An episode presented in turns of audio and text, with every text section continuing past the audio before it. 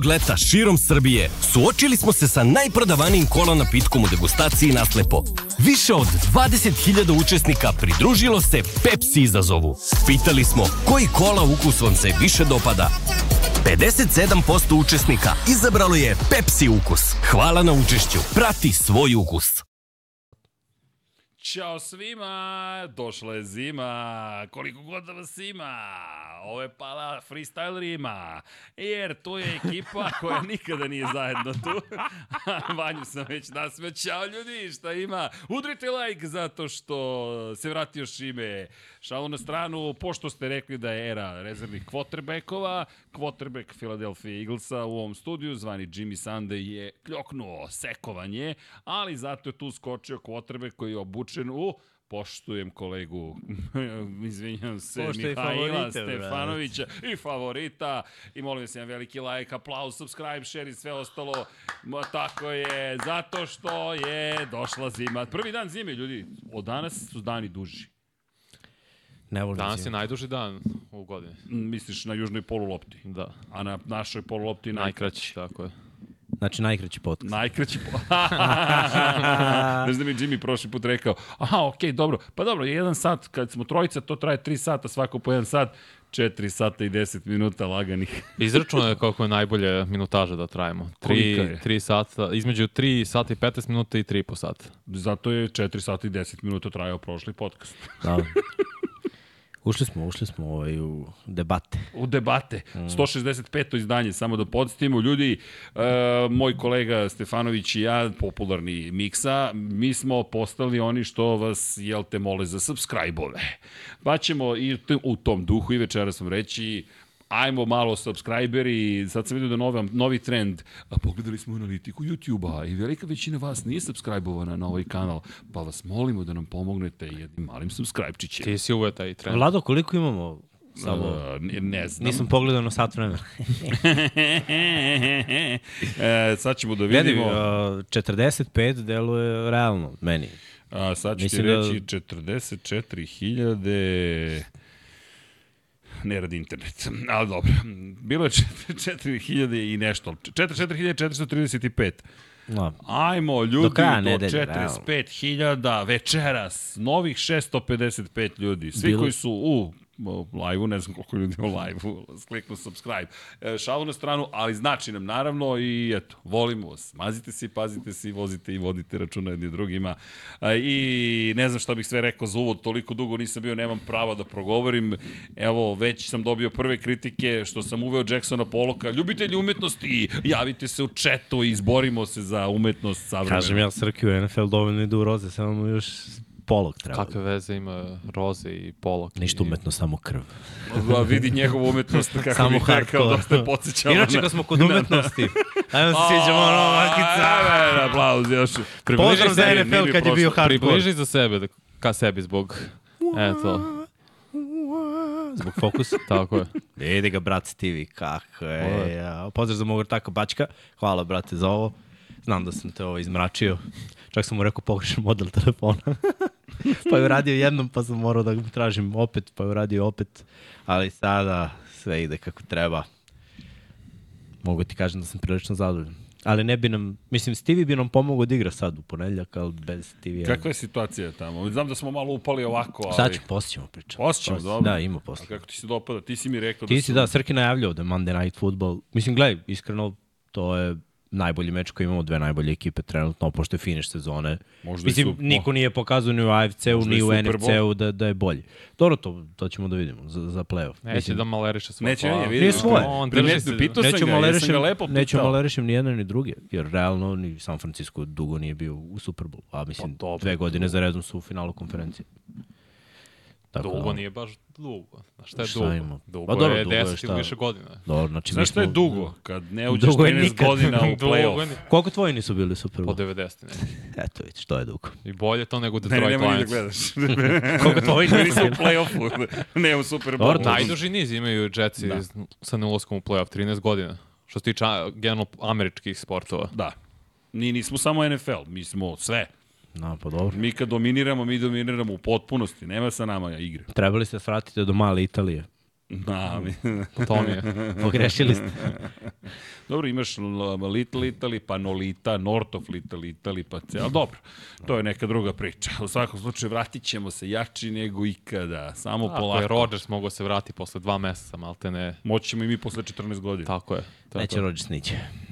Da neće igrati, nego se vrati u A, trenzima, što je opet suludo. Pa dobro. Sledeća sezona. Izloženje, to je dobro. To je dobro. Dobro, jesmo. Mislim, ove nedelje će startovati 58. startni quarterback.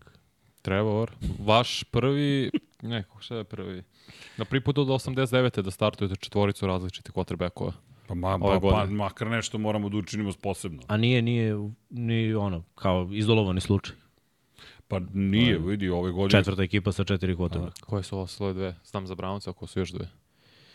Minnesota Dobbs, da, ovaj Hall je Hall je startovao startovao jednu, jednu. da, pa je sve, da, jeste, i dobro. Malens. Mislim da smo u uzbudivom periodu. Koji je još? Jimmy i ja smo istraživali. Evo, ja sam zamenio Jimmya. Pa, Ajde, reci. Šta? Sad bi... Šta da kažem? Ajde, seti se šta smo istraživali. Ej, ljudi, bio sam na putu. Nisam mogao baš da pratim kako sam želeo od 99 yardi. Je lepo bilo. Pa jeste bilo lepo, bilo je i uspešno. Do, Lepo još neke sreo dragi ljude, popričali čak i o nekim poslovima i tako, svašta smo nešto uradili. Na, da, bliži se 2024. pa je sad iza kulisa se i tekako radi. E, otvorena izložba, ko želi da vidi izložbu trkača koji su bili u Čileu, Burt ili ti Belgrade Urban Running Team i naš drugar Nik- jel te, e, Galeb Nikačević su organizovali, prvo su otišli da trče u pustinju Čilea, u Atakami su bili, a onda su organizovali izložbu, pa smo se dogovorili u našem novom prostoru, koji još uvijek nema ime, lomi se između rana ČČČ i i Svemirska luka Infinity. U, bolje svemirska luka. A, reci, Svemirska luka u Luci Da Beograd. vas odvedem malo na ranč da vidite šta je ranč. Ne, ne. Pa, malo da porete tamo.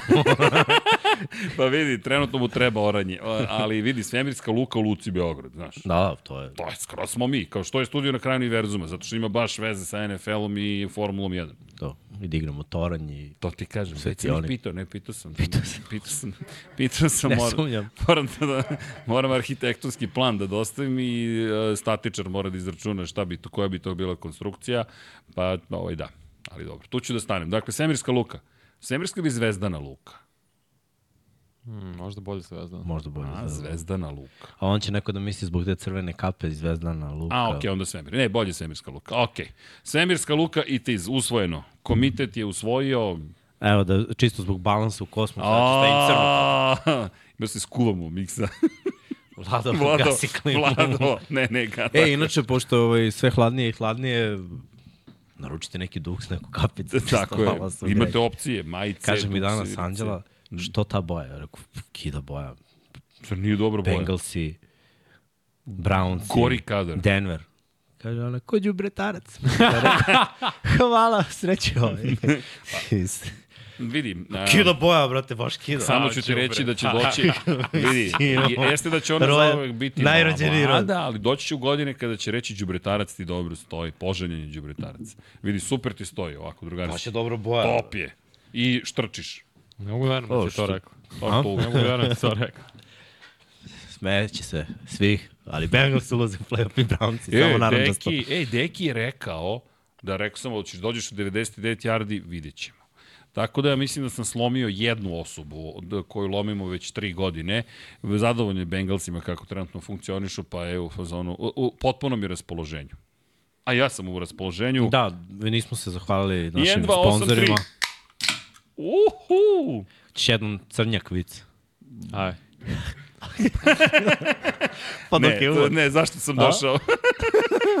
Dobro, ajde. šalim se, šalim se, naravno. A baš je crnjak. Ude, pa vidi. A? A, šta da radiš? E, ide to pred novu godinu. malo. Pa kako ne ide, veselo, samo veselo.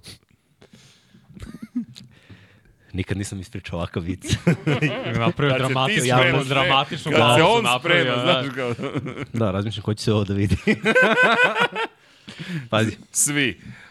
Vanja, piši time kodove. Pišem ja. se, sede Dejan i Saša Matić i jedan od njih kine. Kaže ovaj drugi, otvori meni taj Pepsi. Jao, dakle ne, dakle ne, ne, ne, zašto ne? Politički nekorektno, sponsor će pasti u nesvest, sve, ništa nije Bravo. kako Ja treba. sam ti rekao da Da, razmišljam, nije crnjak, to je Šta je, to je Vanja? tačno, istina, Vidi, šta? ne, jao, činjenice ne. su činjenice, on nije rekao Činjenice, nešto lažno. Če, činjenice, če, čekaj, Gasi po- podcast, podcast. briši i krećemo Nisu iz početka. činjenice, vidi. Može da bude samo jedna grozna šala, ali A, okej. okej. E, Nisam da. ja smislio u moju odbranu. Kaže, Da, čudo baš nije pa. raspalio po Hadlu. Ja, pa Hadl se tek sprema. Znate zašto se između... sprema kad krene Znate kuknjava. zašto između dve limenke? Zato što uh, toplota da se ne izgubi, razumete, ali prvo idemo Pepsi, poštujemo otvaranje, otvaramo Pepsijem, nastavljamo sa Hadlom, vic jeste pakao i onda idemo tako dalje u krug. Vic je bukvalno pakao, a ja sam Pakao. skuvo, znači Da. go, gorim. Dobro, izreklamirali smo kapu. Uh, uh, uh. Tamo onda prekrijemo ove Titanse ovde. Neće oni nigde. Znači, ti nisi bio to kako se radovao kao malo dete kad su Titansi pobedili Ma Miami. Skakao od sreće. Ja, ja sam ono malo, čovjek. malo dete zarobljeno U, u telu ludog čoveka. Uh, ajmo, ajmo polako, e, ljudi, ali kakav nam je sigurno... koncept emisije? Koncept, sa, zaboravio si ja. Zaboravio sam koncept. Vidiš. prvu, je, prvu utakmicu, Vlado. Da, možemo polako od utakmica. Do, da li, uh, nije nam tu Srke veliki, otišao je po paketiće. Tako da ovaj, Vlada je tu da nam pomogne malo. Vlada inače ovo radi sve ono brže, želi da, da budemo između 3 sata i 15 minuta i 3 i po sata. Ali Vlado, Srećno. srećno. Evo, To je sve što ću da ti kažem. Srećno. Ali dobro. Vidi Chargers i Raidersi. Šta je ovo 63? 63. ekipa. Ne, ne razumem Pa ovo ovaj smo broj. pričali prošle nedelje, ono, uvijek radimo Thursday night Da. A, ne, ne Dove se čisto da ti stanemo još malo na žulj. A, pa da, hvala. Nismo dovoljno. Da. Mislim, srđa nije. Evo. Da, ni srđenje dobio priliku zapravo, da. upravo. si. Hva, pa vidi Vanja. Kako ti deluje ovaj potok E, Chargers? šta je ovo, kvota 3? Pomnožiš sa 3 njihove poene i dođeš do ovog rezultata, izvini Vanja. Znači, Nećemo dalje da diramo. Ne, ne, ne, nemam srca. Samo, srce.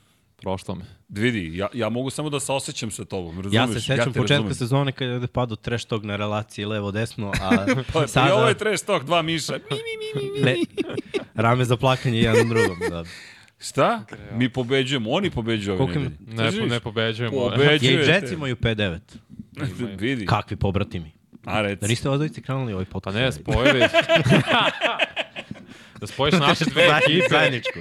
da spojiš naše dve ekipe i imali Čekaj, ali vidi ti ovo širenje, razumeš? Ovo A, brate, dok se može. Dok se može. Sada, Mora se iskoristi, bre. Neka, nije mogo pro, prethodne dve godine, pre svega Šta, zbog mu ekipa u povreda. play-offu? Pa ja sam mogao, šta? ne razumem. Da, nema veze, ušlo u play-off povredom. I bez potrebe ko mi uđemo u play-off, bre. Dobro, sad ga imate. Jel ga imate još uvek? Ne znam kako Jezik sad- pregrizu Miči se. Sa- Daj Vladu neku drugu, ne možemo. Daj Nije u redu, fan. stvarno. Ne, šalno na stranu, ovo je, ovo imaš, je mislim, stara utakmica. Ima, izvim što se prekinem Srki, što, uh, da je Jimmy napisao pet utakmica na Slacku. Uh, Pa mogu ja da ti kažem, ako te mrzi da, da gledaš. Ajde. Da, da, da, da, hoćemo. Ne, ovo je bilo prošle nedelje, zašto je četvrtak, znaš, pa mi to ispričamo u petak. Pa da. To ćemo i za ovu nedelju, od juče utakmicu malo da ispričamo. Ali možemo da popričamo o čemu. Minnesota protiv Cincinnati. Možemo, eto, kad smo već kod naranđaste ekipe, na domaćem terenu u džungli, rešiše Minnesota Vikingse, ali iskreno, Minnesota je toliko opasna ekipa, samo da je Kirk Cousins ostao zdrav. Jer oni šta proživeše četiri kvotrbeka I drže se i, još i, uvek. i još su dole, znaš, nećemo ovog uh, Dobsa, stavit ćemo Nika. Malensa, samo sam čekao moment, znači bukvalno hodajući interception. I gledaj, prvo polovreme je odigrao ok, Bengalsi čoukovali, ali drugo polovreme krenule su. I, iskreno, na jedan touchdown što je bacio, ne može biti nerezonskije dodavanje. Drži ga čovek za nogu, on pada na leđa, baca loptu u padu, lopta je bukvalno 5 cm iznad zemlje, Edison je hvata, čovek kasni, on trči posle toga 50 yardi za touchdown. Ja rekao, kakav potez. Sličan takav potez, posle još jedan touchdown, trči desno, baca u sredinu, ali mislim, ko reskira, profitira, ali znaš, ko, ko reskira i greši, mislim, bilo, bilo je grešak. On I je jedan interception Pa koji je bio pick six, zahvaljujući offside-u je poništen. Mislim, inače bi bilo tri interceptiona za njega na utakmici, što je stvarno mnogo. Jedan je bacio toliko naivno da, da je prosto neverovatno, ali to su neke gluposti rezervnih quarterbackova i mnogi ekipe moraju da žive s tim. Uh, zanimljivo je trenutno da dosta ekipa koji imaju rezervne quarterbackove jure playoff i ovo je baš bio duel rezervnih quarterbackova gde je ipak Browning bio bolji i vezuje tri brutalne utakmice. Ova je bila najslabija od te tri, opet je bacio više od 300 yardi i dva touchdowna, jeste imao jedan interception koji isto bio naivan, ali nekako mi deluje da Bengalsi polako ali sigurno ulaze u neki ritam, težak im je raspored, ali im se otvara malo slike, jer druge ekipe nepredvidivo gubi može da se desi da, da nastave da gube. Tako ali... da može biti dobro. Ali za Minnesota mnogo lakši scenariju, jer su u NFC-u. Ali opet njihov raspored je težak jer dva puta imaju mm -hmm. Lions i ako ih Lionsi pobede dva puta, Minnesota ostaje samo da se mole eventualno da će neko drugi gubiti u NFC-u, jer ja mislim da je ono što je Vanja Sinoć rekao da je za wild card dovoljno negativni skor u NFC-u. Za sad ne deluje tako, ali moglo bi da se obistini na kraju. Pa to je ono što smo pričali još za, za jug odavno. Pričali smo za jug, da, ali pa pazi da, sad ceo wild card. Da, da, da. Može da se desi, jer, na primjer, Ramsi, ako izgube od 49 ne znamo šta će uraditi u ovoj utakmici između mogu, Giants. mogu da izgube, mislim, a mogu da uđu u play-off.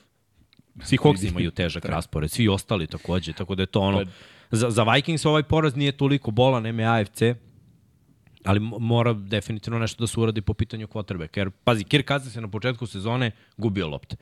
Svi su gubili lopte, imali su i fumble, ajde, samo da ne kažemo Kirk Cousins. Pa su ušli u dobar niz, pa su krenuli da pobeđuju, pa se Cousins povredio, pa je došao Dobbs, pa je bilo gubi lopte, pravi čudo, ali nekako pobede. Pa je krenuo da gubi lopte, pravi gluposti, da ne mogu da pobede. Pa su pobedili 3-0. Mislim, tu nisi prokomentarisao, to je bilo pre on, dve nedelje, dve nedelje ali 3-0, brate. Ne, vidi, Američki prokomentarisao sam kod kuće. 3-0. Prokomentarisao sam. To je baš užas. Ja čak mislim da sam s tobom ili s nekim mm. sam pričao na, na komentar na 3-0 bi bilo wow. Evo pitanje za tebe. Da, da komentarišeš. Da li bi se radovao komentarisanju Vikingsa sa četvrtim quarterbackom? Dobro. I potencijalom da daju 3 poena na utakmici. Mislim, kad mi tako postojiš, znaš, ne postoji drugi odgovor. Ali vidi, znaš kako, e, ti znaš da ja imam ta, ta, ta, ta stanja svesti. Ja bi to gledao kao izazov ništa drugo, ali realno ne, ne bih volio da to komentarišem. Volio bilo šta drugo, ali opet, znaš, ne znam šta te kažem pametnije. Kako napraviti, znaš šta mi tu meni bilo zanimljivo? Kako od ovoga napraviti zanimljiv prenos? Da, kao što si rekao, to bi tebi bio izazov zapravo. Da. Ali, ali dobro, u zašto, ali, ali, ako, teško da bi bilo odgovorim na pitanje, ne, ne bih volao. Iskreno ti kažem, ne bih volao.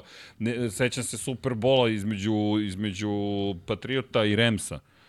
I to je bila tvrda utakmica. Znaš, da, ta je bila, ta je bila bar tvrda, tvrda. jer su dobro odbrane. Tako je, ali znaš, ovo nije takva utakmica, ovo ne mogu da nazovem, nije to visok kvalitet utakmice, nego to je nizak kvalitet sa obe strane, otprilike pa si dobio taj rezultat. Ne kvalitet. To je Iskreno, to. mene zanima pa, da. pre svega zbog ovakvih razvoja situacije kako će NFL još više da zaštiti quarterbackove, jer ovo im se baš nije isplatilo ove godine. Pa da, ali kako je moguće da backup quarterbackovi odbranama prebace 300 yardi? Kako moguće da imaju toliko uspeha. To je meni najveći problem i to je pitanje i za odbrani i za NFL, jer to ne treba, ne može jedan backup quarterback, ne može jedan Joe Flacco koji je došao čovjek sa klupa, ne, ne kažem ništa loše protiv Joe Flacco, samo on kažem. On je došao iz penzije. On ja je malo kažem... sa penzije, da. došao, igra sjajno, da, greši, ali opet ima utakmice sa tri touchdowna dodavanjem. Šta to govori o odbranama u NFL-u? Šta to govori o čitavom kvalitetu same igre NFL-a? Mislim, komična interception je imao, uh, kako se zove, Malens. Malens, da. Čovjek koji je bacio loptu koji je sedeo na podu U životu nisam vidio onakav interception. je gore nego bat fumble Marka Sančeza. BJ Hill je sedeo i pogodila ga loptu u kacigu i odbila mu se ruke. Ali gledaj, to su stvari koje se govore quarterbackovima. Naprimer, ti kao skill igrač, kad si hvatač, kad si running back, treneri, ako si talentovan, reći će ti, ok, uzmi negde rizik, kada ti fali jedan yard, pruži ruke, ali ako su dva igrača oko tebe, nemoj. Ako te neko obara i uvrće, rotira, baca, stegni loptu čvrsto. Quarterbackovi danas po cenu da izbegnu sek, koji mislim jeste skup, ali u utakmici ovaj nije bio toliko, pokušava da izbaci loptu samo da bi izbegao sek. Ali ti ne znaš dok ti igrač rotira, jako je teško. Mislim, niste bili u situaciji, ali kad, kad nisi svestan gde ćeš da završiš, kad te uhvati neko ko je teži, jači od tebe, ti si njemu kao igračka. Znači, bukvalno može da te baci, da te spusti, da te udari bilo gde. Ti tu nemaš nikakvu kontrolu. Nad, nad sobom, a ne nad loptom ni znaš kad ćeš da je baciš, ni njegovo ono do, pokušaj dodavanja je zaista bio najvan. Ok, verovatno je verovatnoća mala u toj situaciji da ti kreneš da baciš loptu, da te on baca preko svog kuka, i da tebi lopta ispadne nekako vrljavo i njemu upadne u ruke. Mislim, on je verovatno čovek želeo da šikne loptu dalje, nekih znam. 10 yarda, i to je potencijalni interception. I mislim, jedan od razloga zašto Malens nije dobio mnogo šansi u NFL-u, bio je starter, on je bio starter u 49ersima. Mislim, da se ne lažemo, ta ekipa 49ersa je bila moćna i tada kada je on igrao. I ništa nisu radili. Tako da, re, redko kad se desi, zaista je potrebno ovde, kad već pričamo o quarterbackovima koji igraju dobro, Browning zna sistem Bengals. Bio je tu na trening kampu, učio je, zna sve akcije, zna sve igrače. Bilo je samo potrebno možda utakmici ili dve da on malo uđe u štos, da ga igrači ohrabre i opet dobar je sistem za njega. Dobro, Mislim zna da Minnesota- znao i Man, Malens takođe. Čit, Mi- Mi... zamisao ove godine, izvijem što te prekaj, Malens je bio povređen ove godine, ali on je trebao bude rezervni kotrbek, čito vreme dok je Kaznic igrao. Ali gledaj, Minnesota sve vreme menja svoj pristup, svoju filozofiju, je li tako? Filozofija s Kazansom je jedna, ali to Kazans može da sprovede u delu. Pa onda kad se povredio Justin Jefferson i, i Kazans i dolazi Dobbs, ti više nemaš filozofiju Kirka Kazansa, nego moraš read option, trčanje Dobbsa i onda odustaješ od te filozofije mm -hmm. i vraćaš se s Malensom na filozofiju Kazansa. Pa nije baš realno. Mislim, zašto Partizan ne igra ko Barcelona ono, ili, ili Zvezda? Zato što ne mogu to da rade, ne, ne, nemaju taj talent Kom sport? futbolu. Dobro, aj, u košarci, mislim. Nemaju taj talent. I, ali nešto je meni zanimljivo, izvini, ovu utakmicu, ako pogledaš statistiku ponovo cijelu, generalno, ta četvrta četvrtina, znaš, Vanja, ti imaš pitanje, na primjer, kako je moguće da se desi nešto s odbranama, a, ako pogledaš četvrtu četvrtinu, pogledaš Viking je okej, ti u jednom trenutku imaš situaciju koja koja ne bi baš smela da se izgubi. U, u ono što mene to više više na primjer ne mogu kažem nervira ili brine ako ste navijač Minnesota ti imaš situaciju koja ne bi baš smela da se završi ovako razumem Bili su, bili su bolji, bili su bolji. ali i, Tri ali- četvrtine. Da, i, i, i ti bukvalno imaš pobedu koja ti je od vitalnog značaja, aj ti da dozvoliš. Meni, mene to više uslovčeno zabrinjava. Ono što mi je simptomatično za Cincinnati kao da je Barrow tu otprilike. Opet se vadimo u četvrtoj četvrtini. Znaš, znači, to, to, to je filozofija otprilike, eka je četvrta, e, aj sad. Odlična egzekucija. Naiđu, I, naiđu. o, I odbrani napada. Naiđu Sekoli takve- su sedam puta ovog nesretnog. Malinca, na trećem downu bili odlični, dali priliku napadu. Tako Ne, je bila ova utakmica. to je Prethodne način. dve su vodili. Ali, znaš, o, ovo je situacija koju Vikinzi ne smeju, moje mišljenje, ne smeju da dozvole Pritom da Minnesota baš ima nezgodnu odbranu, to im priznajem. Mnogo čudnih bliceva, gde, gde ne znaš neke stvari kad će da se dese. Naročito kvotrbe koji nije starter, koji nije toliko iskusan. Treba vremena, možda treba i celo polovreme da shvatiš jer oni se poređuju 7-8 na liniju skrimidža i ti nemaš pojma ko ide u blicku, ne ide, ko ide, znaš, ponekad idu trojicu, 8 u coverage ti očekuješ blicu i odjednom Ne možeš imao da si neku zamislu da, da. pri snap, gde ćeš da Da, da, baciš jasno. loptu onda shvatiš nema ništa od toga, pritom nisi atleta, nema bega, i, ima, imaš dobru protekciju, idi ga. To je alarm u 8.30. Pa u 8 smo počeli. ne, tad se budim za Lab 76. Ja, o, ovaj podcast. Dobro. Ali dobro, sve, sve pohvale stvarno za, za Bengals, oni su bili otpisani nakon po- povrede Burova, sad su u play-offu trenutno i vidjet ćemo da li će nastaviti tim putem. A za Minnesota, gledaj, jedno moraju da cepe Lions, to je moje mišljenje. Ako žele u play-off, jedno moraju da dobiju Lions. Znam da je nerealno, ali mislim isto tako mi je bilo nerealno da Bersi igraju dva puta vrhunski mm. protiv Detroita i isto tako mi je bilo nerealno da Packersi za dan zahvalnosti razbiju Detroit Lions. Dobro, uhvatili su ih u lošem nizu, da li deluje da su Lionsi popravili, ali po, plaše me za Bengalsa povrede Chase-a. Separacija ramena, ne igra ove nedelje protiv igra, da. Steelersa. Pitanje je da li će biti spreman za narednu nedelju.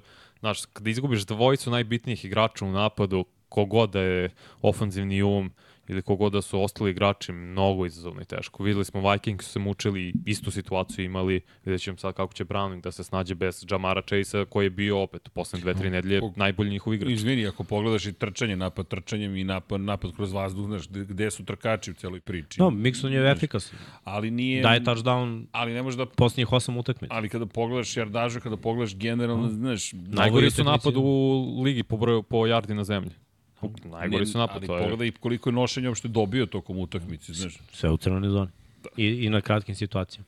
I eto još jedan apel za ligu da ne zabrane tuš puš, jer eto, Neće, rekli su da neće pa zabraniti. znam da rekli su sad, ali bit će apela i dalje, neko će da plače, mislim, ovo današnja neka era. ekipa će da plače koja to ne odgovara, pa tako to ne može da Evo vidite kako Minnesota nije uspela. Čoveku ispadne snap, ovaj ga gura u zemlju. I ostanete kratki. Ori znači. Radovan. Znači, moguće. Uh, ajmo, Vlado, dalje. Da, ali dobro, samo zaključak. Bengalsi, pazi, 8-6, ovde je 7-7, a Bengalsi svaka Biće, čast. biće, biće dobro. Čekaj, ko su i Ravensi? Šta je ovo? 11-3. To ti je najbolji tim u AFC-u. ok, a ovi Jaguarsi... Predstavi ga. E, da. Ja, ovo je treća ekipa koja je prvak divizije, šalim se, druga ekipa koja je prvak divizije koja je ostala na jednocifrenom broju pojena protiv Baltimore. O, čekaj, se ovo spremao iz 7 dana. Nisu, sad sam ne donul. Ko je prva? Detroit. Dobro. A da, imate niz o, sada San Francisco, nakon toga Miami. Da, da, da. To, to, Divizijski sad, sad lideri. je vreme Hvala za, za dvocifreni broj. Ne, ne, San Francisco će nas očepi, a Miami neće nas očepi, bit će dobro, bit će tuča. To je tuča uvek. Ali ova utakmica, mislim, ajde ovako, Jaguars je ove godine protiv mnogo jakih fizikalnih ekipa nisu izašli na teren onako kako je trebalo. Što kaže Vanja, na domaćem terenu dobili su u Londonu.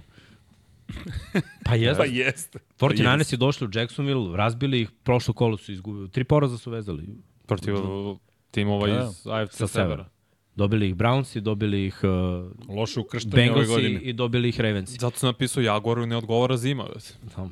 To je to. Zima A pazi, igraju, ili a ne igraju, odgovaraju ovi, Igraju kod kuće. ovi teški ljudi, čelični i ostali. ne, stvarno, znaš šta, prvo krenula je utakmica, okej, tu nije, ništa nije kriv napad, nije kriva odbrana, kiker promaši dva šuta. Odmah te demorališe, jer ti kao trener si već sada, okej, čekaj, bili smo u field goal zoni, pa jesmo u field goal zoni ili nismo.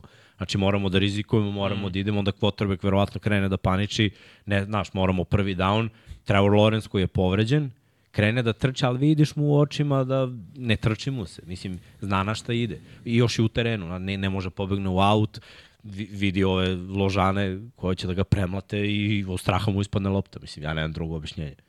Da, je krenuo da prebacuje Krenuo je loptu. prebacuje i odjednom se spetljao i Ali lopta mi dole. deluješ zadovoljno, bez obzira Da, što ovaj- nemaš objašnjenje. Ovo odmah je pustio poruku, sam pošto pustio sam ja radio. Da vidi- Cijela brada mu pleše zadovoljstvo. Ne, šta, pazi, Trevor Lawrence je meni korektan quarterback, još uvek čekam taj trenutak. Bilo je tu priča po poslednjim podcastima, top 10 quarterbacku, još uvek nije top 10, ali je ono, tu je, tu priči. Ima Radi se wow na tome. momente, ima, ima, wow ima, dodavanja, ali- bukvalno ima wow momente, ali ima i jao. I wow i jao momente. Ovo je bio jao moment. Jeste. Novi podcast, wow, jao. Novi segment. Jao, Wow, wow i jao. Wow, jao. jao. Wow, dva, Wow, jao, Inače, pred, powered by, Powered by ko hoće da sponzoriše, piše. shop.infinitylighthouse.com od kad je ušao u ligu, Da. da. Trevor Lawrence ima najviše famblova u ligi. Ne trči mnogo, znači famblovi se dešavaju prilikom dodavanja i prilikom nekih pokušaja bežanja. Dobro, ali izvini, to, Pritom ti, ima ti inter- to prideš psihološkom problemu. Pritom ima, pritom ima interceptione, koje, koje nekad Dobro. baca naivno, ko, za neke nije kriv, prethodnu utakmicu imao tri intersepšena. Znači, on uđe u dobar niz. Naprimjer, sezona je krenuo loše, pa su išli u London. Ušli su u dobar niz svi, čak i on. Dočekuju 49ers i onda ih ubiju 49ers, ali ubiju. Bukvalno su ih uništili Yes. u Jacksonville. I onda ti malo pokvare ritam. I onda si u limbu nekom, Onda onda, izgubiš povrediš. Kristijana Kirka, pa se malo povredi Trevor Lawrence i onda krenu problemi. I za njih takođe jako težak raspored. Oni su sada 8-6, koliko imaju Kolci, koliko imaju i Texansi. Mnogo je, mnogo je teško za njih sada da ostanu na vrhu, ali opet u njihovim rukama je sudbina, moraju da reše sve do kraja ako budu pobedili. Još Biće prvaci divizije. Loš odabir akcije na kraju prvog poluvremena, da mi prosto nepojmljivo bilo ali da, to ti je isto ne spajkuješ loptu. To ti je quarterback. To je, to je quarterback. Uh, kompletirao si fade, imaš vremena, spike. 15 sekundi i oni Spike. krenu novu Nemaš. Tako je. Spike. Znači, ne dodavanje u flat. Ono, istrožit ćeš vreme. Jedan, ako igrač bude oboran u terenu, ćao, ti nemaš spajkuješ. Znači, 15 sekundi je malo da se izvede akcija, čovjek uhvati loptu da bude mm. oboran i da se vrati lopta da je sudija dodirne i, i da ti spajkuješ. I da I ostaneš bez važnih poena. I to su konstantni neki čoukovi Jaguarsa koji se dešavaju protiv boljih fizikalnih ekipa. Opet, uh, sekovi na ovoj utakmici, takođe problem, ofanzivna linija, Povređena. rekli smo već ima tu malo povreda. Uh, ono što jeste bilo pohvalno na početku, Etienne, Etienne, on je krenuo malo i opet odustaje od trčanja.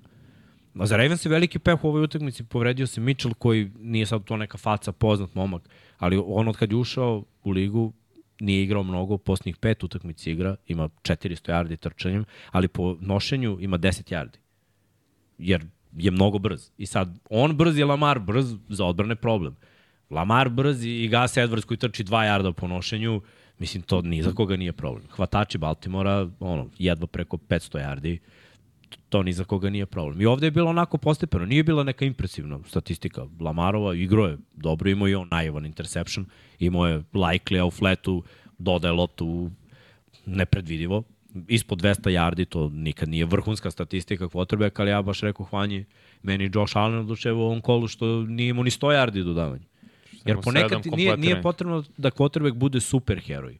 Neka samo bude A dobro, heroj. to je, to stalno pričamo za Josh Allen, da ne bude super heroj. Ima da i ne Lamar. superheroj. Ali Lamar je morao da bude super heroj i bio je na ovoj utakmici. Čovjek ima 100 yardi skoro Ali nije to on kriv. Ne, što ne, je sve kažem-. Na, znaš ko je kriv? Za, za to što je on izgledao kao superheroj. Defanzivna linija Jaguars. Jeste. Jer je on sedam puta imao 10 sekundi da baci loptu. Mislim, On to kupuje svojim nogama, oni sek A kad da, on- je izbegao, prošao čoveku ispod ruke. to je jedan, maltene. to je jedan mađioničarski, ali drugo je, Dovoljno. znaš što on drugo radi? Levo, desno, levo, Tako je. desno, stanem, bam. Kao na flag futbolu. Mislim, samo što na flagu imaš 7 sekundi. Ali da to baciš mogu možda samo on i Mahomes. I to Mahomes ne radi toliko fluidno. Lamar je lak na nogama. On pleše sve vreme, ide tamo ovamo. Mislim, nije ni čudo što, evo, 37 utakmicu u svojoj karijeri predvodi Ra- Ravens po broju istračanih yardi. Samo Cam Newton ima više, a igrao mnogo više utakmica. Gledaj, To je pohvale, velika razlika. pohvale samo na ovoj utakmici Jaguarsi su više failovali nego što je Baltimore ofanzivno odradio nešto. I opet dolazimo do crvene zone, field goal, field goal. To su problemi, ali okej, okay, odbrana je meni veća priča ove godine za Baltimore. Jer je ta odbrana svela mnoge ekipe na 10 poena i manje, mnoge talentovane ekipe koje postižu više poena, mnoge dobre quarterbackove, mm. Detroit koliko daje poena po utakmici? Ne, su sa 27, 8 U garbage time-u 6 poena. Uh, Seattle 3 poena. Jaguarsi isto jednocifreni broj poena. Chargersi 10. Sedam. Koliko? 7? 7. 7 ili 10. Nije ni važno, malo je.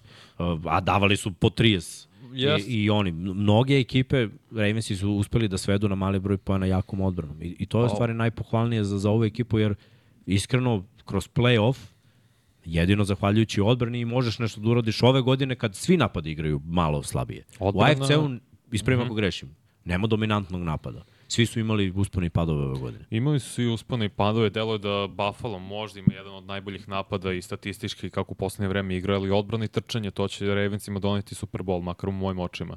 Jer trčanje nastavlja se niz od 30 uzastopnih utakmica preko 100 yardi na zemlji. Nastavili su da sekuju quarterbackove 50 sek ove sezone, 35 utakmica s makar jednim sekom za redom imaju Ravens i to je ključ uspeha. Jaka defanzivna linija, da, možda ima nekih sada predominantnih imena za običnog fana NFL-a, ali u Madu Bike igra sjajno. Patrick Queen grmi. igra sve bolje od kad je tu Rockman Smith. Rockman Smith treba bude u diskusiji za defanzivnog igrača godine. Secondary zavisi, ispada često Humphrey, istina, ali imaju dvojicu, više nemaju ni trojicu jer je povređen uh, Marcus Williams, ne znam da li će igrati na ovoj utakmici, ali imaju dvojicu brutalnih safety-a i to je recept za Ravens, što i Miksa po, pomenju među sezoni i pre početka sezone, trčanje i odbrana. Šta radi sa Francisco 49ers? Da, imaju dobro quarterback, imaju vrhunsko oružje, ali trčanje i odbrana pre svega, pa onda sve ostalo. Miami Dolphins isto. Da, te Erik je fenomenalni, mislim da treba bude MVP diskusija, ali oni kada nema trčanja ne funkcionišu na svom vrhuncu. I to je vrlo prosto za Ravens. Naći oni opet neku Pa- igru na zemlji. Da li, dobro, to je sad ovo, da li će, pošto Dobro, si zavisi spomenuo koga, da, na, naravno, ali ne, nego ovo što si rekao, znaš, odjednom imaš slabost u kontekstu toga da imaš jednog čoveka koji zapravo neke stvari može da uradi, to je stara Lamara, što se nas malo vraća u prošlost. Naleteće, znaš, sad naleću protivnici koji, šta ide dalje za, za Ravense, idu 49ersi ovog ponedeljka, posle idu Dolphinsi. E, to, je, to su ekipe koje imaju više ljudi, koji rad, koje rade velike stvari. Tariq Hill ima više yardi nego svi hvatači Ravensa. To je ono, jedan čovjek više nego ovde koliko petorica, da, da džutere sve skupno. Šta više, on ima više touchdownova nego svi hvatači Ravensa, zajedno. Što je bolesno. A gde je Vadl? A gde je Monster koji kao running back ima ono, 20, 20 plus touchdownova. da. 20 istračanih, a Tako skrimi ima još i par uhvaćenih. Preko 20 skrimidža, pa gde je chain, pa znaš, uh, dolazimo do toga da do, sad idu pravi testovi za Baltimore i tu će se pokazati u stvari uh, ko su, šta su i gde su, ali gledaj, playoff je obezbeđen, to je prva ekipa u AFC-u koja je obezbedila playoff ovom pobedom i jedina, tako da on, ideš u playoff, to je važno, pa u play-offu, ajde, neki drugi ishod neka bude. Mislim, taj prvi seed, ja ne znam koliko je to dobro više u NFL-u. Mnoge ekipe koje su ono, prvi seed, pa i Ravensi su bili ta ekipa 2019. ispadnu odmah nakon te dve nedelje pauze. Dobro, to prije Chiefsima. No, Chiefs nisu čokeri. da. Dobro, Chiefs imaju posla. ispred Mi moramo da dokažemo da, da nismo čokeri. Pa dobro, Za sad ali nije dokazano. Sla- Jedna pobeda u play-offu u Lamarovoj eri. nema elitnih timova ove godine u, u AFC-u. Možda najbliži su tome Ravens i pričali smo o tome da li na prethodnom prenosu ili Monday Night Football ti Srki A Da li ih ima, izmeni, u NFC-u? Imaš San Francisco elite tim. San Francisco kad je zdrav, kad svi, kad su u napadu svi zdravi, oni gaze i protivnike, to nije ništa sporno. Ali ko, glavni quarterback koji je najbolji u NFL-u, to smo pričali, veliki broj izgubljenih lopti imaju. No, To je baš- nekarakteristično, ne pamtim kad smo imali tu scenu da najbolji Hurts, Josh Allen ima i po 17, to predvodi ligu. Mahomes ima isto 15, Lamar ima možda 13, to je veliki broj izgubljenih lopti, svi imaju dvocifren broj. Mislim da jedino da sad Dak nema i dalje, što je predvodio prošle godine ligu po interceptionima, ali uglavnom većina najboljih quarterbackova, ako ne svi imaju dvocifren broj izgubljenih lopti, to je mnogo. Daleko od onih sezona kada je bilo mnogo touchdownova, jednocifreni broj interceptiona. Taj standard se izgubio, ali izgubio se malo i na broju ovaj, ponavljanja. Ne gledam komentare trenutno, ali sam siguran da je neko rekao kreće Baltimore Ravens specijal. Nije, nije. Još. Nije, nije. ne, pa mislim, ljudima može da smeta, ali Da li to je ljubav? prvi tim u AFC-u. Samo vam kažem, ako nećemo najboljim, o kome ćemo? Kao kaže Steve Smith, zašto nosi rukavice Ravens? Otvorio sam fioku i, kao i Ravens, bili su na vrhu. Ajmo dalje. Texansi i Titansi. 19 naspram 16. Vrlo važna pohvale. utakmica, ja ne znam, baš nisam verovao u Texansa ovde. Nije igrao CJ Stroud, Nije igrao Will Anderson, tek gde on se povredio. Nico Znači, Collins isto. Nico Collins, bez četiri vrlo, vrlo važna, da kažemo možda i ono, najbolja. koliko Od, pet, vidio, od pet najboljih ovo su četiri najbolja koji nisu igrali. Dobro, A, I Tennessee povede. Ne igra, ne verujem je ove nedelje. Tennessee, Tennessee povede i sve vreme, da kažeš, deluje kao to je to, igraju kod kuće u uniformi Houston Oilersa. Znaš, nekako deluje, to je to. Znaš. Jedna Koga si stara ekipa je nova. kapom? Njih. Pošto neće oni niđe. I mislim, eto, Case Keenum, pravda za Keenum. Pravda. Dobro, Case Keenum svake dve, tri godine, četiri, Ne, na, na šta, odbrana Texansa, Demico Rans kao trener i Singletary. Singletary je rešenje. E, Singletary je u stvari prava priča šta, šta znači dobar igrač u pogrešnoj ekipi, u pogrešnom sistemu. Jer da je Singletary bio u bilo kojoj drugoj ekipi, smatrali bi ga verovatno opcijom. Pošto on u Buffalo Billsima realno nije bio opcija, bio je ono, jedan od running backova Buffalo Bills. Što, što je užas. Momak je dva ili tri puta ove godine imao više od 120 yardi scrimmage. Ovde i- Drugi put, ja mislim, ovde je imao. Imao i par mečeva gde je imao ispod 30. Ne, imao da je imao baš loš. Vlada, Vlada, gde ode na Eagles i Seahawks? ode Vlada već dalje. doćemo, Vla- to će- biti da, posle. gde žurimo, gde žurimo. Ali, Dobro su, dobro su odigrali Texansi mm -hmm. po zemlji i naravno ta Odbrana. hvatanja Singletary, dobra odbrana, Levi se povredio isto na kraju. I opet uh, za Titanse, Texansi, Titansi.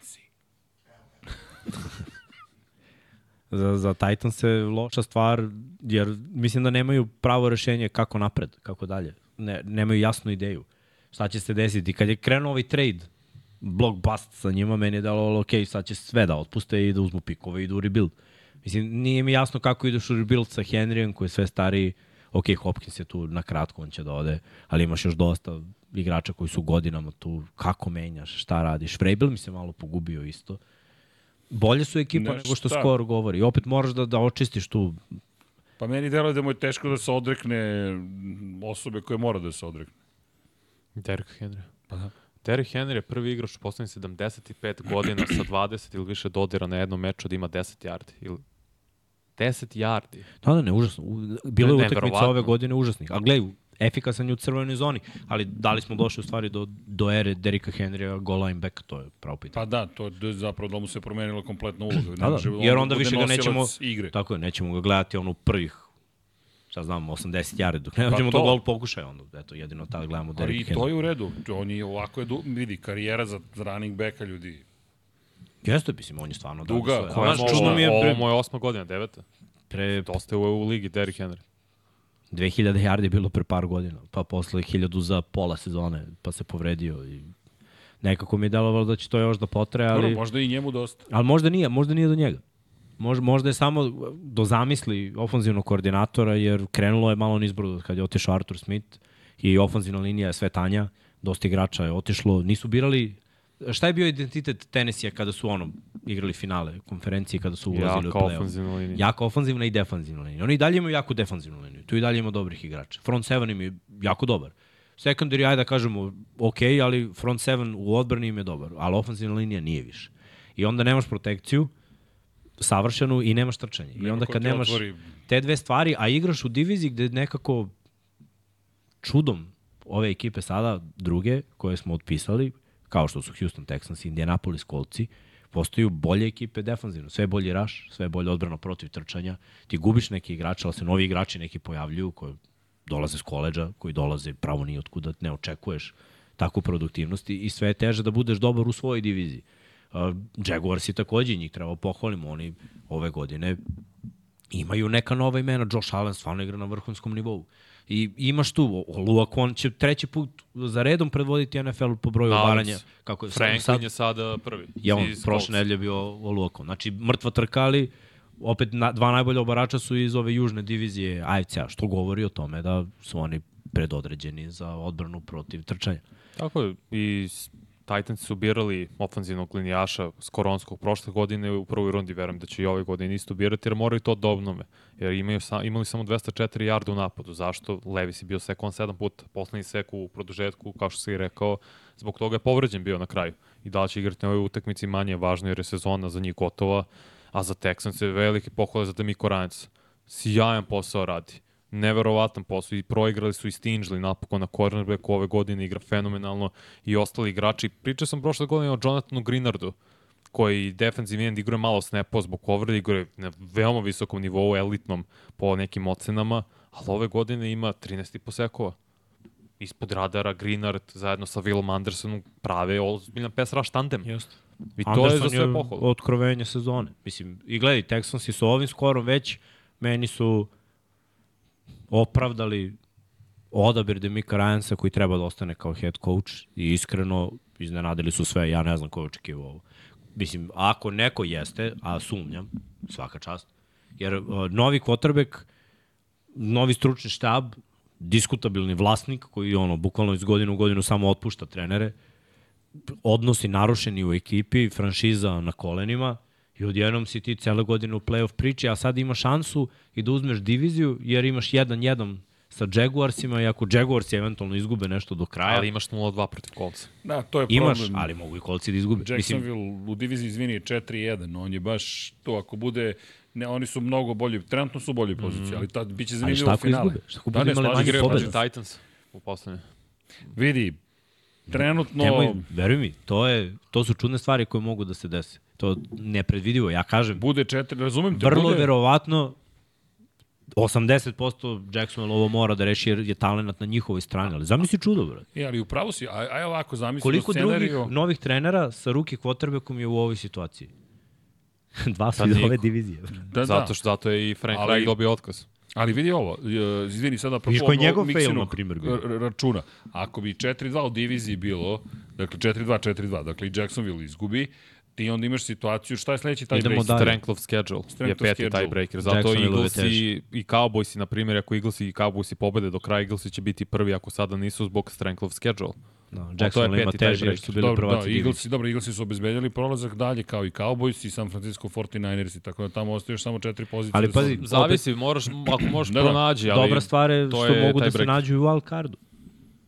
Ne, čak i da ne budu okej, prvaci okej. divizije. Da, Jeste, jeste, pa Ako dobro. budu bili na deobi, što je stvarno brutalna stvar. I oni i kolci, čeka ih, ček, čeka i jedne i druge dosta dokazivanja i zaista su ekipe ispod radara. Mislim, kolci im igra rezervni quarterback koji je punio očekivanja. Shane Steichen je genija. Svaka čast, mislim, stvarno. Ali dobro, pričat ćemo o kolcima. Ovde sve pohvale za, za Texans, a Titans i mislim, to je to, sledeća sezona. Pa ćemo videti, mislim, od ove nema ništa. Možemo na tu filu i Seattle, Vlado. Nisu Ravensi, može to brže. Zato nije došao čini. Da, pa nije dovoljno. Nije, nije, pa nije, što ne, pa dobro.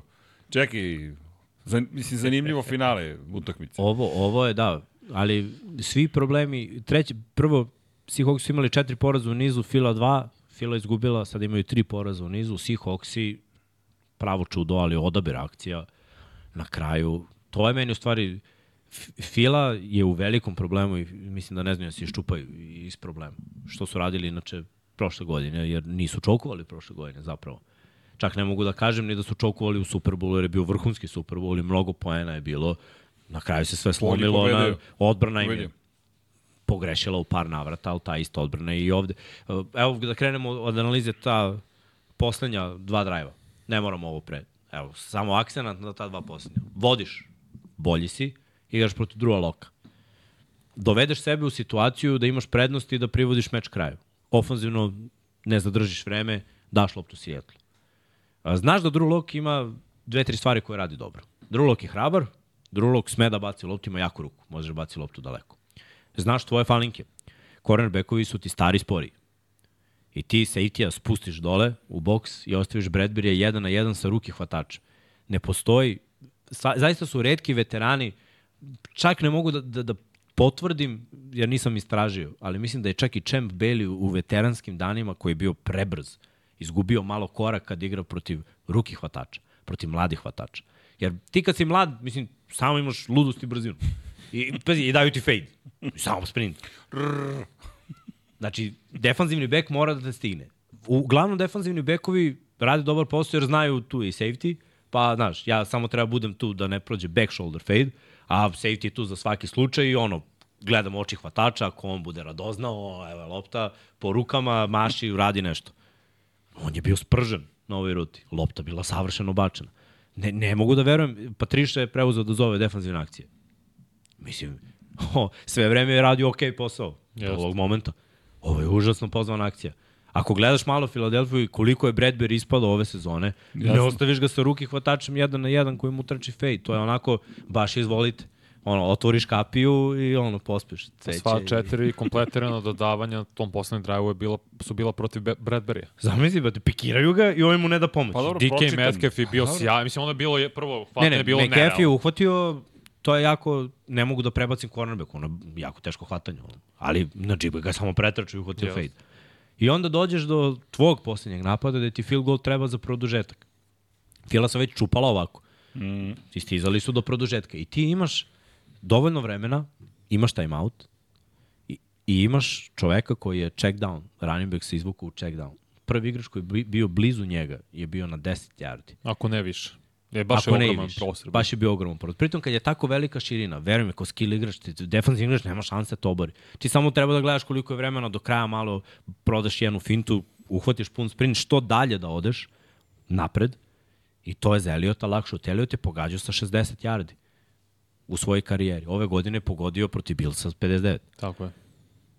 Tvoj izbor Jelena Hurtsa, mislim, ja, i da je ofanzivni koordinator pozvao taj play, ti kao kvotrbe koji je bio kandidat za MVP-a prošle godine, kvotrbe koji je bio u Superbolu, treba da prepoznaš da je double coverage na fejdu i da ne bacaš, ne, da ne bunariš. Pritom jedan interception si već bacio lavu, što bi mu bacio još jedan, a vidiš da vreba. Znači, Jasno. samo pogledaj tamo i opa, check down, running back 10 yardi, zaustavi se vreme, pap, field goal, produžetak, pa ajde da vidimo. Previše ambiciozno, mislim. I Seahawksi se vratiše u sliku. Jer da su Seahawksi izgubili ovu utakmicu, iskreno, za njih playoff ne bi bio moguć. Zašto? Zato što su izgubili dva puta od Remsa. Remsi se bole za, bore za wild card. Divizija im je 49 nema šanse. Bilo, bilo bi jako teška priča. Ovako, 7-7, Pete Carroll, ekipa, Ne bih ih otpisao. Ne bih otpisao uopšte, ali stvarno ih ne bih otpisao. Još Vanja što kaže, ovaj, neko je primetio da kad Pete Carroll nosi kačket, oni pobeđuju. Tako je. Samo A znajući Pete Pete nosi Carrolla kačke. koliko je on tek poseban, očekujemo ga s kačketom do kraja sezone. Ali svaka čast, do, do, dobro odigrana tekma. Seahawksi su žilava ekipa, ali opet sam ih gledao ove sezone u, u ozbiljnom ponoru. Nego da mi ovo govori više da, da su Eaglesi u ozbiljnom problemu sada i da to mora da se promeni što pre, pre nego što krene playoff. Jer Dallas i Philadelphia sad malo pokazuju ovaj, neke, neke probleme. Jedni i drugi su delili većinu ovog rasporeda, što Vanja kaže, malo teže raspored jeste imala Fila, ali veliki broj ovih pobeda došao je protiv slabih ekipa. Eaglesi su do duši jednu izgubili protiv tvojih Jetsa. To je bilo ono, Je, ta kad se nisi pojavio, Da. to je bilo. to ti je bila prilika. Ali o, ne znam šta... Znate gde sam bio. Pa, Znam, znam, Srke, Baš nije, nije bilo, bilo toliko posla. mogućnosti, da. Da ne znam, za Filu, ovo sam pričao pre mesec dana da su ovi problemi, ljudi su smeli u komentarima. Da ja samo pikiram dobre ekipe, a mojima ne pričam ništa što nije istina. I rekao sam, Fila ima ozbiljne probleme. Ofanzivno su na neki način, da li je to zato što je Stajkin otišao, ne znam, limitirani. Neverovatno mi da Jalen Hurts ni uopšte nije napredovao od prethodne godine ovo napredovao igru na zemlji, pošto ima veliki broj istračanih touchdownova, ali to je dosta i zbog tuš puša, sjajna akcija Sirijanija, još od kolca. Ali kao quarterback, kao dodavač nije napredovao. Gađa dvojicu istih igrača konstantno, Devonta Smith i AJ Brown, oni isporuče, ali odbrane nakon prvog polovremena i provale. Mogli su, trebali su da izgube od Chiefsa, da su ovi uhvatili lopte hvatač Chiefsa, nije se desilo. Ovde vidimo statistiku, Hurts imao 143 jarda dodavanja, to je katastrofa. Uz dva interception. Gledaj, nije katastrofa kad ne gubiš lopti kad tvoja ekipa pobedi. Zato su rekao, Jer to, to govori o game planu, ali činjenica da Igra na zemlji, kao ovde delo je bolje, ali u drugom polovremenu nije postojalo. Koliko, videli smo, za prvo polovreme su trčali 31-32 puta, ili šta je već bilo. Veliki Bilo broj i onda su 30. usporili u drugom polovremenu. Zašto? Opet, ne znam. Play calling. I to Play je na calling. Brianu Johnsonu ofanzivnom koordinatoru. Ali to mora treba bude na Sirijani, on je ofanzivni. On mora da preuzme pre- play calling onda. Jer Brian Johnson očigledno za sada u prvoj godini pokazuje da to ne ume da radi. Ili nema dovoljno skill seta. No, možda nema iskustva. no. Može, ne znam šta je problem, ali imaju problem. A- Pozivanje akcija, mislim, ako prolazi, faca si, ako ne prolazi, problemi su, znaš, i on nekad ima akcije koje prolazi. Dosta je prolazilo ove godine, tako da vrlo verovatno misli, ok, radim dobar posao. Mislim, 10 pobjeda imaju. Ne, a, nije toliko podložen kritikama kada ekipa pobedi na kraju, znaš, jer ti ono, ne igraš protiv loših ekipa u, uglavnom. Igrali su oni protiv dobrih odbrana i uspevali da rade dobar posao. I protiv dobrih ekipa, Fila se lepo protegla protiv dobrih ekipa koje ove godine su uspešne u NFL-u. Miami ima veliki broj pobjeda, Chiefsi, uh, Billsi, mislim veliki.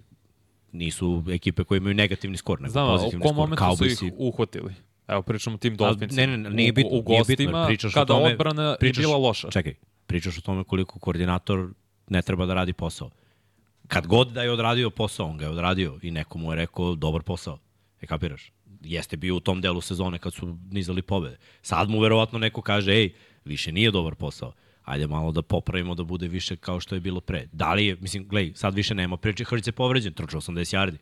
Delovo je bolje. Delovo je pokretljivije nego, ne znam, prethodnih mesec dana kad je malo bio usporen. Ove nedelje je delovo bolje. U tri utakmicu koje su izgubili sa poslednje tri ne postižu 20 poena. Ne To je problem, a previše talent imaju. Razumem defanzivno što su Evo, loši. ja ću da ti kažem najveća greška ofanzivnog koordinatora. Wide receiver screen.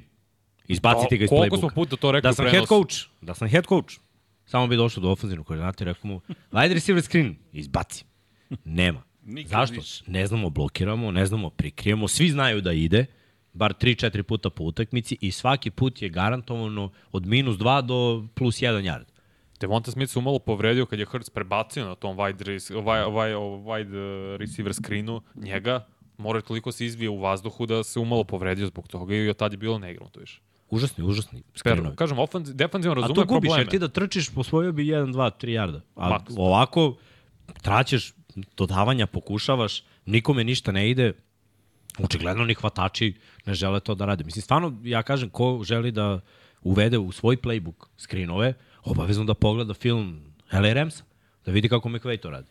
Jer njihovi screenovi izgledaju dobro, evo onda uzmeš i skopiraš. Mislim, nije sramota kopirati u NFL-u, rade to ljudi. Najbolji treneri kopiraju. Vidi nešto Mislim, i... svi kopiramo, je. pa- pa unapređujemo Malo unapredi, evoluiraš, pa prilagodiš svojim igračima. ej. ne možeš da staviš. Devonta Smitha da blokira s 80 kila. On ne može blokira nikoga u NFL-u. Kog će on da blokira? Ne može 100 kila iz benča da digne.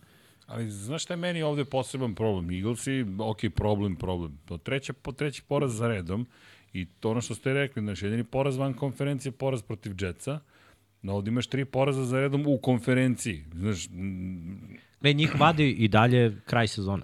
Imaju dva put uh, Giants Giants i ali- Cardinals. i Cardinals. ali ono što je pitanje, ajde, ti si malo pre spomenuo, Hertz, deluje ti da ne napreduje. Ti, ti si rekao, deluje ti da imaju problem iz kojeg ne znaju kako da se izvuku.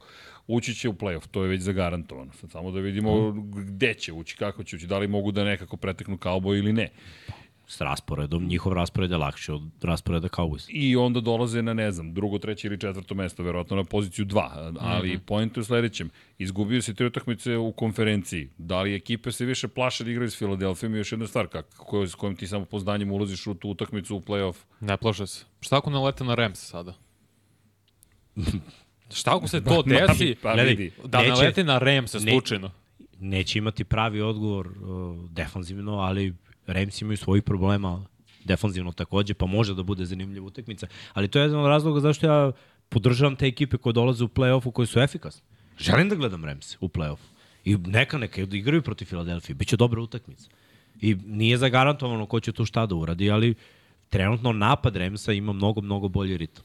A, pozivanje akcija, kreacije, korišćenje playmakera. To su sve stvari koje su se usporile za. Filadelfiju. Još jedna stvar, izvinite, ljudi, decembari. Znaš, ti u decembru si ušao u lošu formu. To je najgore što možeš da uradiš. Pa, gledaj, trenutno još uvek nije, jer imamo tri do kraja. Dobro. Ako dobiju te tri, opet sa tri pobede imaš 13 u sezoni, Srki, to je brutalno. ne, ne, okej. Mi, mi, ali okay, mi opet- smo im dali ove sezone pre početka. 15. Znači, to je dva od onog što ti je bio maksimum. Ne, A ne, 13 je vrh učinak u NFL-u od 17 kola i ulaziš na visokoj noti. Nema veze protiv koga je bilo. Igrači ne To posmatraju, a to ne, to, teo- to se ne posmatra tako. Ti kad si u slačionici, brate, kad očepiš 50-0 i krš ekipu u fazonu si dobar sam, brate. 50-0. Pa znamo, to pre smo pričali da Cowboys se o, očepe lošu ekipu, onda nalete na dobru i panika, muka i panika. Može da se desi. Ne, Može. ne kažem da neće. Vrlo Evo verovatno ti i da hoće, ali pr predikcija. Ako nalete na Ramsa slučajno u prvoj rundi, u wild cardu, biće plus. Eagles ispadaju. Ne, ne, može bude plus koliko hoće. Eagles će ispasti. Vidjet ćemo. Nije zagarantovan. Dobro, ali meni svakako ne izgledaju kao Eaglesi od prošle godine. Ni po kom osnovu. Pritom jako je teško da će to biti match-up, ali aj- ajde, vidjet ćemo. Deluje mi da će Eaglesi biti Šest. Šest. Šesti. Pa šesti Eaglesi. si. A, Eagles, ja te razumem Eaglesi, Ramsi. ne, da, Eaglesi peti. Ne, Ne, da će... Eaglesi drugi seed. To, to, Da, to, da, to To mi mi ili deluje. peti. Ako Da, budu to imali ili 13 peti, da. pobjeda, drugi seed, a onda ne znam da li, da li će Ramsi biti sedmi. Meni Ramsi mirišu Mislim da će šest. na, na šesti seed, Da, da, da. tako da ne znam da li će to biti match-up. Pre mi deluje da će možda čak i ovo biti Opet. playoff duel. Može da se desi. Dobro, ali pogledaj zapada, Ali generalno, što god ti dolazi sa zapada. Znaš, imaš Seahawkse koji su ti nezgodni, pa su nezgodni. Ma može i I Minnesota da ti doleti nas i onda eto, imaš to, totalno drugu neku priču.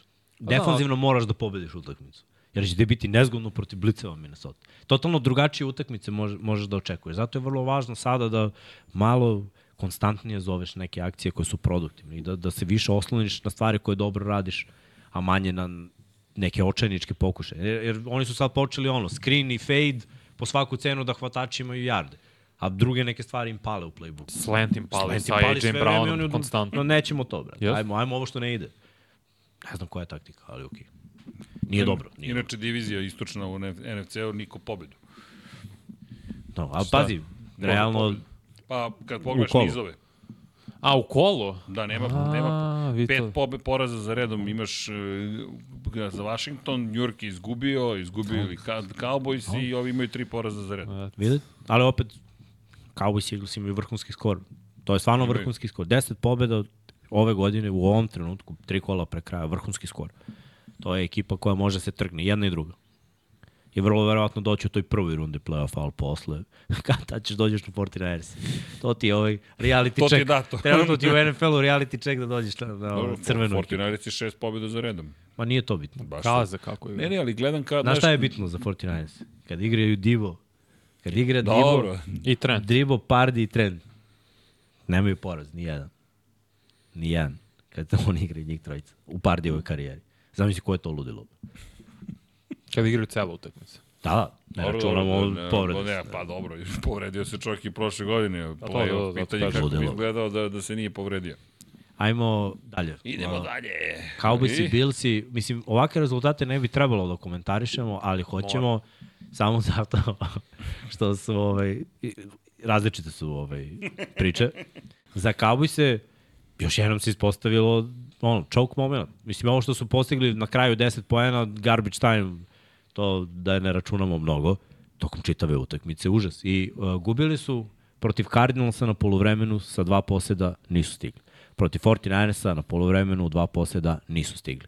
Očigledno kada vode, igraju drugi futbol, a kada gube, potpuno drugi futbol. Ne mogu da stignu.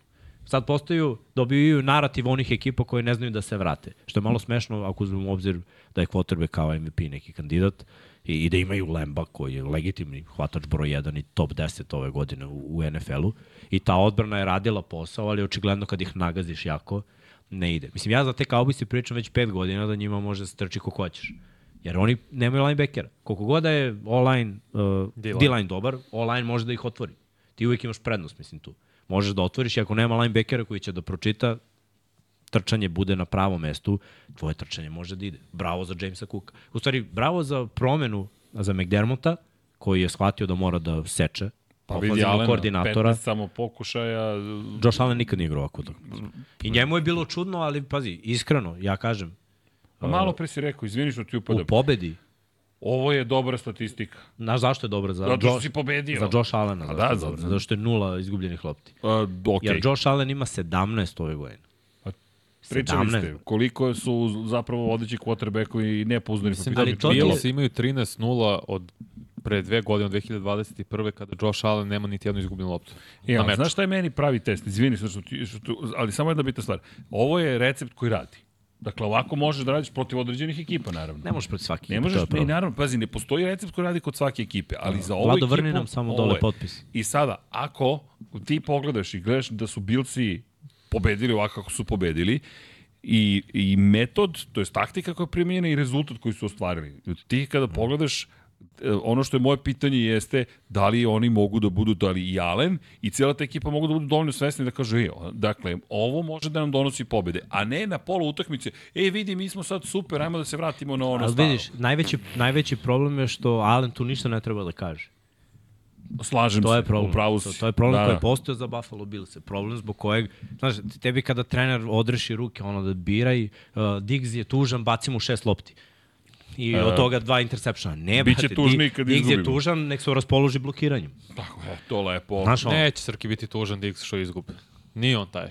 Ma ne, ne, ne. Ne, nego on- okay, padne on okej, malo, ali- ono, da, traži loptu na sideline-u i to, to svaki te, hvatač ali traži, da, to, to ali je normalno. opet tužan si što, što nisi doš, ostvario taj potencijal Gledaj, koji bil si trebalo da Mogu da ostvari. ti kažem kao hvatač koji ima utakmice gde smo dominirali trčanjem i ti znaš da ćeš dobiti dve lopte ili jednu na utakmici i quarterback ti ovako ima I stoje. kako se osjećaš? Pa, osjećaš se dobro zbog pobede, ali osjećaš se kao da ono, treniraš u prazno, brad. Ja razumeš, mislim, Ja, dobro, ali šta je konačni cilj? Titula. moraš da, da radiš na, na sebi. Ti, Okej, da, da, da te te stvari ne muče. To je u stvari to. Jer ako želiš da ideš do kraja, nije ti... Bi... Mislim, šta je cilj? Titula. Onda nije bitno. Uh, za Josh Allena je postalo prestiž malo u jednom trenutku. Ono, što više pokušaja, što više bačenih yardi, što više uh, lepih poteza, što više izmišljan. Koliko smo videli puta ove sezone, Steve Arumo je defanzivnog enda, trči na stranu, ba, desno baca loptu u sredinu. Prate, to je tu, tri no, no, no za quarterbacka u jednoj akciji. To smo videli pet puta od Josh Allen. Znači, Radi prvo, ga toga. nemoj da, da ono, Steve Armeš, Radi ga kad- defanzivne kad igrače. Svi ga veličaju kad prođe. Pa da, A zato što više može puta, to a da dosta puta i ne Pa prođe. znam, ali da li treba to da uradiš? Ne treba. Ne, zato što, znaš, mora da bude timski sport. I evo, ofanzivna linija igra bolje, zašto? Zašto se trče više. I onda je odbrana više na petama, a manje u rašu. Uh, Josh Allen sada može bolje da trči. Jer nije očigledno da, e, samo on trči. Nego sad, ok, imamo running back. A running back može da se izvuče iz džepa i da hvata. I to je sad nešto što oni baš nisu imali dugo. Ne mora samo hvatač da hvata, mo- može i running back. Pa onda uh, više si na terenu jer trčiš, trošiš vreme, odmaraš odbranu. Odbrana nije ono zadihana, mo mogu da igraju bolje. Pritom Bills je stvarno dobro igra- Ove su dve ekipe koje igraju dobro kod kuće. Bilsi kod kuće imaju neugodan teren, imaju svoje navijače, posebnu neku atmosferu. Znali su kako da odrade određene stvari, ali za Josh Allena mora da bude, znači, mislim da je McDermott odradio sjajan posao što je promenio koordinatora, koji je promenio malo filozofiju, jer mi sad vidimo Kuka u posljednje tri nedelje više nego što smo videli njega i Singletary u posljednje dve godine. Nije bilo nikad ovako na poziciji running Nije dobro, Kuk u poslednjih pet utakmica ima preko 100 yardi s linije. Bio, na početku bilo više kao hvatač, ovde kao trkač, mislim 221 To je yard sjajna sa linije Gledaj, je jer to je, to je od, ova ekipa koja je bila rezultatski dobra, stigli su do finala konferencije, onda su krenuli problemi. Onda je krenulo divizija choke, divizija choke. Sad je to najopasnija ekipa koja će ući u wild card. Pritom nije ni sigurno da će ući u wild card. Jer ako Dolphinsi failuju, Bills igraju protiv njih u posljednjem kolu i sad su sebi otvorili potencijalno osvajanje divizije ako Dolphinsi failuju. Ali ako uđu u wild card, Bilsi su najopasnija ekipa u wildcardu u AFC-u sigurno. Bukvalno Nema- sam nema- da te pitam nema kako to vidite, ekipe. jel pričamo kao što pričamo o Ramsima, s- Seahawksima i tako dalje, Jedna ili razlika. jače? Ne, nije jače. Jedna razlika postoji. Da, Jer su Ramsi, mislim, Bilsi su kućna ekipa, ono, domaća ekipa. okej. Oni kod kuće igraju mnogo bolje. Zavisi gde odu u goste. To može da im bude problem. Pazi, 6-2 kod kuće, 2-4 na, na drugu. Mm. U gostima. Gledaj, može da se desi baš protiv, na primjer, Chiefsa da odu u goste. Evo, zamislimo to. Šta je bilo u prethodnoj utakmici? Stvarno je bila vrhunska utakmica rešena na offside i glupost kada je Satonija. Ali i jedni i drugi su nas naučili u poslednje tri godine da ti mečevi su jako dobri. Sad, teško je pobediti istu ekipu dva puta ako ti nije u diviziji, ali bit će vrhunski meč. Na primjer, ako odu na neku drugu ekipu, ne znam trenutno kako, ko će gde biti, deluje da će Revensi biti prvi seed, ako odu na Dolfinse, Dolfinsi mogu čovkuju protiv njih. Mislim, već su trenutno- izgubili ove godine i čovkovali su u prvoj. Vidjet ćemo šta će biti u drugoj. Ako odu u Jacksonville, Može se to biti Dobro, Bilsi naj... trenutno po ovom, izvini, ne ulaze u play-off, još uvijek. no, No, tako polako. je, još zbog, uvijek. div, zbog konferencije pre svega i tih tiebreakera. Imaju, imaju oni sad malo teži raspored, moraju da reše. Mislim, ovo je već A bio početak pa tog znaš težeg Ali rasporeda. imaju lak divizija- Sada, Imaju Miami, brate. U tri utakmice poslednje. Ok, imaju sada Chargers i imaju Jets. Dobro, ljudi, Sever 3 Rešit ima će te ekipe dve sigurno. u play-offu. Rešit će... Chargers se će rešiti. A, Chargers i Jets će, mislim, isto Jetsu, reći. gledaj, A, kuće. molim šta? Ko? Jetse, ako ne razbiju, ne znam. Ali to je 10 već. Ja se bojim nešto tih Jetsa kad igraju u diviziji, zato što Pa su ono, krš ekipa koja zna da iznenadi na neki A znaju kod kuće. Jer gledaj, na primjer, evo ti recept. Josh Allen je malo popustio trčanje ide. E, misliš da će ovako da se trči protiv Jetsa? Da ti kažem, niko ne trči ovako protiv Jetsa. Protiv Jetsa je redko ko bilo šta, ko, Tako da moraš drugi napad game bilo plan. šta radi. Ti sad ne moraš da igraš- ni da rade, mi ćemo sami. Ti možeš I da trčiš tačno. protiv Dolphinsa, Sami a protiv Jetsa moraš da napraviš spread. Ali dobro, Jetsi će što kažeš Srki sami da su. Sami ćemo, nažalost. sad su imali 266 yardi na zemlji, najviše od 2016. godine za Bills, a Cowboys i ni Jonathan Hankins, evo malo o njima, defanzivni tackle, očigledno njihov najbolji protiv igra na zemlji, dosta će značiti njegov izostanak, istina, si dobro. Istina. Ne, dobro, Dobro je. Tako da, a ofanzivno Dak igrao prosečno, napad nije mogao ništa da proradi, ali nisu greške su ovde presudile. Ne mogu kažem samo loša igra Cowboys, prekršaj, nedisciplina. Pa, uh, ovaj passing, to jest roughing the passer protiv Josh Allena kad je bio treći pokušaj gluposte Markusa Lorenza, no četiri pokušaje, touchdown. Jeste, ali je bila field goal zona. Ne, ne, bilo bi tri. Bilo bi. Udariš Pantera, novi prvi down, postigaš touchdown, bil si nakon toga. To je 14 pojena ovako, na tvojim Mhm. greškama. I onda si ti mora da juriš rezultat. Hoću da kažem da nije to možda toliko loše. Ma de nije loše. Koliko trče ove godine? Ko? Koliko yardi ima Pollard? Trčak 120, ja mislim, yardi u proseku kao ekipa, što je okej. Koliko su trčali novi? Loše, zato što su jurili rezultat. A hoću da kažem, iz dve, zbog dve situacije i u napadu je bio jedan prekršaj. Manje, Takođe, oni imaju veliki problem. Ti ga ne vidiš, Znam. jer oni samo igraju kad vode. znam, ali zato kažem, uglavnom vode. U ovom momentu su sami krivi zašto su Pa, gubili, zbog prekršaja. To uglavnom obično staje u play-offu, znaš, kad raspored nije takav da igraš protiv krš ekipa. Dobro, to vidjet ćemo za playoff. Ja mi dalje mislim da su jedini bolji od njih 49ersi. Jer je Stefan Dix fumblovao loptu. Oni vrlo verovatno... Mike McCarthy nije ubacio uh, challenge, a morao je. Morao je, dobro. Jer to je bio fumble. To je A greška. to, pa znam, zato kažem, I njihove šta tri to bi greške, vratilo? pa prvo ne bi, su, ne bi postigli ovi makar jedan touchdown sigurno Dobro. i morali bi tri, za, sa tri poena da se zadovolje. Znači, o, to je koliko, 11 poena manje. I to je i dalje poraz. Koliko ja vidim ovde. Ok, ali to je bilo u prvom polovremenu sve. Zato bi rezultat 14-3 u jednom momentu, a bio bi 3-3. I bilo bi druga, drugi scenar. To ne znaš da bi bilo 3-3. Dobro, ja nisam Ti- dodao Cowboysima poen, ja sam A. samo oduzao ovima što je direktno zbog grešaka i prekršaja Cowboys i nediscipline. To je cele godine tako. Nije nikad bilo na ovom nivou. Ovo je ta anomalija utakmica u mojoj glavi. Da su oni zbog svoje nediscipline, zbog dva prekršaja, jednom što nisu, i još jednom što nisu tražili challenge kad je bio očigledno fumble i, i saigrači Ne su... to što McCarthy nije tražio, to je užas, to je morao da uradi. mislim, Mislim, gledaj, to je očinički potez, šta gubiš time out. Mislim, gubiš tekmu. u prvom polovremenu. Kakve veze ima? Nema veze. Ne, ne, znam, gubiš timeout nebitno u prvom polovremenu, to gođe nije bitno, baciš. Nije bitno, gubiš probaš, utakmicu, brate. Jer je bilo Baci, jasno brate. kao dan. Ali njihove greške su koštale Cowboys, zato su gubili i onda ušli u loš niz i onda nisu mogli nikako da se oporave. Na kraju su igrali katastrofalno, mislim da su mogli da izbegnu to da nisu napravili glupe prekršaje. Koja je najveća slabost Billsu u odbrani? Sekundari. Linebackeri i sekundari. Koja je najveća snaga Billsu u odbrani? D-line. kad D-line najviše dolazi do izražaja? Kada je samo pas. Kad je samo pas? Pass rush. Ti igraš samo pas. Mislim, to je... Zato što su gubili 14-3. Ne, brate, to ti je velika greška, eto vidiš, to je malo govori o tome da ne, situacijalno ne gledaš futbol. 14-3 je lagano, brate. Koliko je to posljeda razlike? Dva. Ja, koliko je? 11 pojena razlike. Kad daš touchdown, koliko je to razlike? Ok, znam, sad Znači, ja nema, pričam. nema tu, ti se, oni se predaju. To je njihov problem.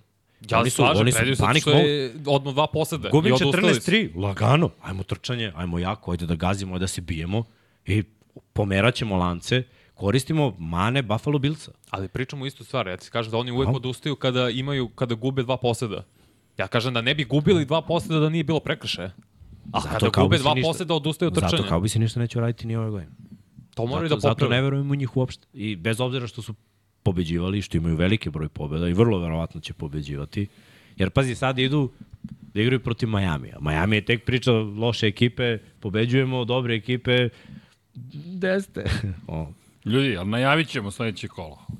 Najavit ćemo da vidimo vidi, Cowboysi će Cowboysi- sigurno u playoff, oni su obezbedili Oni su učešće. obezbedili, tako je. Oni Samo su... što za, za njih kad tad kao i za Filu dolazi na naplatu Ali ekipa San Francisco. priča. A ne samo San Francisco. Ali za Dallas je to bolnije, znaš, Ali jer da- Fila bar ima nešto protiv San Francisco. Dobili smo ih prošle godine. Ali ko ti kaže Super će stići do San Francisco? Ko? Dallas. Dallas ili Fila? Pa gledaj, za, za, evo reći ću ti zašto. Što igra protiv Juga NFC-a. Taj koji je Jasno. peti seed. Ide protiv ekipa koja, evo Fila je isto i Dallas imali, oni su ukrštali. Jel da? Jug i, Jug i Istok. Fila je dobila o, ovako, vrate, Tampa. Jer Tampa, Atlanta, Saints i Nisu to... ukrštali, ja mislim. Možda nisu ukrštali, Fila igrala protiv Tampa, verovatno kao prvaci divizije. Da, da. Ali je bilo, znaš kako Srki, baš se videlo ono kao, ovi su NFL ekipa, a ovi su ono ekipa to koja je prolaziš- u najgoroj diviziji. Pa. Da, ali i dalje si prošao, tek A si prošao wildcard a rundu. to njima odgovara. diviziji. Di, di, i, Ne, divizija je vrlo verovatno ako si peti seed za tebe kraja, osim ako neki šesti seed ne pobedi, jer taj šesti seed ide na prvi. Tako da, to, tome se moliš, da dobiju šesti ili sedmi seed nekog od Ne ovih drugih i da ne ideš na drugi. San Francisco. Bre. Meni ni Cowboys ni Eaglesi ne izgledaju tako dobro. Ali niko ne izgleda ove godine. Ne izgleda da Cowboys i bolje od Eaglesa, ali niko ne izgleda kao 49ers. Ne, a, dobro, po, dobro, aj, Ove godine ti je- to je je standard. sklonili se strane, ali Ove ako godine ti pogledaš- je liga mediokriteta. Ne, ne znam. A, a pazi, Detroit ni ne spominjem u celoj priči kada je reč o play-offu. Detroit ako uđu u dobru seriju sada koji je izašao iz ovog lošeg niza jeste protiv Denvera, vidjet ćemo poslednje tri kola protiv Vikingsa dva puta, ne znam ko je poslednje. Pazi, Detroit će biti domaćin. Detroit će biti ne znam, ali bio bi takav hollywoodski scenarij gledati Lionse protiv Ramsa, Stafford protiv bivše ekipe u Detroitu, u Nije play-offu protiv Goffa Kako i se Ramsa. završava? Ne znam, Pa, ali je vo, lepo videti to i to Da, hoću videti. Ali za svaku ekipu imaš neki recept, znaš. To, to sad već postaje jasno. I ekipe koje znaju, jer gledaj ti, na primjer, da, da si Kyle Shanahan, kako bi skautovao Cowboys. Trčat će im 250 yardi. Mislim, neće se odbraniti. Uh, isto za Detroit Lions, kako ćeš da igraš protiv njih? Protiv Jareda Goffa. Zapada. Hm? Igrali su protiv NFC Zapada isto. Zapad, o, znači igrali su kao prvaci divizije od Da, prošle da. godine. Bilo je, bilo je prilično lako, znaš, za, protiv Tampa. Lajte, možemo dalje. Možemo na, na sve utakmice prehodnog kola, ne, da ne izdvajamo još. Nema potrebe. Trenutno, Cowboys u play-offu, Billsi nisu, ali deluje da bi mogli da budu ako neko poklekne. Opet Chargers i Raiders. Uh, Vikings i Bengalsi, Pričali. 27-24, Steelersi protiv Kolca poklekli, Kolci pobedili, Broncosi i Lionsi nisu se pojavili Broncosi u Detroitu, Lionsi se vratili na pravi put. Uh, Brownsi dobili Berse u thriller završnici, bilo je odlično, Joe Flacco veliki rešio utakmicu na kraju, ali oni na Joku radi Joe? postaju dva najbolje igrača. Ovaj Chicago, Drugara. znači neverovatno. Pa dobro, bar jednom godišnje mora, znaš, flako nešto da uradi. Pa Dobro, radi posle dva tri puta. kola. Bre. Da ne, samo, ali posjetite se prošle godine istog situacije u Drugo kojoj... kolo, prosto, kad igrao sa Jetsom, je. pobedio Browns. Tako Kaže se, znam, sećam se. To je preokret, Sećam se. potpuno okrenuo situaciju, ona četvrta četvrtina potpuno šašava bila. jest. Ali dobro, idemo dalje. Flako, ti bar voliš Flaka. Kad ste poslednji put osvojili titul? Šta, To je jedini put da, si, da je isporučio, brate. Vidi, Ne, evo svoje on flag. titule. Vozio se, vozio se s najjačom odbranom ikada, brate. On se zeznamo, brate. Ali dobro, vidi, svoju titulu i dalje. Jeste svaka čast isporuči taj play-off. Izgrmeo. Odigrao tamo, kao da nije flak. Kao da je Brady ušao u njega. to, to, ali on igra samo tad, znaš, kad uđemo u play-off, onda se vidimo. Pa nije igrao, tad, to, to su zablude, znaš. Jednom je odigrao. Ja taj nije, nije, play-off. nije, mislim bukvalno. Baltimore je pobeđivao, ali to je ono, pre, tim i odbrana. Šalim se, Miksa, ti kažeš, samo sam se našalio, Imao ništa je, drugo. Šta, u tri utakmice 13 touchdownova. Zar Ne, ovo je play-off 2012. To, ja ne znam. Ovo je bilo lepo biti navijaš Baltimore. Jer, ono, Baš izgrmeo. Ali onda kad je sledio ugovor, svi smo bili. Ne, Ne, brate, to, to, to, to, to. Taj lik za taj ugovor. Tako ja kažem za Fieldsa. Ne, Da, dobar menadžment. Ok, idemo dalje. A, šta, gde smo stali sa utakmicama? Druga Gde strana, smo stali Vlado. sa utakmicama? Da je Fields mi igrao izdahnuo. Da, sa onom odbranom Ravensa. Nije izdahnuo, nemoj tako. da, pa. Buccaneers Ubi nam Vladu. 34-20 protiv Packersa rešili Packersa, što znači da u eventualnom wild card tiebreakeru imaju prednost. Texansi dobili Titanse, a Jetsi nula poena protiv Dolphinsa. ne, pazi kad i ne pokušavam više uopšte da... Ne, A dobro, Miami se življava na ovim. Dobro, znaš, ali nemamo, ono, nemamo tri poena, razumiješ, da se, se vidi. Dobro, dobili ste pre dve nelje. I to ste, Zach Wilson izgledao brutalno. Des, da, to je ono desilo se, znaš, godišnje zgazili otprilike. ste Texanse. Ja, sam bio u šoku, iskreno. 36. Jer je bilo podjednako. 0-0 na polovremenu i rekao bit će ovo nekih ono 0 7-6 na kraju. To, to, to. Samo Ne, ne, kad je 7-5. krenulo. Baš oni čudni rezultati. Pa da, u stvari safety imamo idu To, odlično. to, to, to. Šok, šok za mene. Ajmo, ajmo dalje, Ajmo ajmo da dalje. vidimo šta je još bilo. Treća strana. Treća strana, treća strana, uf. A uf, pričajte Pa malo. eto, za što se tiče tih Jetsa, Simijan sad startuje, Zach Wilson mislim, mislim da i dalje u concussion protokolu, za pro, potres mozga neće igrati, ali frustracije. I vide se Garrett Wilson priča sa Salahom pored terena i Rodgersom i Rodgers da krenuo je da trenira zvanično je u sastavu, morali su da katuju, ja mislim, jednog fullbacka zbog toga, ali neće igrati do kraja godine, nema potrebe, zašto bi? Neće. Pa, što Da da, su u play-off priče, da imaju Ma kakvi 7-7, oni? mislim da bi dao sve od sebe da zaigraju. I on je to pričao kod, pet, kod Peta A McAfee. znam da je pričao, mislim, sa ovom ekipom, ne, ne ideš tako u Super Bowl. Mislim, ne ideš tako u playoff. Čak ni s Rodgersom. Ne želiš to. Jer slučajno da se Povreda. ponovi povreda, onda ga gubiš i sledeće godine kad možda možeš da napraviš neke promene. Mislim, promena stvarno mora se napraviti. Mora u ofenzivnoj liniji pre svega. To mora... Ne može. Ofenzivna linija krš. Sad možda pustiš vladu ostatak. Chiefs je dobili Patriots 27-17, Saints i Giants je 24-6, uh, Panthers i druga pobeda protiv Falconsa. Užas ovo, mislim. da. Ali stvarno sve je više trenera. To, to treba nam bude kad se završi sezona treneri koji će dobiti otkaz. Zakon naravno u play-offu se već ne desi. Što to treba odmah... 9-7. Pa ja Po- već imam petoricu. ono. Posle, po, po, Sigurnih. Posle, poslednjih Ja, ja sam u stvari lik koji treba da zaposle da otpušta. ne bi imao tri problem. koverte. Da. Nije bio tu Srki za tri koverte. Pričat će ti Jimmy za to. Da, hvala. znaš koliko je dobar sistem. Uštede, Stvarno? kada imaš tri koverte. Tri koverte. Da. Objasnit ćemo. Objasnit ćete mi posle. Uh, Commanders igrali protiv Ramsa, nisu bili dovoljno dobri, kad će to da 28-20 za, za Rams. Tri Šta? koverte? Posle poslednje kola. Ma nema, pot... da, pa verovatno tako. Ili pre poslednje kola. Pošto je Ne, ne, uglavnom posle, posle. ono Black Monday, poslednje kolo i u ponedeljak se odmah daje otkazi. Neka, eto imamo o tome da pričam. Najavit ćemo, daćemo predikcije, pa ćemo posle da pričamo. 49ers je dobili Cardinals 45-29, uh, Bills i Cowboys 31-10, Ravens i Jaguars i Eagles i Seahawks. Ove posljednje tri utakmice smo malo više analizirali, tako da možemo da idemo na naše heroje, džokere, uh, tragičare i Novajlije nedelje. Ja idem prvo na diviziju. Ajmo diviziju. Kakav je raspored? Vanja sa konceptima. Ne, ne, to je playoff. Ne, pa. Nema veze. Lepo je videti opet svoju ekipu na broju 1. I moj koncept to je Jamie koncept. Ajmo jedan za A? like, za podršku vladi. Da. Vlada je ušao u zonu sumraka ovde. Jimmy ima, znaš, on pročita sve ovo, lepo rezultate i sve to malo A ja pročeska, pa onda onda idemo na diviziji. Miksa ga zaseče, on samo baba, baba, baba i to je to. Ne. Na istoku AFC-a Dolphins imaju 10-4, Bills i 8-6, Jets i 5-9, Patriots 3-11. Bolji smo od Petrioca. Iskreno, To pohvalno. hva, svaka čast. Ravens i prvi na severu 11-3, Browns imaju 9-5, Bengals i 8-6, Steelers i 7-7 i dalje svi pozitivni. Na I dalje, svi imaju šansu da prođu dalje. Nemaju Ne, Steelers. Nema Steelers. Steelers stvari. Da, Mislim, nema. imaju, Mislim, ali imaju. neće to desiti. Tru- za trubi- Bengals je teško 3-6 u konferenciji, to je baš nezahvalno. Nije, nije, ali čekaj, teoretski ja mislim da više... Ma sad su Ne, imaju i šansu. Imaju Još Steelers imaju. šansu. Da, da, imaju. A, I da ih teoretski. otpisujemo onda. Dobro.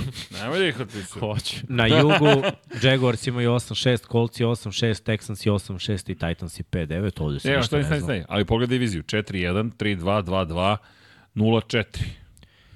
Ali mislim šta ti govori divizija, da je Jag- Jacksonville igrao najviše utakmica, ono. To je Dobro, problem ali za pazi. kolce, problem za kolce što su ih očistili Jaguarsi. Yes. To je Da. problem, ali s Texansa nije.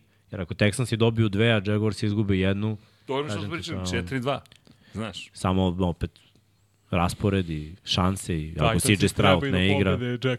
Ma uspeh bre za jug da ima dve ekipe u play-offu, to je baš uspeh.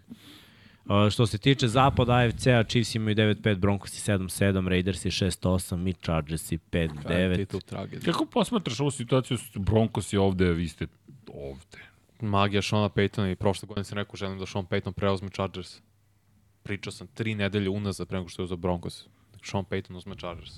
On je uzao Broncos i je, to je glavni razlog zašto Denver je trenutno 7-7 i, i dalje u playoff priči.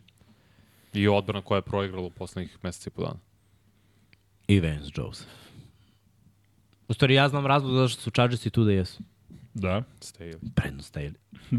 Setili su se, mislim, posle tri godine očaja. Jedan playoff. Žas. Ajmo, ajmo na NFC. Cowboysi su prvi na istoku sa 10-4, toko ima i Fila. Giants imaju 5-9, Commanders i 4-10.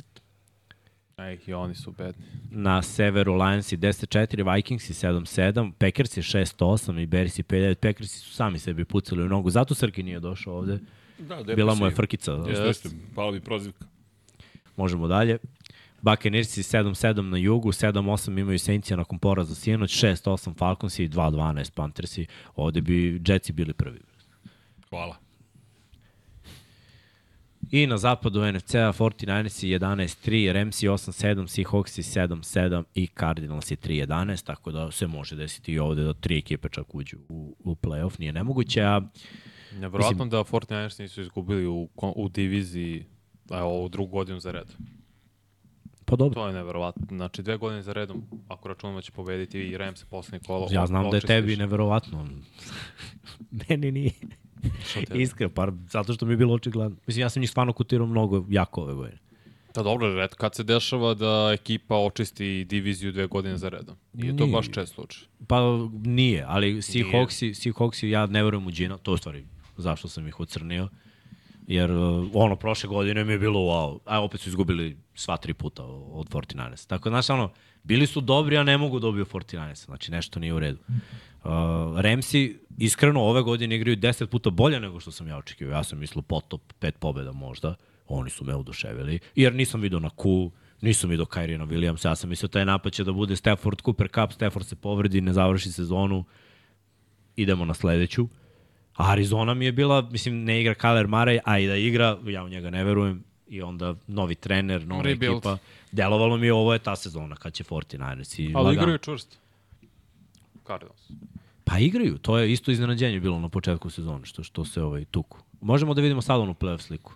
Vlado, za AFC i NFC. U AFC-u Ravens je prvi, Dolphins je drugi, Chiefs je treći, Jaguars je četvrti, u wild cardu peti Brownsi, šesti Bengalsi, sedmi Coltsi i u Jurnjavi Texansi, Billsi sa skorom 8-6 koliko imaju Coltsi i Bengalsi i Steelersi i Broncosi i dalje Jure imaju 7-7, ali malo kasne.